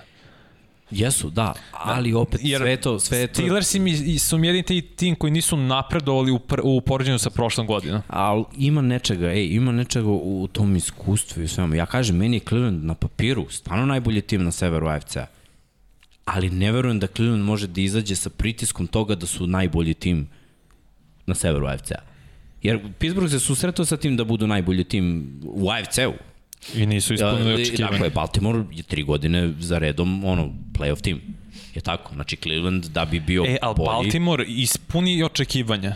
Ne ispuni. Ne, ne, ne. Kako ispuni? Bio Ti- najbolji ti- tim u NFL-u, izgubi prvu utakmicu u play-offu. Dobro, to je bila druga utakmica za- ne, zato što Lamarova su- zato u što su- karijeri. Ne, ali zašto su klinci, kao i Cleveland. Kao i Cleveland. Ovo je bio play-off gde su oni dobili Pittsburgh, koji imalo je mnogo načina da se dobije Pittsburgh. mislim da Cleveland nisu. Chiefs. Da, ja isto. I, Onako, sta- tu i tamo, tu i tamo. Pa, malo, ih, malo jesu, malo nisu. Clevelandu je trebalo da pe- pređe mentalnu barijeru i mislim da su Da. oni to uradili prošle godine. Ljudi, oni su Chiefsa izgubili prilično nesrećno u play-offu prošle godine. Sjetimo se. E, tu su pokazali da su ne, nezreli. To, to je Prošle ono, godine. da, zato što Ali- nisu imali iskustvo s tim. Ove ali sada, godine ja da se desi slična situacija. Chiefsi u tom trenutku, znači da se susreću, to je uh, nije wild card, nego Divizijski, divisional. da. Ja bih rekao uh, Brownsi pre nego Chiefsi, da budem iskren. To iskustvo što ti pričaš, što Pittsburgh, što Baltimore imali, to sad imaju Cleveland. Da, ali nije samo iskustvo igračkog kadra, znaš, nego iskustvo, prvo, istorija franšize i iskustvo trenerskog kadra. Ja, ja opet kažem, Stefanski stvarno radi sjajan posao. Jeste. Malo smo pomerili, da, Da, da kažem, Da, temu sa, sa Steelers. Druga godina, verujte mi da, da ponekad znači taj Tomlin, koliko god on ne vodio slačionicu dobro i sve, ponekad u nekim utakmicama on na neki čudan način motiviše 10 je ekipu. trener. On džukački motiviše ekipu. I to je nešto što je Pittsburghu potrebno, oni su takav tim. Nema navijačica, ono, hardcore ekipa, iza njih Takav je mora, grad. Da, i, i moraš da budeš takav. I u tim nekim utakmicama kada dođe ne, neka, da kaže, aj sam morao iskoristim termin, šminkerska ekipa, ja ću pre da odigram na Pittsburgh koji je slabiji na papiru, i jer mi je nekako ono... Plus dobra kvota. Da. pa, znaš, nekako mi tako deluje. Ja mislim da su oni playoff tim, da li jesu i da li nisu. Ne, za budućnost oni su u ozbiljnom problemu. To, koliko god voleli Pittsburgh, ne, pričali, oni u budućnosti imaju veliki problem, Kotrbeka nisu izabrali, moraju da odrade rebuild. To će ih uništiti. Oni su sklopili dobru odbranu i sad moraju iz početka. Da, ja mislim da nisu playoff ekipa samo zato što a, bi to značilo da ulaze tri ekipe iz njihove divizije. A, mislim da i u drugim divizijama ima, ima kvalitetnih ekipa u, u AFC-u. I samo zato mislim da i ako uđe u play-off da će biti ono, poslednja ekipa koja ulazi u play-off, da će se boriti za to poslednje mesto. Ne mogu kažem da ih vidim u njihovoj diviziji kao, kao šampione. Stvarno ne vidim ni pre Clevelanda, To ne vidim ni pre. Baltimore. To ne vidim ja. Ali jednaki su mi kao, uh, pogledamo ovako, da kažem da Patriotsi i ovamo i Billsi. I. Patriots, Bills i Dolphinsi, po Mm. meni su ekipe koje bi pre Isto, očekivao da vidim u play-offu od, od dobro. Ja sam ih vrstao u verujete u Tennessee. Da, Chargers poštujem, i... poštujem. Stvarno poštujem. da. Stvarno poštujem što, što verujete u Dolphinse više ili, na primjer, ovamo u Chargerse. Da. Ja iskreno mislim da, da, da kada Dobro, to, biram je, tri to ekipe su koje ulaze... razmišljenja. Da. To, to su prosto naše razmišljenja. Je. Ja više verujem u I, Pittsburgh. I super je što su drugo. različite. Pa ej, super je što su jest, različite. Zabavno je. Što ti verovatno veruješ u Chargerse, ti u Dolphinse, naš... Ja ne verujem u Chargers za playoff, to ćemo do, možda doteknemo sad, možda nećemo. Ja verujem u Deda Mraza sa ne znam, ja, ja Pittsburgh stvarno vidim. Šta kažu ljudi? Eto, šta, Šta kažu ljudi? Pa, što tako, da, da smo neozbiljni. e, čekaj, znaš gde je počelo sada sa Pittsburghom, Sani, da izvrši? Kako kreće ima Dallas pa mnogo- Pittsburgh? Kaže znaš. ovako, znao sam. Au, hvala, ali znao sam. Kako Pittsburgh? Jao, Vanja ih je stavio na 27. poziciju. U, e sad će Vanja da iznervira sve navijače Steelersa. Meni su 18. Kao do pre ovoga nije. Kakva glupost, gospode Bože, bam, meni je Pittsburgh 11. Bravo, ali slažemo se, uh, 19. baš pocenjeni, 9. uh, dobro, to je sada, Dobro. izazvali smo smeh kod navijača Brownsa, nisu u prvih 10, naravno, nisu nam, me, dakle, najbolji su prošli kod mene 11. 16. ili baš teško 19. po meni 14. realno za ovu godinu, sad će Vanja od ofanzivnoj liniji Steelersa, eto ga, Pa nije ljudi, to je prosto Činjenica. činjenica. Da može, radim ne može da ne pomene Da, ne, ne, pa šupljinu. Šuplje je. Evo, ja Da ću se- samo da se ostanem ovako, izvini moj, znači sedam ekipa iz NFC-a, tako? Tako je. Sedam ekipa odavde, to je 14. Da. Pittsburgh najviše mogu da vidim na 14. 15. mesto. Iskreno budem. Da ne uđe Okej. u play-off jedva. Ajde 14. okej, ajde. To sam ja stavio kao To mi je ono- plafon. Ne mogu da ih vidim u tom desetom ili tako. Browns, Ne, da, Boston, takođe. da se ja pripremim večeras će biti Cleveland, imate još dve ekipe da sačekate. Nikola D, definitivno ne gledam više ove gluposti od prognoza, vidimo se kad počne sezona, pozdrav braća NFL zajedničko srce, ta Smiley Anđeo, nema Nikola nigde da, šta sad, to je razlika u mišljenjima, iznesite mišljenje, borite se za svoj tim, defunctus nazika, haha, kakav tajming, brate, verovatno je Vuk sad ušao u i tako dalje. Itd, itd, itd, pocenjeno mnogo, da li mislite da će Steelers ovu godinu iskoristiti kao patriote prošlo da zbiju redove, pronađu nove kvalitetne igrače, isprate Bena u penziju, biraju top 15 na draftu, dovedu Rodgersa ili Ne. nekog quarterbacka. Ne, mislim da Steelersi nisu pitao. franšiza koja razmišlja uopšte u tom smeru. Koliko je to pametno, ne znam, ali baš ovo što je Miksa rekao. Nisu oni ta, ta franšiza. Tomlin mi ne deluje kao trener koji sad će biti stava, e ljudi, vreme da se stisne restart. Ne, to je ono pedal to the metal, što bi rekli, odnosno jako gas do kraja, pa dokle stignemo. Pa ni Patrioti nisu kliknuli na restart. Ne. Nisu. Su prosto njima se je. poklopilo ovo što se sve dešavalo. Oni sad rekli, ajde da kupimo napokon, da, da pitam, platimo e, okej, free agent. Ali prošle godine, kad smo videli, uh, Patrioti, samo ću kratko, kad smo videli šta se Ben može, odnosno posle one utakmice, posle COVID-a njegovog, mi smo realno znali... Cam. Kem, šta sam rekao? Ben. Da, Kem. O, tri slova. Prvo kad zadnjima šans. E, vi smo videli da to neće biti ta sezona za Patriote. I sigurno smo da to videli i u Patriotama. I da je prosto prošla sezona bila u jednom trenutku, ok, mi smo New England, mi imamo franšiza koja neće biti uh, sa pristupom, ok, gubimo šta da radimo, nije to to, ne, borimo se, hoćemo što je bolji mogući plasman, ali ova sezona nije to to. to plus- svima bilo jasno, čini mi se. Plus još realno koliko nisu imali talenta, pogotovo u napadu, Patrioti su izvukle 7 pobjeda. Sa da. odbranom koja je mnogo oslabljena, da nisu igrali koliko, Da. četiri startera, pet. Jeste. Ali, ali odbrana je samo- radila posao do nekle za Jeste. toliko Jeste. pobjeda. Vraća koliko se samo na priču oko e, dugmeta za, za restart. Nisu ga ni Patriote stisle, slažem se. Nije bilo na početku sezona ljudi, ovo je restart, nema ništa da očekujemo, ali u jednom trenutku se videlo da I Desio čekaj, se. da se nije desio. Toliko se potpisivanje desio. u off-seasonu kao nikada do sad, bukvalno Patriote. Uh, draftovan quarterback, to su isto sve nove stvari za njih. Tako da jeste jedna vrsta, ajde da kažemo, tranzicije za njih, možda ne baš klasičnog restarta, a za Steelers ja to ne vidim, kažem, ja, to će biti ono band dokle Da, god bude, dok bude, sekundara radila na Big Benu, to Browns će Bosna, da se ide. izvini, još pet bosanskih maraka, hvala, Browns Bosna. Lepo. Ivane, neka si ti njih stavio tako nisko. Stavi A, ti nek i se- Mixine Ravense na 16. nego da mi vidimo za Brownse mogu li bar u prva tri da budu značilo bi mi. Za to ćete morati da sačekate, iako mi znamo odgovor na to pitanje, ali danas pokrenemo još dve ekipe i evo, imamo Je vreme? pitanje, tačno je moment da pređemo na sledeću ekipu, postaje se pitanje gde biste stavili Washington futbolski tim? Evo, Evo, viču da- Na mesto broj 18. 18 pozicija. Odakle da krenemo? Od vanjenog pitanja ko će biti startni quarterback? Pa to je realno i glavno pitanje. Ja znam ko će biti startni potrebe.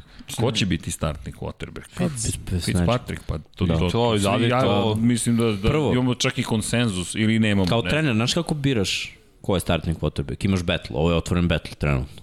Ko bolje uh, skapira taj novi napad.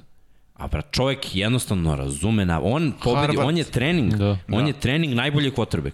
Veruj mi kad da gledaš trening, da se na treningu ocenjuje ko je najbolji igrač. Ovo je bio najbolji igrač u ligi. Znači on na trening, je, ni jednom nije izgubio na trening kampu. Practice hero, što bi Practice hero, da. Bolesno, znaš. I lik uvek pobedi. U, znači, čak ono kad ne pobedi, sve vreme cela slačionica iza njega malo Yes. treba da igra, brate. Da šta pazi, radi na treningu. pametan je i harizmatičan. I ima ruku. Jest, ima i hrabrost, I znaš. sme, da, da. I sme da trči, i sme da baci. I vidu si šta je radio. E sad, nikad nije ušao u play-off. On Dobro. nikad nije odigrao play-off i oni zato meni ne mogu, znači Ja oni mislim mi, da su suviše zabavlja igrajući. jeste, ali okej, fudbal. oni su meni tim koji ima potencijal, ali samim tim što je on QB, oni ne mogu da budu on u ovoj gornjoj. Jer ovo gornje, ja računam, to su playoff ekipa, ovo prva dva prozora, 16 Da. da. ekipa, tu ko će da ispadne dve ekipe ne uđu, okej, ali to su playoff ekipe, ove ovde nisu playoff ekipe. Washington ima, osula se malo odbrana, i to da kažemo, Malo. neki igrači su morali da odu zbog, zbog kepa. Kerrigan, ali su draftovali ovog uh, E linebackera umesto jesu. njega. Kad izgubiš legendu i draftuješ mladog, to je dobro, jer radiš rebuild, ali izgubio si legendu. Taj Kerrigan možda nije igrao mnogo, ali u slačionici Kerrigan je značio... Misliš da Chase Young nije pokupio od njega tu vrstu Ma jeste, liderstva? on je to imao. Jeste, imao, on je, gledaj, iskido prethodnu sezonu. Da, I hoću vidi- da kažem da je stvarno odbrana jači da je ovog tima, ali u napadu su izgubili isto mnogo. Prvo Trent Williams, pa ovamo Moses, to su sad tackle-tackle i sad će oni, e, raz, razumem njih i gledao sam šta je Rivera pričao, on sad ide u rebuild totalni. I, i krenuo je u rebuild tako što oni sad i dalje traže potrebeka, našli su hvatača, našli su running backa, doveli su još jednog running backa. Još jednog hvatača. Tako je, doveli su mlade teklove gardove i oni će sada da isprobaju ovu godinu sa, sa mladim igračima. Baš zato što isprobavaju i što je najbolji trener, ovako je visoko. Da nije ovaj trener sa njihovim isprobavanjem, ja bih stavio još dole. Iskreno. Prošle godine sve pobede, Alex Smith preiskusni kotrbe koji se naigra u play-offu.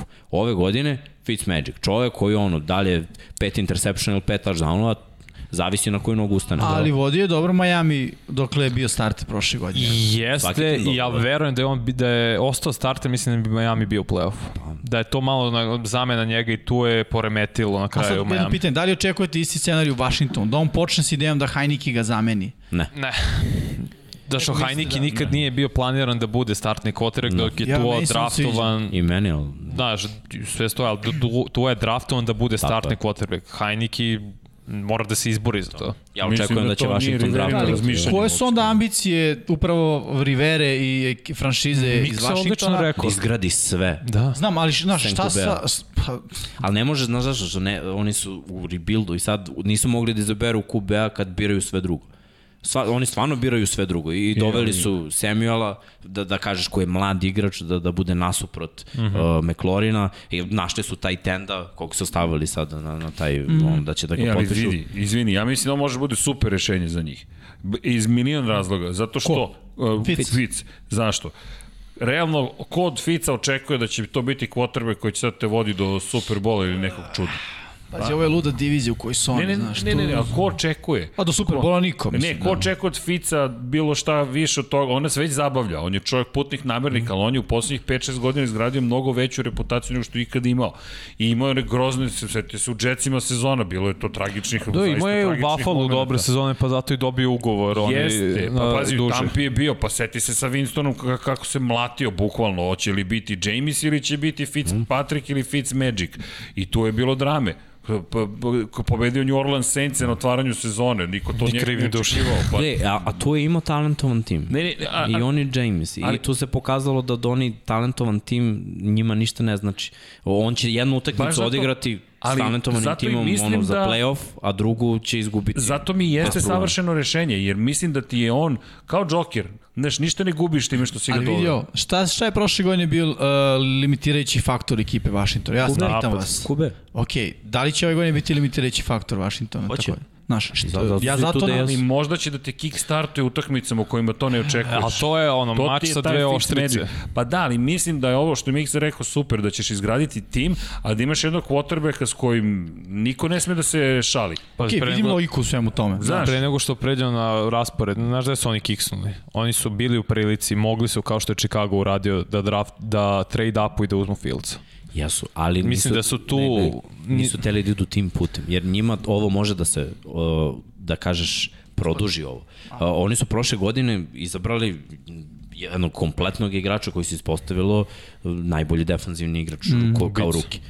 I u posljednjih nekoliko godina, i ja vidim kako oni grade time. Oni će da grade sve i na kraju quarterback. Imaš timova koji ono kreću ko Chicago, quarterback pa sve ostalo. Jer Chicago će sad to morati da uradi.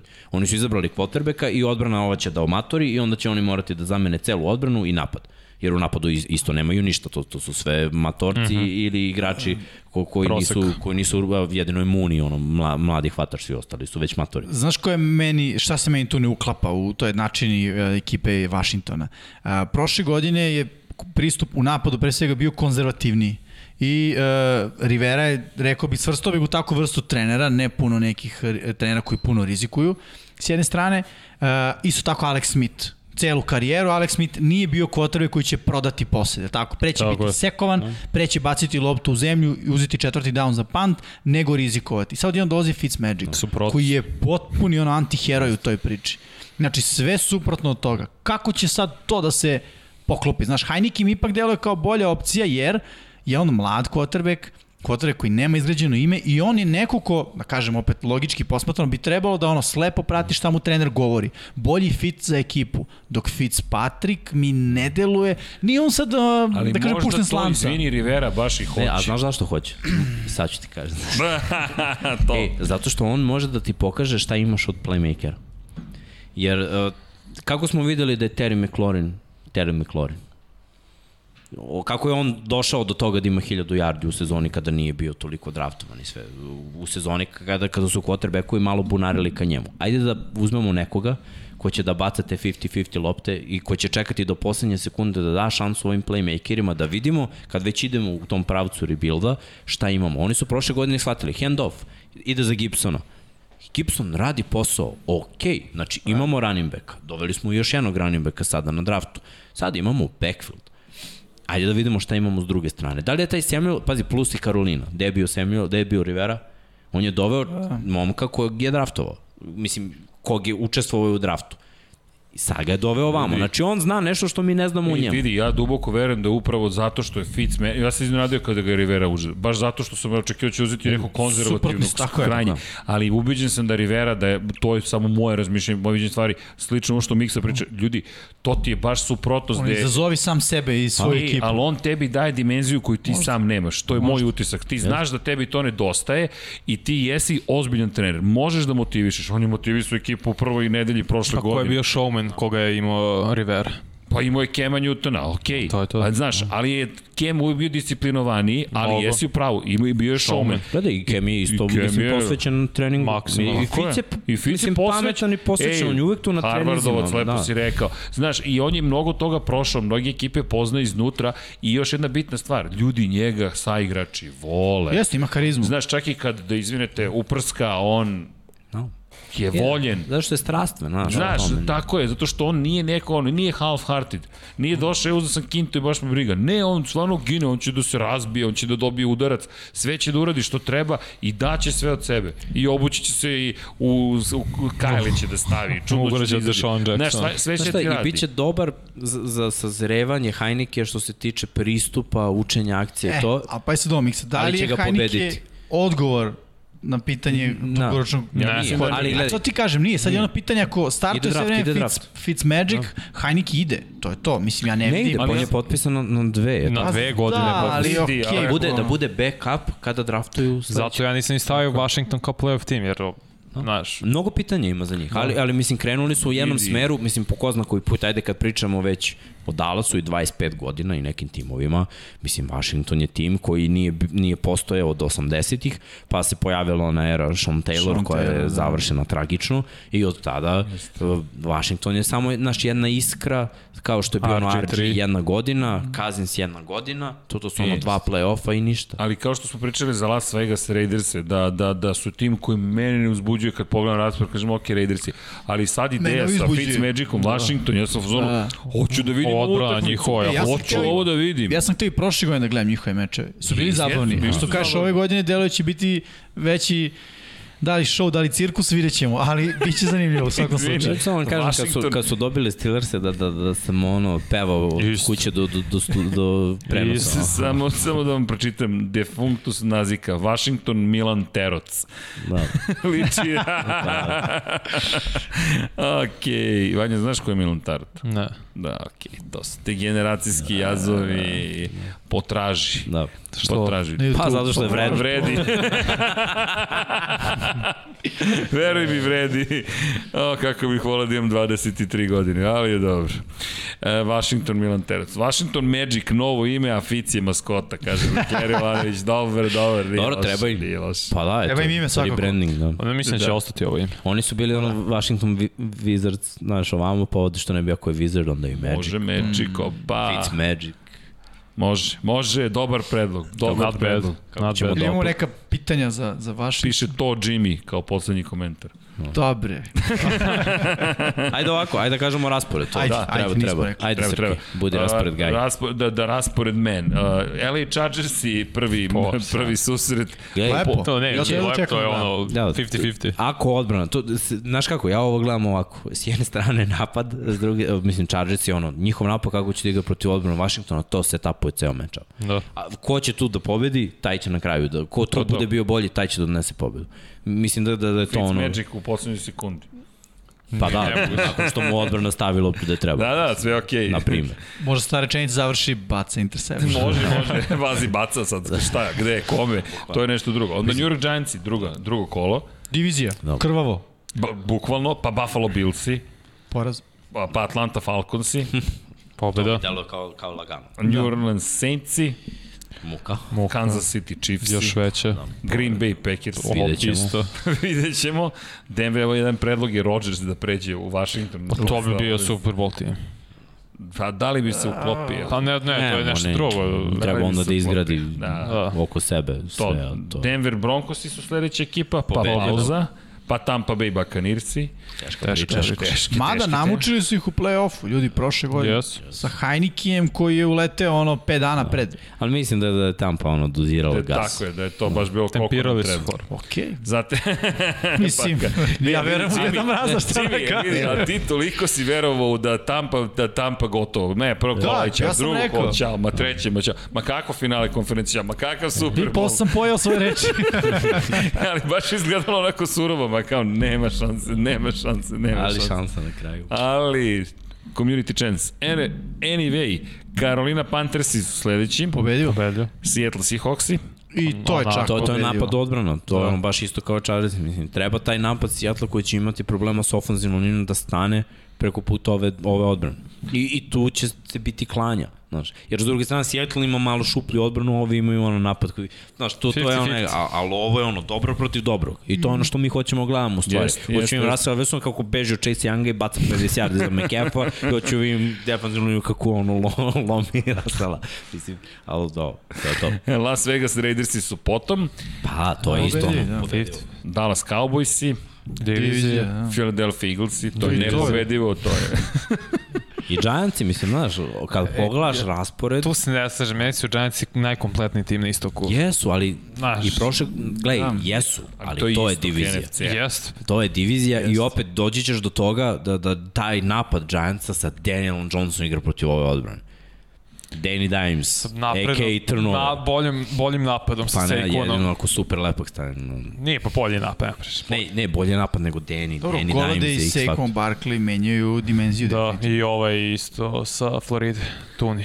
Jeste. Tony, izvini. Jeste, ali znaš šta, ako baci loptu Danny, Ako Deni drži loptu i fumbluje, ništa ne menja. Na, najbolji uh, Dobro, kao- i on sad ima takve hvatače da nema izgovora. Bukvalno. Da, da, izgovora. da, da bude sekon ono, u 3 sekunde, realno. Mora da se neko oslobodi. Nadam se da je naučio. Da, nema pitanja, ima tu nekih prosto komentara, ali idemo dalje na poslednji, Poslednji tim koji ćemo predstaviti večeras i Pre, možda, 17. da, Los Angeles Chargersi bi trebalo da ga predstavi tim, čovek koji je dao najbolju ocenu. Jimmy. Opa, Sređen sam. LA Chargersi kod Jimmy na poziciji broj 13. Lepo. Čisto da se zna, kod Vanje su bili 16. Kod Dom Pabla i Mikse 18. Kod mene 17. Uh, ajde da kažem ovako, mislim Tu, da su Chargersi uh, ona ekipa koja je kao i Brownsi recimo prošle godine spremna za korak napred.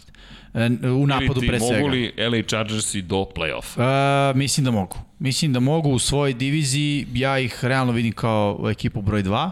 Ne, ne mogu još uvijek da vidim kako pobeđuju Chiefse, što ne znači da se ne može desiti, i prošle godine se za malo desilo, sa, ponovit ću se sa početka a, večerašnje e, emisije, a, Herbertom kao rukijem koji prvi put startuje, za malo da, da prođe i za malo da pobede.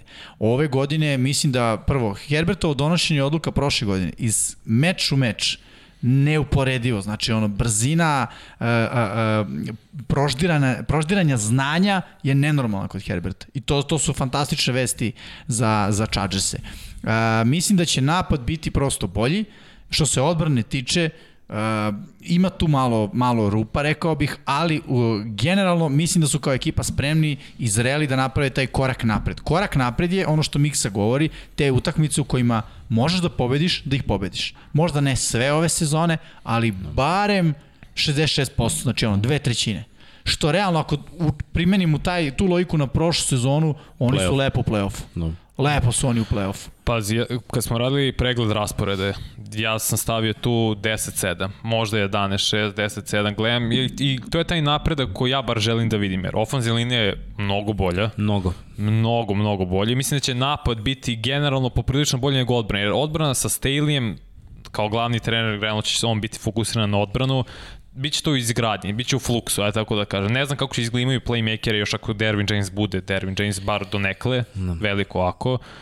Pa, E, mnogi igrači su veliko Da. ovako. Bose će tu biti ključ, Kenneth Murray isto njegov napravak poziciji linebackera, imaju solidnu defanzivnu liniju, ali napad će uh, vući taj teret.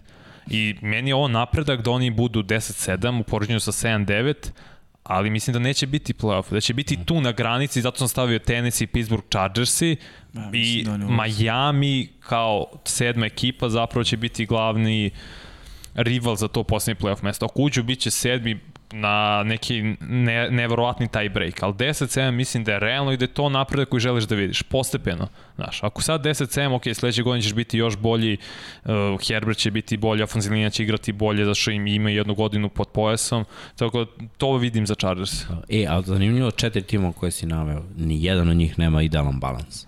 Da. Tennessee trči, neće imati pas. Ja mislim da, I da Chargers, ja mislim da Chargers imaju ozbiljan problem s trčanjem, ko- koji već, Amen. već dve, tri godine je takav, od one sjajne sezone Melvina Gordona, pre nego što odlučio da, da preskoči trening kamp, pa onda Ekeler ne može i, i ok, pitanje, je, ja, ja imam mnogo pitanja za Chargers, ko koji meni govore da oni nisu u play-offu, ali da, da su za dlaku u play-offu.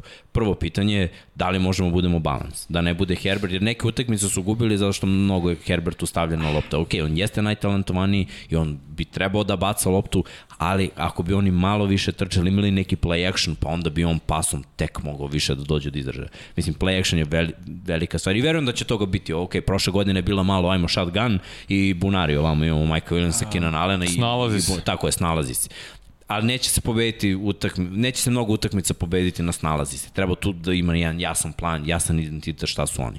Defanzivno za njih Melvin uh, Ingram da se vrati. Ako se on ne vrati, ako se, pošto oni dalje oni su u dosluhu, u razgovoru uh, i to je sve ono verovatno je, evo ti ovo, hoću pola miliona više, pa je sad, evo ti pola miliona Evo ti manje. ja bonusi verujem, tamo, vamo. Da, ja verujem da to sad ide. Ako se on vrati, njihova odbrana je opasnija prvo u diviziji, onda protiv drugih. Ako se ne vrati, double Mnogo- na bosu, svaki play i to oslabi. Ne, onda treba Nevosu da napravi iskorak. I to je Veliki, pitanje. veliki. Tiller, Isto- Sviđa mi se Tiller i što igra mnogo bolje u drugoj godini kao defensivni tek. Mnogo, Odlično mnogo bolje. Da, ja kažem, meni je samo, znaš, o, njihovi edge rusheri mm Mhm. -hmm. su toliko dobri da ako jedan i drugi budu tu, i drugo, nije samo da su oni individualno dobri, imaju neki Dobro timing, imaju Mm. zajedno su ozbiljan tandem, jer nekako mi gledam poteze, ujednačenost, ono, sinhronizacije, kako napadaju, kao da, kao da se razume, ako je od oko, ovaj će nekako da, da krene se vrati unutra. I stvarno za quarterbackove uvek svi kažu Chargersi, čak i kad nisu bili ono ni playoff tim i sve Chargersi, da, da igraš protiv njih, defanzivne linije, to, je, to pomaže defanzivnim bekovima. Zato je Casey Hayward jedne godine imao najviše interseptiona. Da. Sad opet imam jedno pitanje. Ja imam jednog talentovanog igrača kog ste draftovali, ali da li on u ruki sezoni mo, može da dođe, znaš, da li opet, da li Dervin James može da se vrati da ostane zdrav. I sve je da li, da li, da li, A, kao i Miami, ja vidim uspeh, Ja. izvini, Chargersa, da to bude copy-paste filozofije Coltsa iz vremena Manninga. Jer, kao što rekao, Herbert guta znanje nenormalnom brzinom. Kao Manning kad je prevazišao on svoju ruki sezonu i, i, i loš start. A, mislim da oni, pritom, taj sistem bi, moje mišljenje, odgo, bi odgovarao i Ekeleru. Slažem se s tom, Ekeler nije workhorse. Nije, A pazi, every tad down je, back. tad je ono, Edgerin James... Tako je, upravo radio te stvari. Znaš, on, Moram svi da su skineš malo pritiska i Da. bolje si Jest, tim. jest. Pazi, Herbert je spreman da bude ono pritisak, ono all eyes on me, bukvalno. Me, meni tako da znači on je ono Patrick Mahomes s, uh, ove generacije. Ne mu kažem čak ni sledeće, nisu sad to razlika 10 godina tu su. Tu su, baš su, baš su blizu. Tako da on je Patrick Mahomes još jedan u toj istoj u toj istoj diviziji. Što znači ono e, da ova godina za njega neće biti prevelika preveliki zalogaj ukoliko bude bilo ti si naš čovek. Mislim da on to može da izgura. Sa povremenim ubacivanjem, povremenim, da kažemo, ono, dobro isplaniranim uh, ubacivanjem uh, Ekelera kao trkačke opcije, koji će trčati iz shotguna, mislim da oni mogu da imaju jako dobru priču. Sviđa mi se ovaj running back što su draftili sad sa Missouri, koji je bio ozbiljan workhorse tamo. Jeste.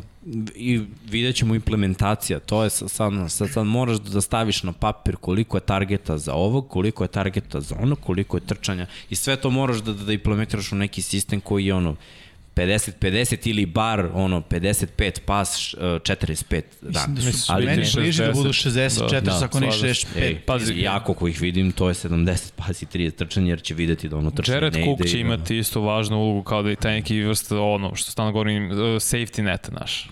Jer je bio celu karijeru to zapravo radi Jared Cook. Pa jeste, ali Cook I je ima ono opet... uspone i padove u Da, ozbiljno. To je jedna stvar. Druga 1000 stvar, yardi do 200. Jared Cook je taj tend koji često trči u sim, odnosno te duže rute. Što ga po meni automatski eliminiše da bude safety net. Znaš, Viten je bio safety net. Jeste, Do pravo 10 si. yardi rute i to je to, znaš. Ide pritisak, frka je, dećeš Viten, tu je negde. I dobro blokir. Da, naravno, naravno. Ali uh, Cook ne neophodno. Cook često trči u sim i on je, njeg, ideja je da on bude mismatch protiv linebackera u blitz situacijama. Kad je blitz, kad je cover nula, znači vraćamo se na školicu, nema safety-a, nijednog duboko da pokriva, Jared Cook protiv linebackera, ono, all day. Mislim, baci mu dobru loptu, što Herbert ume, Cook, ako taj dan se probudi dobar, to će biti hvatanje, mora čak i ode do kraja za touchdown. Ako odluči da ispušta lopte na taj dan, ono, to, to neće biti to. Ali mislim da je to pre ideja bila Kuka, da bukvalno bude uh, iskusniji Hunter Henry. Jer se od Henrya upravo to očekivalo. Henry isto nije bio zamišljen da bude neka plića opcija, već duža opcija. Du, du, dublja pretnja, da kažemo tako. Nije se baš povezao sa, sa Herbertom. I falinka za taj sistem koji, koji bi njima bio potreban jeste što nijeni drugi nisu primarno blokeri. Znači, zato ne vidim, ru- Titanovi koji trče kraće rute, od njih se uvijek zahteva da prvo malo koji cadence ostanu u bloku. Jest. I onda ono, bar jedan 1002 pa se onda otvaraš i zato je kratko. Da se Ovi stanu u slot i, i piče nas. Tako, je, da se vrati na paralelu sa kolcima Dallas Clark. Da. Bio odličan blokir. I taj safety net što ti kažeš, znači on je bio Peyton u to. A, možda tu bude bila ta, ta neka rupa, možda i ne, ali kažem, meni nekako deluje da je ključ uspeha za Chargers-e taj princip. Ono, imaš odličnog quarterbacka koji, što bi rekli, konzumira znanje nenormalnom brzinom, uh, iskoristi to. Budi pas ekipa, po meni to više ima smisla za njihov napad nego, nego da probaju da budu 50-50, jer uh, probali su prošle godine, prvo Ekeler isto ima problem sa, sa da Da odigra sam je rekao da sezonu. ne, ne želi to, ni, ne, Ne, ja ga i ne vidim kao every down back. Samo vidim ovog drugog momka da, da, može, da mogu da dele to. Može, ali vidi, da ruki je, to će biti famblova, to će biti, znaš, ono, Moguće, uh, upucam moguće. se u sredinu bespotrebno da bi se nekom nešto dokazao, pa onda idu concussioni, mislim, kao što većina, većina ovaj, rukija to radi kada nisu projektovani da budu broj 1. Kao što recimo prošle godine je bio Edward Ziller u, u Chiefsima. Znali smo da će on biti broj 1 i on je lepo lepo Evo, čitao svoje pitanje, prošle sezone Herbert je bio većina ekipa nepoznanice, sada će se spremati za njega, ima uzorak kako igra. Koliko mislite da je Herbert zreo i lider i da je ove godine oduševi i povede Ja mislim da je prezreo. Zrelo, da. da. Mislim, ja sam rekao da je njegovo sazrevanje od, od, od koleđa, od Oregona, do, do senior bola, gde su treneri rekli, ovaj dečko je napredovao za onu godinu dana u ove dve nedelje, što je radio samo sa NFL trenerima. I baš se sećam ono tih analiza koje sam pratio, prva utakmica koju igrao do druge utakmice, meni je delovalo kao da je još godinu dana napredovao. Mislim, a to je sve razmak od par meseci. Mislim, što je stvarno smešno. Ali Mnogo znači smešno. kad si starter višeg broja godina Ali na nije koleđu. do njega, znaš, mi, mi ovde uvek nekako sve, sve, mislim mi, ceo svet nekako sve uvek quarterback, nije sve na quarterbacku. Ima toliko faktora, naročito za Chargers, jer mnogi utakmice oni nisu izgubili ili pobedili zbog quarterbacka. Bilo je tu quarterback i napad, odbrana, svi urade kako treba, kicker promaši, oni izgube. Bilo je tih utakmica. To je najveća Je mana, tako? najveća To je mana, dalje, to je dalje, to je i dalje muka, ej, to je i dalje muka za ove Chargers. To je i dalje, znaš, jedan veliki znak pitanja, opet novi trener. Novi sistem. Zato, zato Mislim da kažem, je samo ja, u defanzivan novi sistem, da u napadu Da. će ostati isti sistem. To neće. Staley menjati jer je- nije moguće, prošlo znaš, iz ali, ali te... moram da vidim, mora, zato su oni meni nepoznanici, mogu ozbiljno da mi iznenade ili mogu, jer ja, gledaj, sad od njih ne očekujem mnogo iskreno ove godine. Oni su meni ono, nisu mi playoff tim, ali su blizu playoff. To je mi je neki realni iskorak. Znači, prošle godine su ono izgubili mnogo, pa sad treba da budu blizu play-offa da bi sledeće godine Slažem bili play-off ekipa. To tako ja nekako rangiram. Ja bih Ali čak- imaju talent. Video kao playoff ekipa ove godine, ali ono playoff one and done i onda sledeće godine Da, Cleveland da. Brownsi. Scenariju. To. Ili tako. E, imamo pit... E, ćemo čekaj, raspored nismo prošli. Raspored, Pa da. je- jesmo Evo. malo, zar Pa ne? malo, da. Ali, evo, početak. Ajde. Washington. Washington. Imaju ono rekli. pobedljive i nepobedljive Pa koje to. se smenjuju. Washington, pa Dallas Cowboysi, Pa moguće, Da. i nemoguće. nemoguće, da. Kansas City Chiefsi, Opet, divizija, divizija ako neko ipak može. Chargersi mogu. Tako je. Las Vegas Raidersi, opet divizija, Da. Cleveland Brownsi. Teška priča. To mi je teško. To je da, to. to mi je Ali znaš šta ima još gore? Zato što igraju dve divizijske, igraju ovako Chiefs i Raidersi. Da. U divizijskim se ono baš mrziš i baš biješ. I onda se. dođu, tako je, i onda dođu Brownsi Pa Ravens. i Ravensi. To su dve ekipe koje trče i umaraju i to je ono, brani, brate, trčanje, trčanje, trčanje, a u odbranbenu ono, blicaju i, i ono, da kažeš da su agresivni. Onda pauza. A čekaj, a Preko šta? potrebna pauza. Da, a onda idu na New England. Da. Pa ko, kao? koji će biti tvrd. Pa kao? Pa Philadelphia Eaglesi, to čekamo vaš duel. O- Onda ide kao malo lakša priča, če, To. jedan streč od tri utakmice. Minnesota, To. Kažeš malo, Filo, gde su Pobedio. Egal? Pi- Pittsburgh, Isto. Isto. Može, da, da. Denver, Da, Cincinnati, isto. Giantsi. Pa, Pa, pa Nije nemoguće, Pobedivo da. je. Mislim, Pa e, jeste. isto će ih namučiti odbrana, ali opet i tu mi je ono, odbrana Giantsa protiv napada pa Chargers. ponovo Chiefsi, pa Texansi, Broncosi i Las Vegas Raidersi. Lepo za- Lagani završetak, rekao bih. Imaju onaj, pazi, taj pre baja, oni, to, to mi je deo, ako tu, tu ćemo videti. Tu, pazi, ako tu, na primjer, ne krene dobro za njih, krenu onako ala Chargersi kako oni znaju i vežu četiri. Ko je to mentalitet? Odleže na baja, izgubio si od Chiefsa, od Raidersa, od Brownsa i Ravensa. I onda, znaš, nakon toga ti treba novi trener. Pa će krenuti, znaš kako to krenu u NFL-u? I ono, da li je on pravo rešenje? Da, da, pravo rešenje. Da, da. da li je Herbert Berger, i znaš, i krenu ono pitanje, da li ovo, da li ono, da je, i, i kako ćeš da prebrodiš to pred ovog što ti dođe na kraju što je lakše. Inače- Bo, prosto ne znaš da li je bolje da počneš Jasno. protiv loših ekipa, nanižeš neke pobede, pa oni krenu da li si ozbiljan, no? ili ovako kad te, kad te ono sasuju. Pa, Treba znati i Zavisi, mnogo iskopeljati se zavisi odatle. od, od, od, od, od cele ekipe. Inače, pozdrav za Browns Bosnu, kaže želim svima lako roć.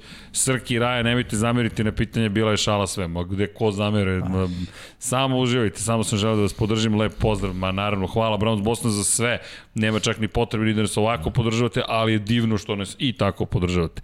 Herbert se uigrao, izloči ih do play-offa sigurno, jedno teško pitanje, koliko će Chargers imati gledalaca u proseku na domaćem To je pitanje. Da, to je naj... O, ovo je, to, ovo je, u, Gledaj, ovo je u I to će isto menjati, znaš, kako oni igraju kod kuće, protiv koga, Da, pred so- kakvim tribinama. SoFi Stadium koji je... I, i znaš, gde idu na gostovanja, protiv kakvih timova i kakve će njihove tribine biti. Znaš, jer Ali ja, znaš šta ja da. tu vidim kao, da kažem, problem na tom polju? Uh, LA Ramsey. koji su ove godine mnogo bolja ekipa. Znaš, imaju, yes. ja ću kažem, rivalstvo u gradu. Znaš, svi će hteti da vide Remse, jer je došao Stafford. Nemaš rivalstvo. Ne, nemaš, pa to ti ka, Nemaš, u tom smislu. Tužno je, niko znaš, ni ne razmišlja o Chargersima kao da pripadaju LA-u. Pa to, realno. Ali bukvalno, mislim, niko u LA-u ne razmišlja o Chargersima. Znaš u koji sloj ti to spada? To su ti ekipe tipa Angels u bejsbolu, tipa Clippers u NBA. U, ali ja, naš Angels imaju bar velika imena ono, u bejsbolu. Da, Mike imaju Trout. Trouta, da, ali opet ti kažeš Ali Dodgers. vidi. I svi navijaju za Dodgers. E, ali znaš šta je tužno u LA-u? Ti nigde u LA-u ne možeš da kupiš dres Chargersa, Jesu. osim Mislim na stadionu Chargersa u prodavnici Chargersa. Ne šalim se. Tebi sam tražio dres to u Los Angelesu, nema nigde. Bilo je ono kao, Nema. čiji dres? Naći ćeš njegov dres, ali nećeš naći dres Chargersa. Naći ćeš, Zato ne da izgovor. zato- Ne, nego sam Ne, našao ne, poređenje za, za Beograd. Da, Ofaka Beograd. surovo. to je to, pa da. Surovo. Zato sam ja govorim, idite, vratite se ili nazad ili idite u San Antonio, tako neki manji grad koji će vas podržati. Ne, Da, nema toga Pa ništa. nema, nažalost, neće. što su se skoro preselili. Pa da. Ne, vidi, ljudi, bi, bi, bi, na utakmici protiv Minnesota više navijača Minnesota. Tužno. Opet će biti više navijača Gosovića. I mo, može da bude faktor na nekim utakmicama. Može. Neka te bre to s tribina onako malo E, pokrene. ali ja mislim da neće, znaš zašto? tribine će, to, A navikli su se. Tako je, bre, navikli su se ljudi. E, to što Oni ne, oni su se, ne, ne, ne mislim da su se navikli da igraju pred praznim tribinama svojim. Evo Kako će da, da odu, razumeš, na primer, kod nekog drugog tima na pune tribine. Kako će onda, znaš, opet je, ima mladih igrača tu. Ali znaš šta, Prošle mislim- godine Herbert nije baš morao da igra na Arrowheadu Da. koji je bio pun i Koji je gde ne možeš da, da, da, organizuješ da, hadl, sve, tako da, je. hadl, da pozoveš da, audible. je. Prošle godine je bilo, je. znaš, izađu ti hvatači, Tako ti je, nećeš tako je. uh, slant nego fade, e, znaš, Tako je. fade. Čujete one tri bloka odalje. Razumeš? Ajde da vidimo kad je ono hladno i kad je, kad je ono Kad je buka. milion ljudi. Anti-NSP, Mighty Ducks, Anaheim, Mighty Ducks. Ali, da, San Antonio je manji grad, nije bukvalno bilo to za San Antonio manji grad, San Antonio svako nije manji, ali u kontekstu toga da. San Antonio nije imao, pa, nije imao Imaju prosto Spart, tu vrstu imaju San. Antonio Spars, Da. to je Da, nije, jedini nije, nemaju koji niko. dešavanja. nemaju, tako. do, tako je, nemaju nekoga poput ove, ali to je opet pitanje, znaš kako, gde te hemija uhvati? Gde te hemija uhvati i ti kažeš taj, taj, taj tim pripada tom gradu? Pa da, ali opet Chargers nikad nisu bili velika franšiza. Dobro, San Diego je Da. baš lepo bio, bio mesto. Jeste, da. zato je bio idealno mesto. Da. Tijuana, blizu, Pa, odeš da se San Diego je povedeš. najsrećniji grad na svetu, tako bar kaže. Tamo je stalno sunčano. Pazi, nije loš. nije loš. Gaslamp District. Ali vidi, nije ni nešto, znaš kako, zavisi šta voliš. Baš zavisi šta voliš, jer San Diego je velika mornarička baza i u suštini ono što je tamo zanimljivo jeste što imaš veliku industriju, telekomunikacionu, ali turistički gledano imaš Pacific Beach, lep je, međutim to su uglavnom Veoma lep studenti. zoološki vrt imaju. Jeste, od najveći je prirodni otvoren na svetu. Imaš, A evo i stani, samo stani. Da. Bili su tu i zašto oni onda nisu bili na prvom Zato mestu što nego je- Zološke vrti plaza? A, ne, ne, pa, ali- ali to je- jeste. Jeftinija karta. Ali Ali to je, ali to je to što ljudi imaju druge stvari da rade pored. Ti kad si stalno da je 25 plus stepeni, Nije. plaža tu. Ja mislim da je Kalifornija Nije, teško tržište, znaš. Jest. A Da, ali moraš, znaš Moraš buš velik za Kaliforniju. Da. Kalifornija ne E, trpi to, to je lepo rečeno, znaš. to je, to je onako, mora da bude veliko. Mora bude, bre, Možda imaš zvezde, Divlje. to mora sve da... Ja samo kažem, da odem u San. Francisco, prva stvar koju bi ja uradio je da odem na tekmu, mislim, ako je... Ako E, ali može. 49ers su istorijska franšiza. Dobro, Kao- San- kao Lakersi, Ljudi, kao Dodgersi. Kalifornija, to, to je druga priča. Severna i južna, to su kao dve odvojene države. Sever, ozbiljno, severna i južna Kalifornija mnogo su drugačiji. A dobro, ja kažem, ja Baš kao su. Ali ne, ba, t- t- vidi, San Francisco, sla, slažem se s tom. Ja u LA-u bi otišao u Staples Center.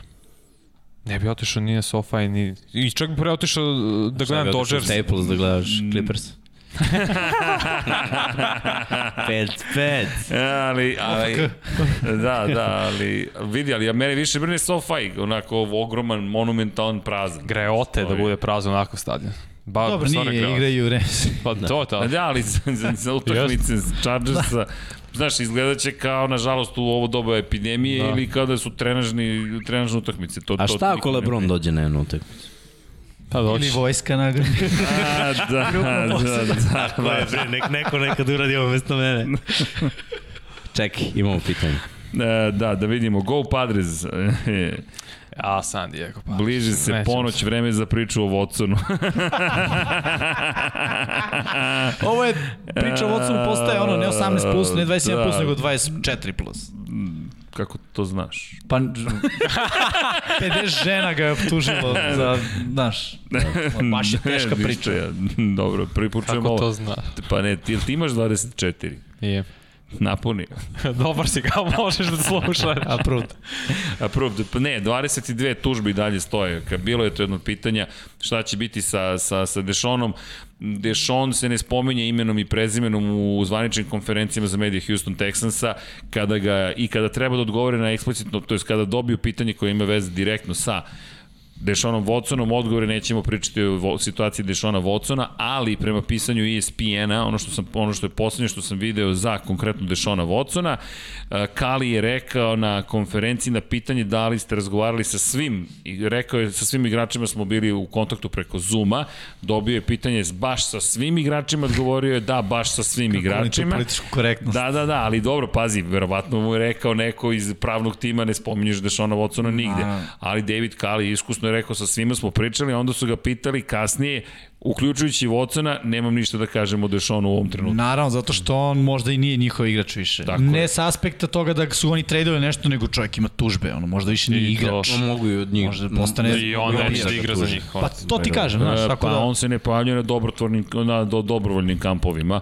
Ne, Da, ne, ne pojavljaju se tu još neka imena. Pa ne, Ne, pojavljuje se, njih. ali Da. navodno se priča da je zapravo ideja da se distancira i on od ekipe, da, da se jasno stavi A na on je to. rekao da neće da igra za njih. To je kraj priče. I da može da, ako bude mogo da igra, on neće igrati za Houston. Dešone, ako ovo gledaš, Vuku i Beograd te za ovo. Tako je. Nije neka plat, nije nikakva. Lep noćni život. Ali, ono. Ti si možeš. lepo zaradio već do sad, šta te briga? Nećeš morati crtaš teren. Da, možda nekada pomogneš samo da držiš kanap. Pogledaj njihov film. Da. Svaki Obavezno. Pa ne, pa dobro, vidi, Dešon biće na tržištu, ko zna. Ko zna, da, u svakom slučaju za Dešona Watsona nema nekih Sledeći novih godin igramo Cefal poznanih. Dešon, tako da znaš. Valjda, možda. Može. Ti, Boko, ti gledaš. Ali, ali imaćeš priliku da gostuješ u najboljoj emisiji posvećenoj Tako NFL, je. tako da razmisli. Svi sami plus. LA Stallions. Čekaj, možemo da vidimo ovu konačnu listu. Čekaj, čekaj, znate vi šta je? Možemo, ajde, pa ćemo Ajde, da prvo to, pitamo. mislim, Ajmo da možemo vidimo pričamo i da gledamo listu. Tako je. Konačna lista kaže Los Angeles Chargersi broj 17, Washington futbolski tim broj 18, 19. Pittsburgh Steelersi, 20. Dallas Cowboysi, 21. Las Vegas Raidersi, 22. Carolina Panthersi, 22. zapravo Panthersi, 23. Minnesota Vikingsi i 24. Philadelphia Eaglesi. Znamo da će biti nezadovoljni, Pazi, ali stavili- nismo ni mi da, baš da, da, zadovoljni, da, jer da. ovo je konsenzus. Ali dobro, logično, vi ste izabrali Dekarta, čovjek ipak dosta uticao na analitičku geometriju, tako da, Da. to skroz ima veze sa ovim. Samo što on nema veze s ovim. Ali dobro, sve je u redu. I da se vratimo na ovaj čudan moment. Da li znate koja je ekipa LA Stallions? A, je li realna ili tipa fiktivna ekipa? Ja sam samo, ja pitam, Znači evo, gospodin je, gospodin je rekao LA Stallions, Ja anti-NSP. Ne, nikad čuo. Ste čuli za Tonija Scotta? E, jedini Stallion koji sam čuo je Stallion, Stallion, Jao, brate. Tony Scott je režirao ljudi Top Gun. Inače, rođeni brat Ridleya Scotta, nije više živ, nažalost, Tony Scott, ali režirao je čuveni film, čuveni film? Poslednji Gun, Boy Scout, u kojem se pojavljuju LA Stallions i naravno Bruce Willis koji spašava De Dan i Damon Wayans i tako dalje. Pa, tu, Nisam gledao tebe. ne znam ja ko je spasio na kraju pasom s konja od Tako 60 je, evo, evo ga. E, Vidi, vidi. u to vreme, Pri- pri- to je bila je, jedina za cool, Tetris, cool. Tetris i Bruce Willis. Ja, tako je, head or gut. I Halle, Halle, Halle Berry koja se pojavljuje na početku svoje karijere kao umetnica, plesačka umetnica koja nastupa posle ponoći. Billy Cole, anti-NSP, Da opa, Billy Cole. ovoga? Vidi, ali... Jedino korektnije je bilo ono prodavačica ljubavi, da si rekao. Ne, nije, nije, Ne, da, ne znam šta je Ne. film, ne znam šta je, nego... striptizeta, tako da... Nisi gledao taj film? Nisi Pa gledao? ne znam koji je film u pitanju. Au, Treba pogledati. au, au, au. Kako zove film? The Last Boy Scout. The Last Boy. Ne, ja bre znam ono kad počinje sa onim e, na terenu Tako koji je. obara pištoljem Da. pilica, kako nisam, da, Pa da, da. da. Ain't life a Da, Igrao je da, Jimmy da, Tetris. Da, da, da, igrao sam kako ne, kako ne. A nisam znao da je to Halle Berry, wow. A. Znači nisi fan. Ali imaš osmeh na licu. Zbog Bruce Willisa, verovatno. Pazi sad šta pričaš. I tako, da. E, kaže Anti-NS5, he, ha, Hale je tu najbolja. Fantastičnu rolu imala. Mm, Dobro i danas, a ne tad. Da, misliš e, Oskarovka, to jest dobila je zlatnu Odlična malinu. Jel? Dobila zlatnu malinu za Catwoman. Zar, zar nije to nagrada za najgori... Tako je, to je za najgori, ali ona je jedna od redkih glumica koja je otišla na dodelu zlatnih malina i održala govor u Zašto, prihvat zašto maline? Zato, pa kao, gore kukus. Nisu pili domaću pa. malinadu, ne znaju. Nemaju iskustva. Nisu pravali oni propolis. Ne, malinada, čekaj, imamo mi neko tu u Brankovini, neko imanje, neke maline se tu beru i tako. Treba Gorki list da bude sponsor toga. da. Ali- Marketički ideja. Marketički ideje naviru, da, da. Ukoliko želite, javite se na sales at infinitylighthouse.com. Možete da kupiti za sada majice Cosmos 76, eh, Lab 76, Kad će majice, 99, stižu, stižu, pregovarali smo. Stižu, stižu, pregovarali smo. ovako Vidi kako me... Seče ovako. Čekaj, ima, da teško ovo s bojama, čeče, imamo skladište ovde, ali to je sve okej. A umeđu vremenu opalite like, zato što je to cool, zato što petkom uveč imate više sreće ako opalite like. Subscribe, naravno, aj možete ovu ikonicu dolar, uopšte nije loše. E, da, E, šta je ovo, najgotivnija ekipa ikada Cucumbers, Keanu Reeves, plakao sam tri meseca posle vidim. Da, okej, okay, da, eto, to nismo dugo pričali o filmovima, bilo je neminovno da, kada biste mogli da izberete jednog igrača iz lige da ga potpišete za tim za koji navijete, koji bi to igrač bio, a da nije quarterback Dimitrije Lukić. Julio Jones. Aaron Julio, Donald. Julio Joe. Aaron Donald bez ikog razmišljanja. Dobro. Julio. Julio, da. Julio, da, mi smo svi ovde hulijaši, huligani. Pa to je još jedna protraćena karijera potencijalno, znaš. O, a, ok, nije skroz, jer je Atlanta ulazila nešto u playoff mm. i bar su bili, Bili Super Bowl. Ali ono, kao Calvin Johnson, znaš, taka talent i... Da, da, pa dobro i ono hvatanje u Super Bowlu, ono je... Ma imao ih, mislim, I, i Matt čovjek. Ryan je sjajno bacio, ali ono hvatanje... Samo se pitaš kako. Kaže, majice stižu kad Watson digne Lombardija. Da. Au, ljudi, čekajte. Bolje sam toga, da mi nismo ozbiljna firma. Ne razumem. Molim, tako je, tako je, Mix, pa ne, ne, zaista ovo ne.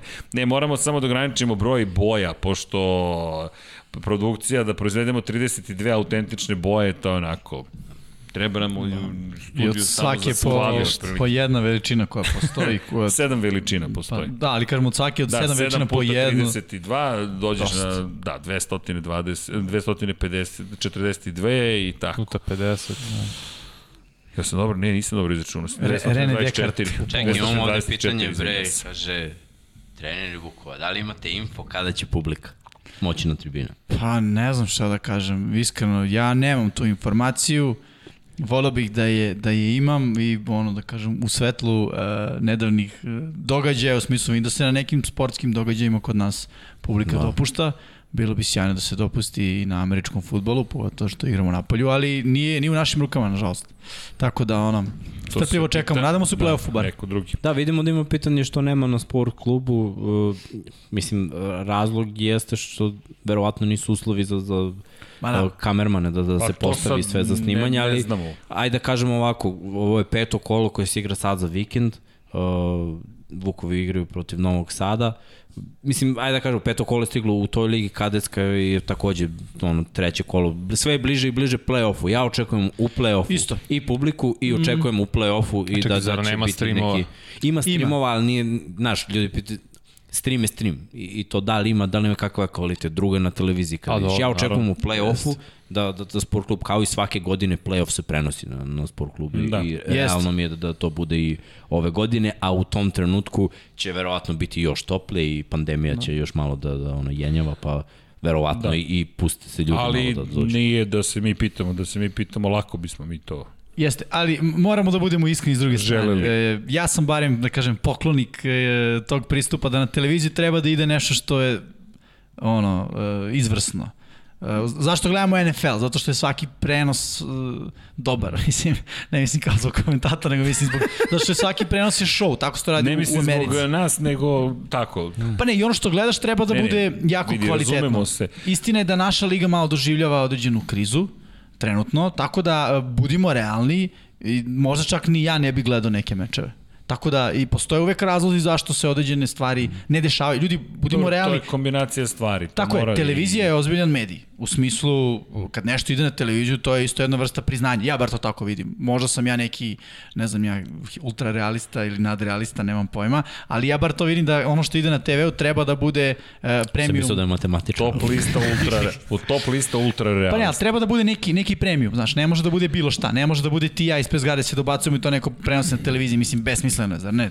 Ko, Ne to bi neko rekao. te... Sad si me Hoću da kažem da trenutno kvalitet naše lige nije takav da baš može, ej, izaberi bilo koju utakmicu, bit će dobra. Da, Neće Pa biti to nije dobra. pitanje samo onoga što se događa na terenu, to je pitanje onoga što se događa oko terena Apsolutno. i priprema, ali, ali to je sad mnogo šira tema zapravo od same televizije, to je pitanje svih učesnika u ligi. Da, da, da, naravno, naravno to, ja skrećem pažnju To je to. na, na, na, na ligu, ne na televiziju. Ja samo kažem da prosto da bi nešto išlo na televiziji mora da ima neku vrednost trenutno. Inače- Dešavanja u našoj ligi ne idu baš u tom smeru. Evo, ali nadamo se, prosto, Pa da. vi se borite, dajte sve od sebe, svi timovi daju sve od sebe, pa ajde, nadamo se da će to prosto, evo, i, i televizija, kao što ste rekli, prijak prikazuje playoff, trudi se oko toga.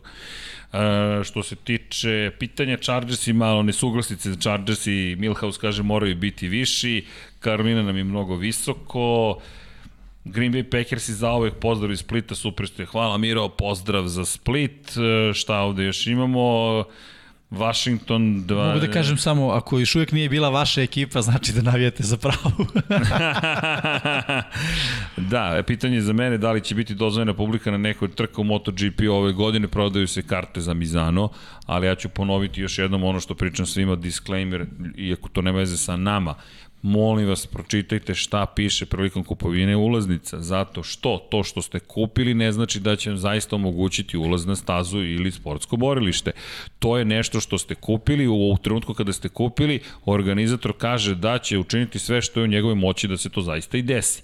Međutim, COVID, cela kriza, postoji, ozbiljna je situacija, ali isto tako je dovela do toga da ste vi sada manje više sve je viša sila, sve je vis major, mm. tako da sutra može na organizatoru neko na regionalnom, lokalnom, državnom nivou da zabrani da vas pusti na borilište i da vam kaže, ok, neće biti refundiranje ulaznica zato što ste vi ušli u pravni rizik kupovinom ulaznice da ukoliko bude više sile, vama to ne bude refundirano. Sad neki organizatori vam daju za ulaznice za sledeću godinu ili vam poklone nešto, ali molim vas vodite računa pre nego što date pare, možda može da se desi da ih nikad ne dobijete nazad, ali možete da kupite ulaznice za Mizano. Još jedan dogovor zašto smo mi ozbiljna firma, jer bi mogli mi da vam prodamo majice, da platite pa ćete ih možda dobiti. Ne, ne, ne, ne, ne, Ali ne, ne, mi Ne, ne, radimo ne, ne, tako. ne, ne, ne, da, ne, ne, ne, ne, ne, ne, evo ovako, mi, mi ćemo vam ih sigurno prodati. Tako je, Kada tako ćete je. ih dobiti, Tako to je, je čekaj drugo. bre, ja samo stavim na stranu ozbiljne firme. Da, da, mi se pravi paralel. kao okej. Malo kupiš kartu pa možda uđeš, ne, Da. ovde kada kupiš dobiješ. Dom Pavle, može klima? Da li, opa, Vanja je, o, Gorimo. izvini Vanja, gorite s ove strane. Toplo. Mada, moram opet još nešto da kažem. Jeste izvalili da su sve vaše ekipe već prošle? Jesmo, hvala ti Da. na podsjećanju. ja, eto. A to je Jimmy matematika. Mogli su čarci budu 16, Čuj, znaš. Mogli Jimmy je sebe ugurao u da. ovu emisiju, ne razumem. Znači, Fila je 25. 25. 29.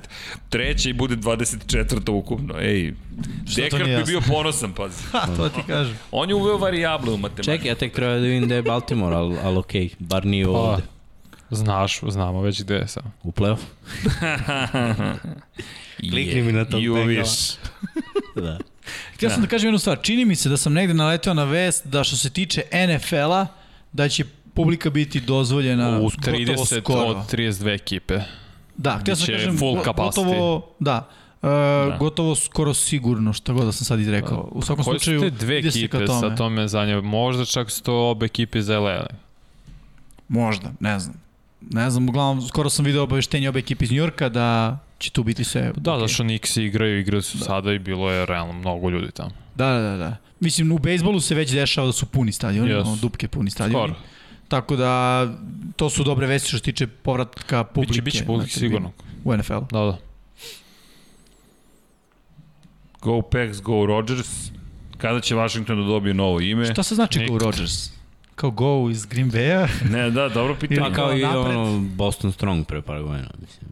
Da. Ne, ne, kad kaže neko go Rodgers, šta to znači kao idi Rodgers? Kao- Ili znači kao Aha, napred, Napred, Rodgers? napred. Ko zna.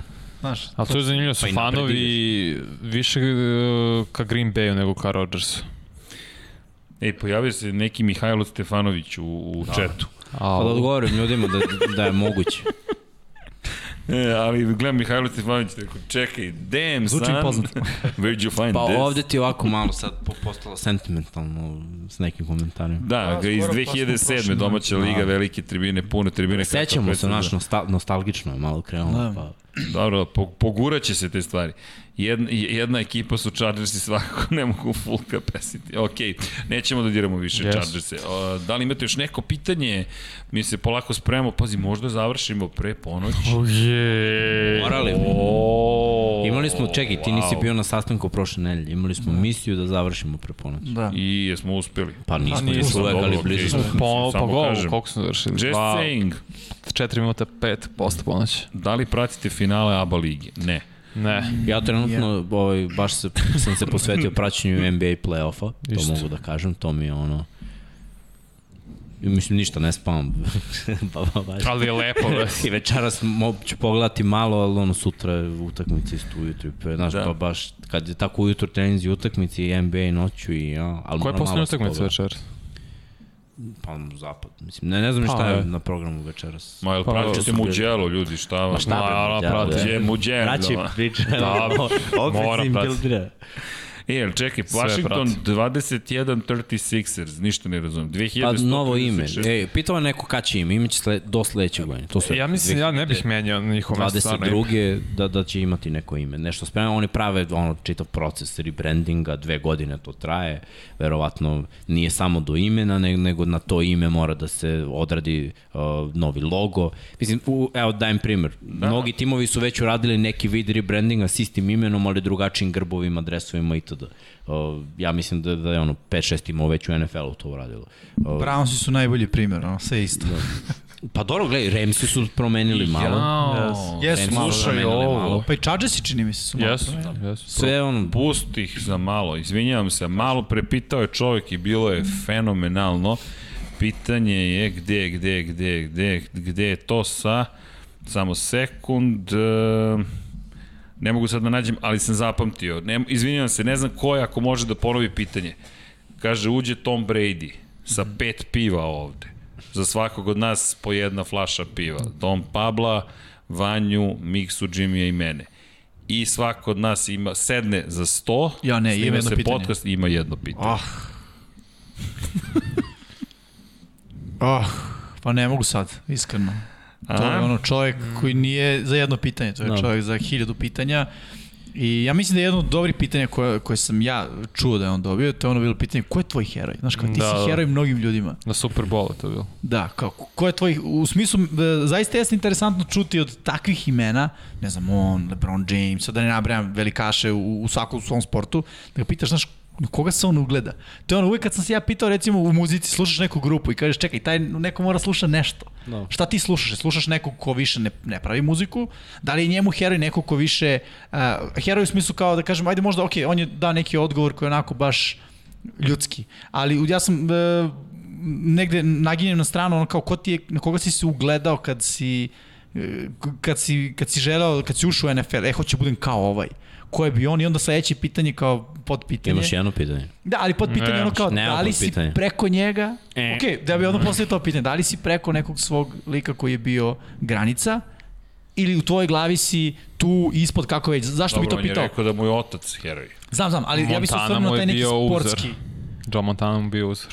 On je voleo I sad te vidi sebe odnosu na Montanu. Znaš, recimo, interesantno je bilo kad je otac Berija Sandersa, u trenutku kad je Barry Sanders bio u prime rekao da mu najbolji trkač lige neko, Jim Brown. I kada, da, u istoriji Jim Brown. I on se, sin sedi pored njega u tom trenutku u prime-u, jedan od najboljih, on kaže, najbolji je Jim Brown. Mogu ja da postavim ime? Koliki je bio pritisak u futbolskim loptama? Ja imam, da, ja imam totalno drugačije pitanje. Da li bi mogo da izađeš napolje i me baciš jednu loptu? Opa, opa, receiveru. Šta? Uhvatio loptu Toma Brady. Brady, lepo, potpiši se. priče. Srki Olaf. Ide sa mnom, uvidi kovački čardak u zemlji, ni u zemlji. nema te, to, to ovde stoji, razumiješ? Ko je uhvatio, brate, ko je uhvatio? tebe ćemo da preparimo. Zami, zamisli, zamisli ti ispadne lopta. To se nije dešavalo. Ne, a, ne, ne, naravno. Da. Ovo sam morao da mi. Aj, Šalim se, ne, znam, ko, koncentracija, brate, kad je Tom bacio, lud. bi uhvatio. Ma da, Ne znam. taka velika. Pa čovjek Drugo, to je ono čekaj, spirala, videli bacao je smo u lo- Teddy Bearu. Pa, si- pa, pa daj bacio Lombardija po zalivu. No, daddy. Da, i to, bukvalno. I tu je bila dobra spirala, tako da. Ja samo se ja ne znam šta bih ga pitao. Mora bi da dobro razmislim o tome šta bih ga pitao. Ovo što sam pričao je samo neki, ono, to mi je bilo interesantno pitanje koje sam čuo da je on već dobio. Kao, Pa ne znam, ja bih pitao sada što mi pada je ono glavno što želim da znam, šta tebe motiviše u životu? Zbog čega, šta, šta, zašto guraš ovoliko? Više ništa ne moraš ništa da kažeš, šta te gura u životu? To mene zanima. Jer to je isti mentalitet kao što je imao Jordan, kao što je imao Kobe. To je ono da stalno grizeš, makar šta god da, da budeš radio. Šta, šta god radiš, ja ti mislim grizeš. da to nije taj mentalitet, znaš. Mislim da je njegov mentalitet iznad. Zato što mislim da su njih dvojica koji si nabrao, Znaš zašto? sezone u kojima realno su mogli, znaš, Ne, Jordan je mogu da se ne vraća iz penzije treći put, drugi put, koji već. Ne, ne, u životu pričam, gledam šta su uspeli nakon karijera svojih. Ovo je izgradio imperiju, Jordan. Ovo je osvojio Oscara, najprodovanija knjiga, sve super. Šta tebe gura još u životu? To mene zanima. Ka, odakle tebi još motivacije? Jer realno većina, 99% ljudi nakon ovakve karijere i ili neke slabije, kao ok, ja se zadovoljio. Više ne moram ništa. Da, dobro, da. Mislim, Šta, šta tebe tu ono, motiviše da ti Vidi. kažeš ne, ja ću Znaš šta još više, ja- ja ću biti najbolji šta god budem, šta god ja radim, ja da je sam on najbolji. Prešao to, znaš. Mislim da to više nije u njegovoj glavi. E, to je neko moje viđenje. Ja prosto mislim da e, on više ništa ne dokazuje nikome. Da je ovo je sad prosto, to- ovo je neko moje viđenje naravno. Naravno. Da je to e, ono, lifestyle. Vidi, ali on nema više koga da prati. Ljudi, on je toliko daleko otišao. N- Samo njega mogu da prate. On trasira neki novi put. Ovo još niko nije radio. Znači, pričamo o poslednjem Boy Scoutu. Ovo je negažen sneg. Ovo je bukvalno, on je pionir. On, on je otišao čovek, znaš, to, to je transcendentni moment. Ti si otišao, vidi, ova sedma titula je toliko velika da to čak ni danas nismo još svesni zato što on nastavio da igra. Ali za 10 godina sedneš i kao, čekaj, onaj čovjek je osvojio AFC, Tako, NFC, to otišao. I meni je bacio loptu. I, da. tako je. I to šta te onda gura Ne, ne, kao osmo. onda ti njemu potpišeš loptu i kažeš mu game ball for you, Tom. Neko potpiš Naći će, pa ćemo naći će u blokovima. Ali da, ne, ja bih, ne znam što bih ga pitao, sad šala na stranu, ajde, to, to je, ja ne znam, samo rekao bih da li bi mogao sa nama da, da pogledaš ono, coach's film i da nam kažeš šta ti vidiš čoveče, kako, To je, to je odlično. kako, Bravo, ti, kako tvoj Da. mozak radi. Mm. Znaš, jer to je, on, to je koliko utakmica odigrano, koliko velikih utakmica. Ne znam, ili bih rekao, a, brate, popi pivo i E, Da li Pustit bi, ćemo ti film. Evo, znam šta bih. Da li bi volontirao da budeš ofazeni koordinator u Vuku? Uz užo poštovanje trenutno u Vuku. Da li si razmišljao o jednoj maloj startup avanturi u Srbiji? Da. Nikad nisi Imamo spomenuo. jedan studio. Da, da. ne, ne, veća investicija. Do sportsko društvo. Mislim da je ovo idealno uz Brady da... Da završimo. Smorili Da. smo te. Ne, Šalo na stranu. da stignu na tekmu. Da stigne na tekmu. Ne, ali da, da, dobro, dobro je, dobro je, dobro je. Odlično pitanje. Da, u svakom slučaju, Šta bi ga ljudi pitali? Ajde možda da dok čekamo neko sledeće pitanje ili ako ne čekamo, neka došla pišu ponoć. Evo, došla ponoć. Neka pišu ljudi u komentaru šta bi ga oni pitali. Dali smo, da, evo, šta biste vi pitali Toma Brady-a? Da. Ili ajde možda da proširimo šta biste pitali vašeg nekog igrača kog trenutno najviše Da, vidim da, ne, poštujete. da neko pita šta znači 21 i 36. Da, Da, Washington 21, 21 je Sean Taylor, ali 36 Isto. Ja, Oba, oba drese nosi on, oba broja. Stvarno. Da, da, da, Sean Taylor je menjao... 36. prvo, je, prvo Da, je da. nosio valjda 3. Prvo je a pa onda 36 uzeo nosio, pa onda 21%. 21, da, da. Sean Taylor, bre, najbolji safety. Jeste. Jeste. Uf, Kažu da je je njegov mlađi brat sada je Pa dobro, imao je da se dobar dokaže. prospekt. Da. Ok, zanimljivo. A U svakom slučaju, da, da koje bi, šta biste vi postavili ili Tomu Brady ili nekom vašem omiljenom igraču, eto. Da, to možda ide u Da komentarima. li je ljubomoran što Žizel zarađuje više? Mislim da je prešao tu To. igricu. Vanja, je li realno da Utah osvoji? Ne. Dobro, onda razmišljamo isto. Nije, nije. Ha, Mora- Filip Kostić, da li sanjaš Ilaja Meninga često? da. Da vidimo ovde šta još ima. Pazi sad ovo, Brady baca miksi, ali Jimmy hvata interception. Ofenzivni pass interference. Nema gde Brady da. Poginuo bi da to ne bude. Kako bi rekao Tera Long su suzama. Quarterback. Uh, Lecler Ivanović, pitanje za Brady, da li si lud? Žizjali kod kuće, ti si 20 godina valjaš po snegu u Bostonu Pa to, pa to šta te motiviše. Da, Da, ovo je da. zanimljivo. Šta mislite o eventualnom meču Cheda Johnsona i Pacmana Jonesa? Bože, koja glupost. Meč u čemu? Boks. O Bože, šta je sa ljudima i sa ono, oskrnavljanjem boksa? Znači, sad kogod e, u teretani udari džak tri puta, hoće da boksuje protiv I nekog boksera. Znači, grozno. Ili Ne, ne, ne međusobno komentar. sa ono- šta je za, za, za, za, za, Floyda i za... Je- još gore. Još gore, ja ne, nemam komentar. Mislim, E sad, na jednoj stranu Da, je to, ćeš da, za, znaš, generalno kao sport, ok, priča se o boksu. Da. Znaš, to je To mnogi, to mnogi podlače kao. Pa ne, ne, znam, znam, ljudi- to, ali to je jedino, pažnja. to je jedino Ne da mi- pozitivno. Znam, Jimmy, evo, kao uzmem senf i ketchup i gurnem u uši i stavim na YouTube. Ja se slažem s tom. Ja ne volim... To je reklama. ja, Reklama ja ne za- volim, ja ne volim današnje, e, da kažem, stanje e, zajednice, okruženja, da ono kao, možeš da me voliš ili mrziš, ali ne možeš da me ignorišeš. Meni je to malo bez veze, znaš. E, I onda sad, ali to očigledno pali. U fazonu, da, Vidi. za boks kao boks je poražavajuće da kao lik sa Može- odakle god. YouTube. Ne, nebitno YouTube-a, znaš, šta god. Hvala ti, hvala, hvala vam, dragi gledalci Ne, ali hoću da kažem, znaš, nije bitno to ime. odakle. Znaš, radi Sami si- ćemo sebe ugasiti. Radi se koliko sati treninga uh, si. ima Mayweather, imaju uh, sve legende, Muhammed Ali ostali, onda dođe neko ko je odlučio iz dosade da boksuje i sa kao zato što Ali- njega prati ali- velika ali- količina ljudi, ali, ali idemo na e, upravo to, šta je tu problem? ne na kvalitet. Da li je tu problem što on to radi ili zato što se oko toga pravi fama? Uh, problem je više da oko to toga što problem? pa na, znaš, znaš šta je Ja to problem pogledati neću. da Tako je, isto. Meni to, mislim, Problem ali, je ali u boksu kao smo im- sport. Medijsko vreme smo im dodelili. Upravo. problem je u boksu kao sport jer oni su loš uradili svoj posao brandinga kao bokse A Vanja, mnogi sportovi su, znaš, ti Nije, imaš ali- olimpijske sportove koje ljudi ne prate uopšte. da, ali znaš šta je Čak problem? i na olimpijadi. Uh, koliko ljudi UFC, MMA je postao pet puta popularniji od boksa. A, vidi, ali to nije bilo tako pre Ali, 15 Vanja, godina. To ti je pitanje vremena. To ti je pitanje veliko vremena. Društvo se mnogo promenilo. To stalno pričam navodim Friends. Evo, Friends su sada reunion, svi smo u Idemo reunionu. Friends. Ali pojenta je, meni je to fantastična scena. Meni je to kulturološki pokazatelj na, na globalnom nivou. Imaš epizodu iz 97. kada si se ti rodio u kojoj Joey nosi kameru sa sobom po Rimu, a Chandleru je neprijatno što on snima. U Londonu. Da, U Londonu, London. izvinjam se, tako je u Londonu. A s druge strane ti danas, ako ne snimaš samog sebe, to se nije desilo. Svet se mnogo promenio. Pazi, to je činjenica. Ja ne ulazim sada dalje dobro ili loše, ali svi sada guraju ekstrovertnost kao nešto što je Apsolutno. ključna Pravo stvar. si. Introvertni ljudi nemaju prava. Bukvalno, e, znaš kako, dođeš do situacije da ti nisi prisutan na društvenim mrežama kao da ne postojiš. Ali to je Pa dobro, stvar vidi- do čoveka, da li to tebi smeta ili ne. Tako je, znaš, ja ste kažem, to su sve neki... Sam to. Znaš kako ja posmatram na te stvari? Uštini me da im da sam realan. Jebate, moram, Je ovo san?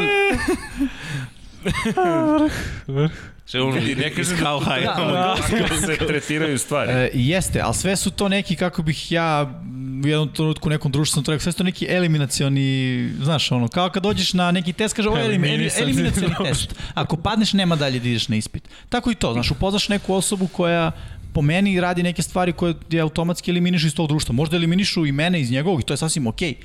Ali, e, kako bih rekao, ono, znaš, kao ljudi pričaju društvene mreže su loše, e, Ja ne kažem zavisi da kako loše. ih posmatraš. Ja samo gledam, kažem da su kako promenile svet. Jesu, Da. jesu. Znaš, ne kažem ja da su loše ili da su dobre. Pazi, daju ti šansu da uh, budeš neko. Vidi, Pa da nema, ne bi bio sad Svima nama, ovaj... svima nama. sve može da Svima bude nama. zloupotrebljeno. Ti kada Tako je. pogledaš, sve može da bude zloupotrebljeno. Nož za, za, za, za margarin da uzmeš da namažeš, možeš ga upotrebiš kao hladno oružje, ali Da. nije mu to bila osnovna ideja, kao koncept, ajde da namažem nešto da jedem, ali Možeš da E, ne, ne, ne, hranu.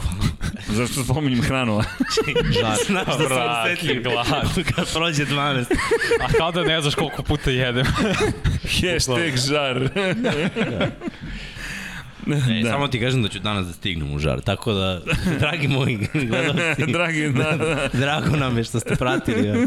Čekaj, aj, moram na jedno pitanje, dečko je 20 puta pitao, šta mislimo o Antoniju Gatesu, da li E, da, je da, top da, 5 da, da, da. tight end si- ili Hall of Famer, Da. s obzirom da je njegov omiljen, omiljeni igrač, zbog njega je počeo da prati NFL. Mislim da, Da. da je Marko Jagodić. Ovaj, iskreno, ja, ja mislim da je Antonio Gates uveo revoluciju Uh, što se tiče ovih tight endova koji nisu igrali mnogo američki futbol, koji su uh, više bili košarkaši, jer se nakon njega pojavilo mnogo košarkaša koji su ono stavili verovatno pet na, na koleđu ili na kraju srednje škole kao, e, visok si pokreta, najprobaj ovde malo da blokiraš i da se okreneš u praznom prostoru. Kao, pa ne znaš da blokira, ok, aj se okreni tu negde nađi zonu, kao u košarci, ono, kada igraš na niskom postu. I on je jedan od onih koji je bio najefikasniji nakon njega videli smo nekoliko Jimmy Graham, na primjer, dajem primjer, koji je mm -hmm. ono, igrao košarku, uopšte nije igrao Amer... I ima ih mnogo, stvarno, evo Darren Waller, on je bio ono hvatač i isto igrao košarku. Ima mnogo košarkaša i, i zato je on meni uh, specifičan, zato što je jedan od onih igrača koji je spojio dva sporta. I, I mislim da mnogi momci koji, koji su igrali košarku i shvatili, ok, visok sam, ne znam, 6'4, 6'5, u NBA je prosečna visina 6'8. Teško da mogu tamo da igram. Ali, bit ću ozbiljan mismatch ako budem bio tight end i malo više se posvetim američkom futbolu. Samo zbog toga mislim da zaslužuje da, da bude Hall of Famer, da ne uzmem brojeve, a brojke su tu. Smešno mi samo, setim se jednog mima koji sam video, Miksa ti znaš onaj drill koji smo zvali Bloody Ellie, Bloody koji izgleda tako što dva čoveka leže na zemlji, na, okrenuti leđ, e, leđima su na zemlji, okrenuti, kažem, glava jednog naspram glave drugog Aha. na zviždog trenera, oni ustaju, Jedan jedan, nosi loptu, da, kaže drill koji je proizveo najviše košakaša. Pa da. Meni je top 5. Ellie, tako se Ima zove. najviše touchdownova kao tight end. Da, da, I ne, efikasan kalibar. sve, da, da. Nego hoću kažem da, da za onog ko smatra da nije, samo neko uzme ovde, da- i, mislim i Toni Gonzalez je bio košarkaš, mm. mora da, da uzme u obzir koliko su ti ljudi napravili od tight endova dan Trevisa Kelsija ili, znaš, tak, takav neki ko, na primjer, ako Pitts bude sada, Da. da. znaš, kakvi su to tight endovi koji se pojavljuju, ko- koji nisu samo blokeri, nego su stvarno ozbiljni mismečevi u čitavoj ligi. Rekao koji nisu blokeri. Da. Pa dobro, ajde, nisu blokeri, ali mislim nauče, moraš da, Da, da. naučiš da, da, da blokiraš ako hoćeš da igraš na visokom nivou. Ali veliki impakt i, i sjajan igrač. E, imam jedno čudno pitanje. Purposeful, da li ste probali nekada da uhvatite frisbee zubima? Pa, Ne. Bože, koja glupost, izvini. Što je, si bio u srednjoj školi nekad? Hvala Bogu gde sam, a vo- evo mi je srednja pored, ali... Mislim, ja sad iz ove perspektive kapiram da Pra- boli. A, zašto?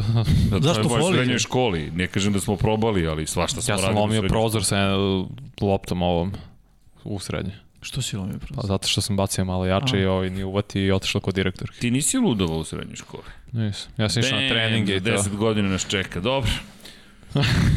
Opa! Opa! Zvonica Saved by the bell. Srednja škola. Da, da, dobro, čudno pitanje, ali e, ovo je dobro pitanje. E, ne, ajmo jedno ozbiljno. Pitanje za Miksu i Vanju, realno, da li Utah može da osvoji? Pa rekli ste. A, Ne. jesmo odgovorili? Ne može. Ne može, a to je bio odgovor. Izvinite, nisam, bio sam u nekom drugom filmu. Pitanje iz oblasti zabave. Za koga glumica Rooney Mara navija kada igraju Steelersi protiv Giantsa? Pozdrav za ekipu, a najviše za Srkija, pita Miloš Petković. Ne znam ko.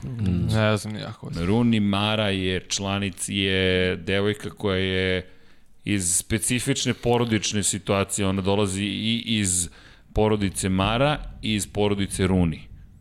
Dobro. Ovo je A koji vlasnici. su vlasnici? Giantsi i, i Steelers. Mislim da ona nema tu muku. Ona, mislim da nju ali zanima... nemam predstavu za koga. Ja nisam znao da je ona glumica. da Monedas ili Gde je glumila? slobodno kliknite na dolar, zna, znak do, dolara, lajkujte i subscribeujte se. Kupite majice, bit će uskoro, pa makar mogućnost da ih kupite. Kada ćete ih dobiti, to će me već Miksa vas obavestiti na društvenim mrežama njegovim.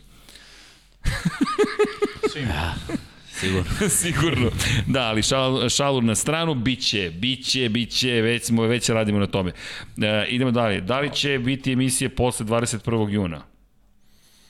Zašto ne bi bilo? Uh, Mislim da je smak sveta zakazan za A za 21. 21. jun je zakazan smak sveta. Ne znam, do, došlo. Ljudi, mi smo u studiju na kraju Mi nemamo univerzuma. off-season, ljudi. Tako da mi smo bezbedni. Možda će nestati... Imamo monstera da preživimo. Jedno 20 smakova sve. Samo ćemo mi radioaktivni da izađemo odavde. Tako je. Izađemo se vjerojatno radioaktiv studiju. A po čijem to kalendaru sada? Ma ja sam lupio, ljudi. Ja sam stvarno Ajde, lupio. Jimmy je Nemam opet, pojma, ajde, ja sam u trenutku. Nego ne znam zašto baš 21. jun. I ja isto gledam. Pala mi naplata, obično... Pa možda je ravnodnevnica tada. Bio je neki... Pa, a kao da, ravno dnevi, da, pa Čekaj, neće biti. Ne znam. Se. Pita Saša Srgić da li će biti emisije posle 21. juna. Sad ne znam da li Dobro, je nešto možemo da damo jednostavno odgovor. Biće. Biće, biće. Bi, bi, da. E, Kontra dobro. pitanje, zašto ne bi bilo? čekaj, čekaj, kada će prijeve za Jimmy frisbee futbol? E, da, to je jako lepo pitanje, ali ajde da kažemo na leto mora da se prvo završi ova domaća sezona zbog eh, svih eh, obaveza, da kažem, stvarno ne bih bio... Uh, Se domaća sezona završava 21. ne, ne, ne, u julu, julu. Sluša, do 11. ja mislim. E, Ne bi mogo da stignem iskreno da se bilo šta organizuje, ali neki vikend bi stvarno e, to trebalo da organizujemo i to je jako zabavno, već sam ga reklamirao, da kažem, tako da desit će se samo da se to završi domaća, domaća liga. A, ovo je, 21. jun je nešto vezano za političku neku e, situaciju, ali nemojte ništa da brinete. Mi smo van toga. Mi Ja. smo kosmička situacija. U Severnoj Koreji. kao. Da, ali, ali, ali, ali Miksa, uh, malo pre, pitanje za tebe. Koja je bila tvoja omiljena ruta u danima tvoje slave? Omiljena post. Post touchdown ruta, najjača ruta. Neodbranjiva, ako ga otvori baci na vreme. Ja kad sam jedne godine igao risijera, moja je bila slant. Obožavao sam slant. Dobro. Zašto nakon hvatanja slenta Jeste, otvara se, otvara se. Mislim, dobro, gledaj, na, na slentu ili si prošao ili, ili si lego. ne, ne, nešto Ili si prošao ili si prošlost. Da, bukvalno. Na, na, na, naročito ako se sačeka malo pri izlasku iz breaka, ali ono, po, A 10 out? Si volao 10 out? De, pazi, ja, ja garantujem da sam 10 out, ono, možda i najbolje trčao, sam imao ozbiljan taj speed cut. Ali, znaš šta je problem s 10 out? Kod nas, timing. Znaš, i ono, 10 out obično dobiješ uz out i redko kad kod nas dođe lopta da možeš da ispraviš gore. Da, samo na- uhvatiš na- i- Tako, uhvatiš i eventualno, znaš, tu si već u autu. Jer post, ono, je onako bunar gde, gde ono, baš, baš gledaš lopta leti u sprintu, pa da ga se zagradiš, da oceniš i da daš touchdown. Ali to mi uvek- a end zone fade? Tipa ono, 10 yardi od end zone, pa fade u ćošak. To je Toni hvat. Šalim se, vole, gledaj, sve što je blizu end zone, to, to je ono, prilika koju, koju čekaš, mislim, treniraš uvek za to. I Ne, nikad nisam imao problem ni, ni s jednom rutom, uvek sam bio ono, kod nas je tako da, da imaš, ja sam uvek gledao ovako, bilo je utakmica kad sam imao i 10 targeta. I, imao sam utakmice gde sam imao 10 targeta, imao 10 hvatanja. Bilo je utakmica gde sam imao jedan target i ono, to, to je, ta, nažalost, tako mi igramo, ono, run, run, run. Tako da kad dočekaš utakmicu da imaš ono 3-4 što je prosek, mm. ne pitaš koja je ruta, znači šta je hitch, brate i hitch, taj jedna, znači ja ne znam, to znači je screen, idemo, je fade, fade brate, daj samo da ono, da uhvatim nešto, baci ovamo. Ok, ili imate dres neki Steelersa, opet kažem, tući ću ovaj dolar, Biće. ne dobijem artritis Pa imamo nogu, dres Steelersa. prsa. I bit će još jedan dress Steelersa. Obećao mi je drugar Stižu. koji je nedavno došao iz inostranstva. Evo ga, Biće dres dres Steelersa. Steelersa, uh, možemo Dom Pablo, tako je. Ulazi u kadar kao u playoff. Sa zakašnjenjem. Imamo ovaj dres, uh, nagradno pitanje, ko je Parker? 39 iz Steelersa.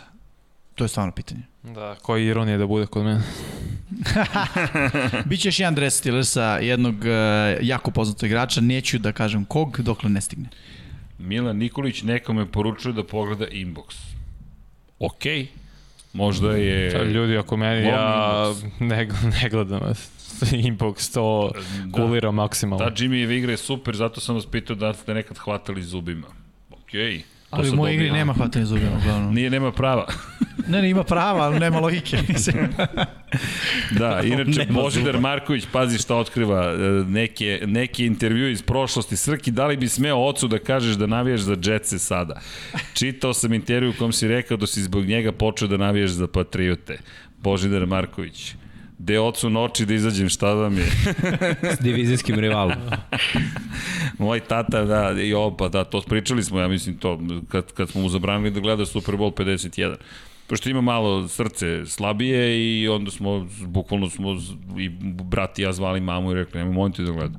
Ne molim te da gleda, ali zaista, zato što se toliko uzroja oko toga da, da, da, da, da, da, da smo sad, sad zamolili i rekli ok, i onda smo njoj javili da su pobedili, čisto da zna da, da, da, da može da gleda ujutro. Reprizu. Ne, ozbiljno, baš mu znači.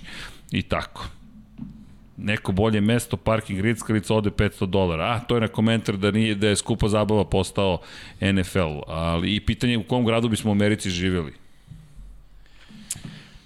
Mm, tamo gde je toplo i, i pored okeana. San Diego. Ja. Pa ne, može i dole u, na Floridi. Mislim, više bi volao ovamo bez krokodila, ali... Los Angeles uopšte ali nije loš. ne bi mi smetalo. kaže. ni Zeznuto je, znaš, na zapadnoj obali, ovaj, kako se zove, zemljotresi, na istočnoj obali uragani, pa sad biraj. Texas, Hoćeš da duve ili da i trese? tamo, tamo. Pa gledaj, duva i na vidikovcu to ti A, Ono, tu bi se, tu bi se ovaj prest našao. Evo odgovora. Ne znam. Parker. Willie Parker. Safety, running back. Ja mislim da je running, Running back, running back. Je li tako? Da, ali ne znam da li je 39 trebalo bi da bude Willie Willie Parker. Parker, da, da, da, Da, Willie Willie, pa kako, kako je otišao u zaborav u mojoj glavi? Pa kao i svi running backovi stila sa osim Jeroma Willie, Bettisa. da, on ima odličnu sezonu, samo je nestao, tako? Koja je većina njihovih trkača stvarno? Da, to, to je bilo nešto pre 15 godina. Pa nije 15, Nije manje. može 10. Prebela, malo prebela. Imali su oni do, Sigurno. dosta running backova. Da, Willie Pre nego što je došao Bell, mislim, ajde da se nalažem i Bell će pasti u zaborav, kao i većina. Pa zar nije već, mislim? Pa, Po meni je prosto bio je Pa po, još je aktivan zato što još uvijek se priča o njemu Meni malo. je njihov naj, ono, čekaj. trkač uh, Jerome Bettis. Pa da, i to je ime The i Bus. Hall of Fame i nakon toga. Pittsburgh Steelers od 2004. do 2009. Najbolje sezone 2006. i 2007. 1494 Skoro da yardi, si pravo. 1316 yardi i 2005. 1202 yardi. Ali to, to Steelers i rade, znaš, oni Da, to je 15 godina. Po leće Nađu- vreme. nađu nekog i on dobro igra A onda je prešao u dve, Virginia. Destroyers u UFL-u. Korak napred. Ne. Da. Dobro, ili imamo još neko pitanje ili je vreme da se razilazimo? Dom Pablo je ustao, ne znam zašto, ali... Nervoza. Podržavam nje, njegovu Kaže ustajanje. Charlotte anti-NSP, najbolja klima, nema katastrofičnih vremenskih nepogoda. E, boga mi, ne bi se kladio. Bilo je u Severnoj Karolini ovaj, poplava i, i u, dođe uragan čak i do gore. Pa jeste. Ja sam jedne godine bio u, u Virginiji, Severna Karolina je čini mi se južno od, od Virginije, iako je severna. Ja mislim da jeste, ide Severna Karolina, Virginija, pa onda gore... Dušan Ivković kaže, izvini, Parker dva Superbola osvojio. Da, da, da, sećam se da je, da je, da je dobar trkač, da je imao Superbola. odličnu, odličnu eru. Da, da, bravo. A što se tiče grada gde bih živeo, ja sam dobio preporuku od nekih prijatelja iz Amerike da je Montana state u kome želiš da živiš. Kaže, tu žive svi bogati i tu je ono idilično. E sad, malo je penzionerski, nema ni sporta, realno, nikad nisi čuo A nema velikog grada. Montana, Rockies ili tako nešto. Izvini, ne nismo te prepoznali. O... Ne mogu da živim u gradu koji nema tim, bre. Da. Dobro, nije, To zato, ovde. zato kažem, to sam čuo, ne znam, znaš, ne, ne, nema mi, nema mi smisla. Colorado je lep, Denver je jako lep. Slušaj ovo, Jimmy Blista posle ponoći. Možda je rođen s tim. Možda je to Maple. Inače, pitanje da li ostaje ista ekipa komentatora za sledeću sezonu NFL. Mi ne bi tu ništa menjali. Da. Mi Ali ne pitamo znamo, da, ali ne, ne, pit, ne, ne pitamo se mi da znate, ne određujemo mi. Dakle, kaže možda je off topic, ali ovde si čuo prvi Srki, Alex Rins sutra osvaja pol poziciju. Izvinjam se zbog spama, ali nisam siguran da li vidiš poru- poruku zbog slabih interneta. Gospodine Prosić, to uopšte nije u redu. Ali šalimo se naravno da je u redu, e, radi nam danas. I, I tako. Montana dva čoveka po kvadratnom kilometru. Gde ćeš bolje? I tako. E, da li postoji mogućnost da dojete žulete šonete gaćeš u bar jedan podcast Vesić je bio. Ljudi, ja pitam, nije, nije, nije do, ovaj, do, do rasporeda. Jako je teško ovaj, iskombinovati sve, na, sve naše obaveze. Miksa, Miksa organizuje podcast i stalno pokušava da dovede bilo koga od nas. Teško je. I baš je onako napeto. Zato što nije našim- samo pitanje sport da. kluba. To su porodice, to su neki drugi poslovi, to Ja, su... znaš, svako mora da, svako ima obaveze. Mi- Tako je. Mi isto imamo mnogo obaveze i mislim, yes. pazite, mi kad se skupimo, mi se skupljamo petak večera. Sad sam te da kažem, da. i skupljamo se u 15 do 9. Da. No, kao ono, Čast izuzetno. Kako? Teaser. Oh, tre, coach, thank you coach. Znaš, kao dobro, u 5 do 15 9, ajde.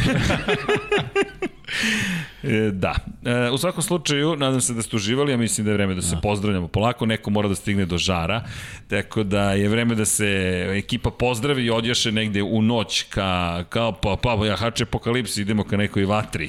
Gde, gde je taj žar? Gde je to? Ima ih ko- Mogu svuda je po gradu. častiš. A, to je, a to Mogu je chain, častiš. nisam znao. Mik se jede tamo u nekom lokalnom bircuzu, šta? Samo Samo lancima. franšize, A, ne, samo franšize. Ima i na vidikovcu, by the way. Da, u svakom slučaju nadam se zaista da ste uživali. Sledeće nedelje ćemo nastaviti Power Ranking izdanje broj 3 i onda ćemo da, da pričamo o tome ko je od pozicije broj 16 do pozicije polovini. broj 9. To sada već dolazimo do onih ekipa koje su uh, čudnom matematikom gospodina Kouča Jimmya Sandeja došli na te pozicije. Šalom na stranu, ali da, ekipa se potrudila da nađe matematiku, Jimmy je preuzeo odgovornost na sebe, tako da hvala. Lajkujte, subscribeujte, vodite računa jedni od drugima, učinite nešto lepo, mazite se i pazite se naravno i pratite 99 Yard Infinity Lighthouse i naravno pozdrav ime cijele ekipe i Ćao svima!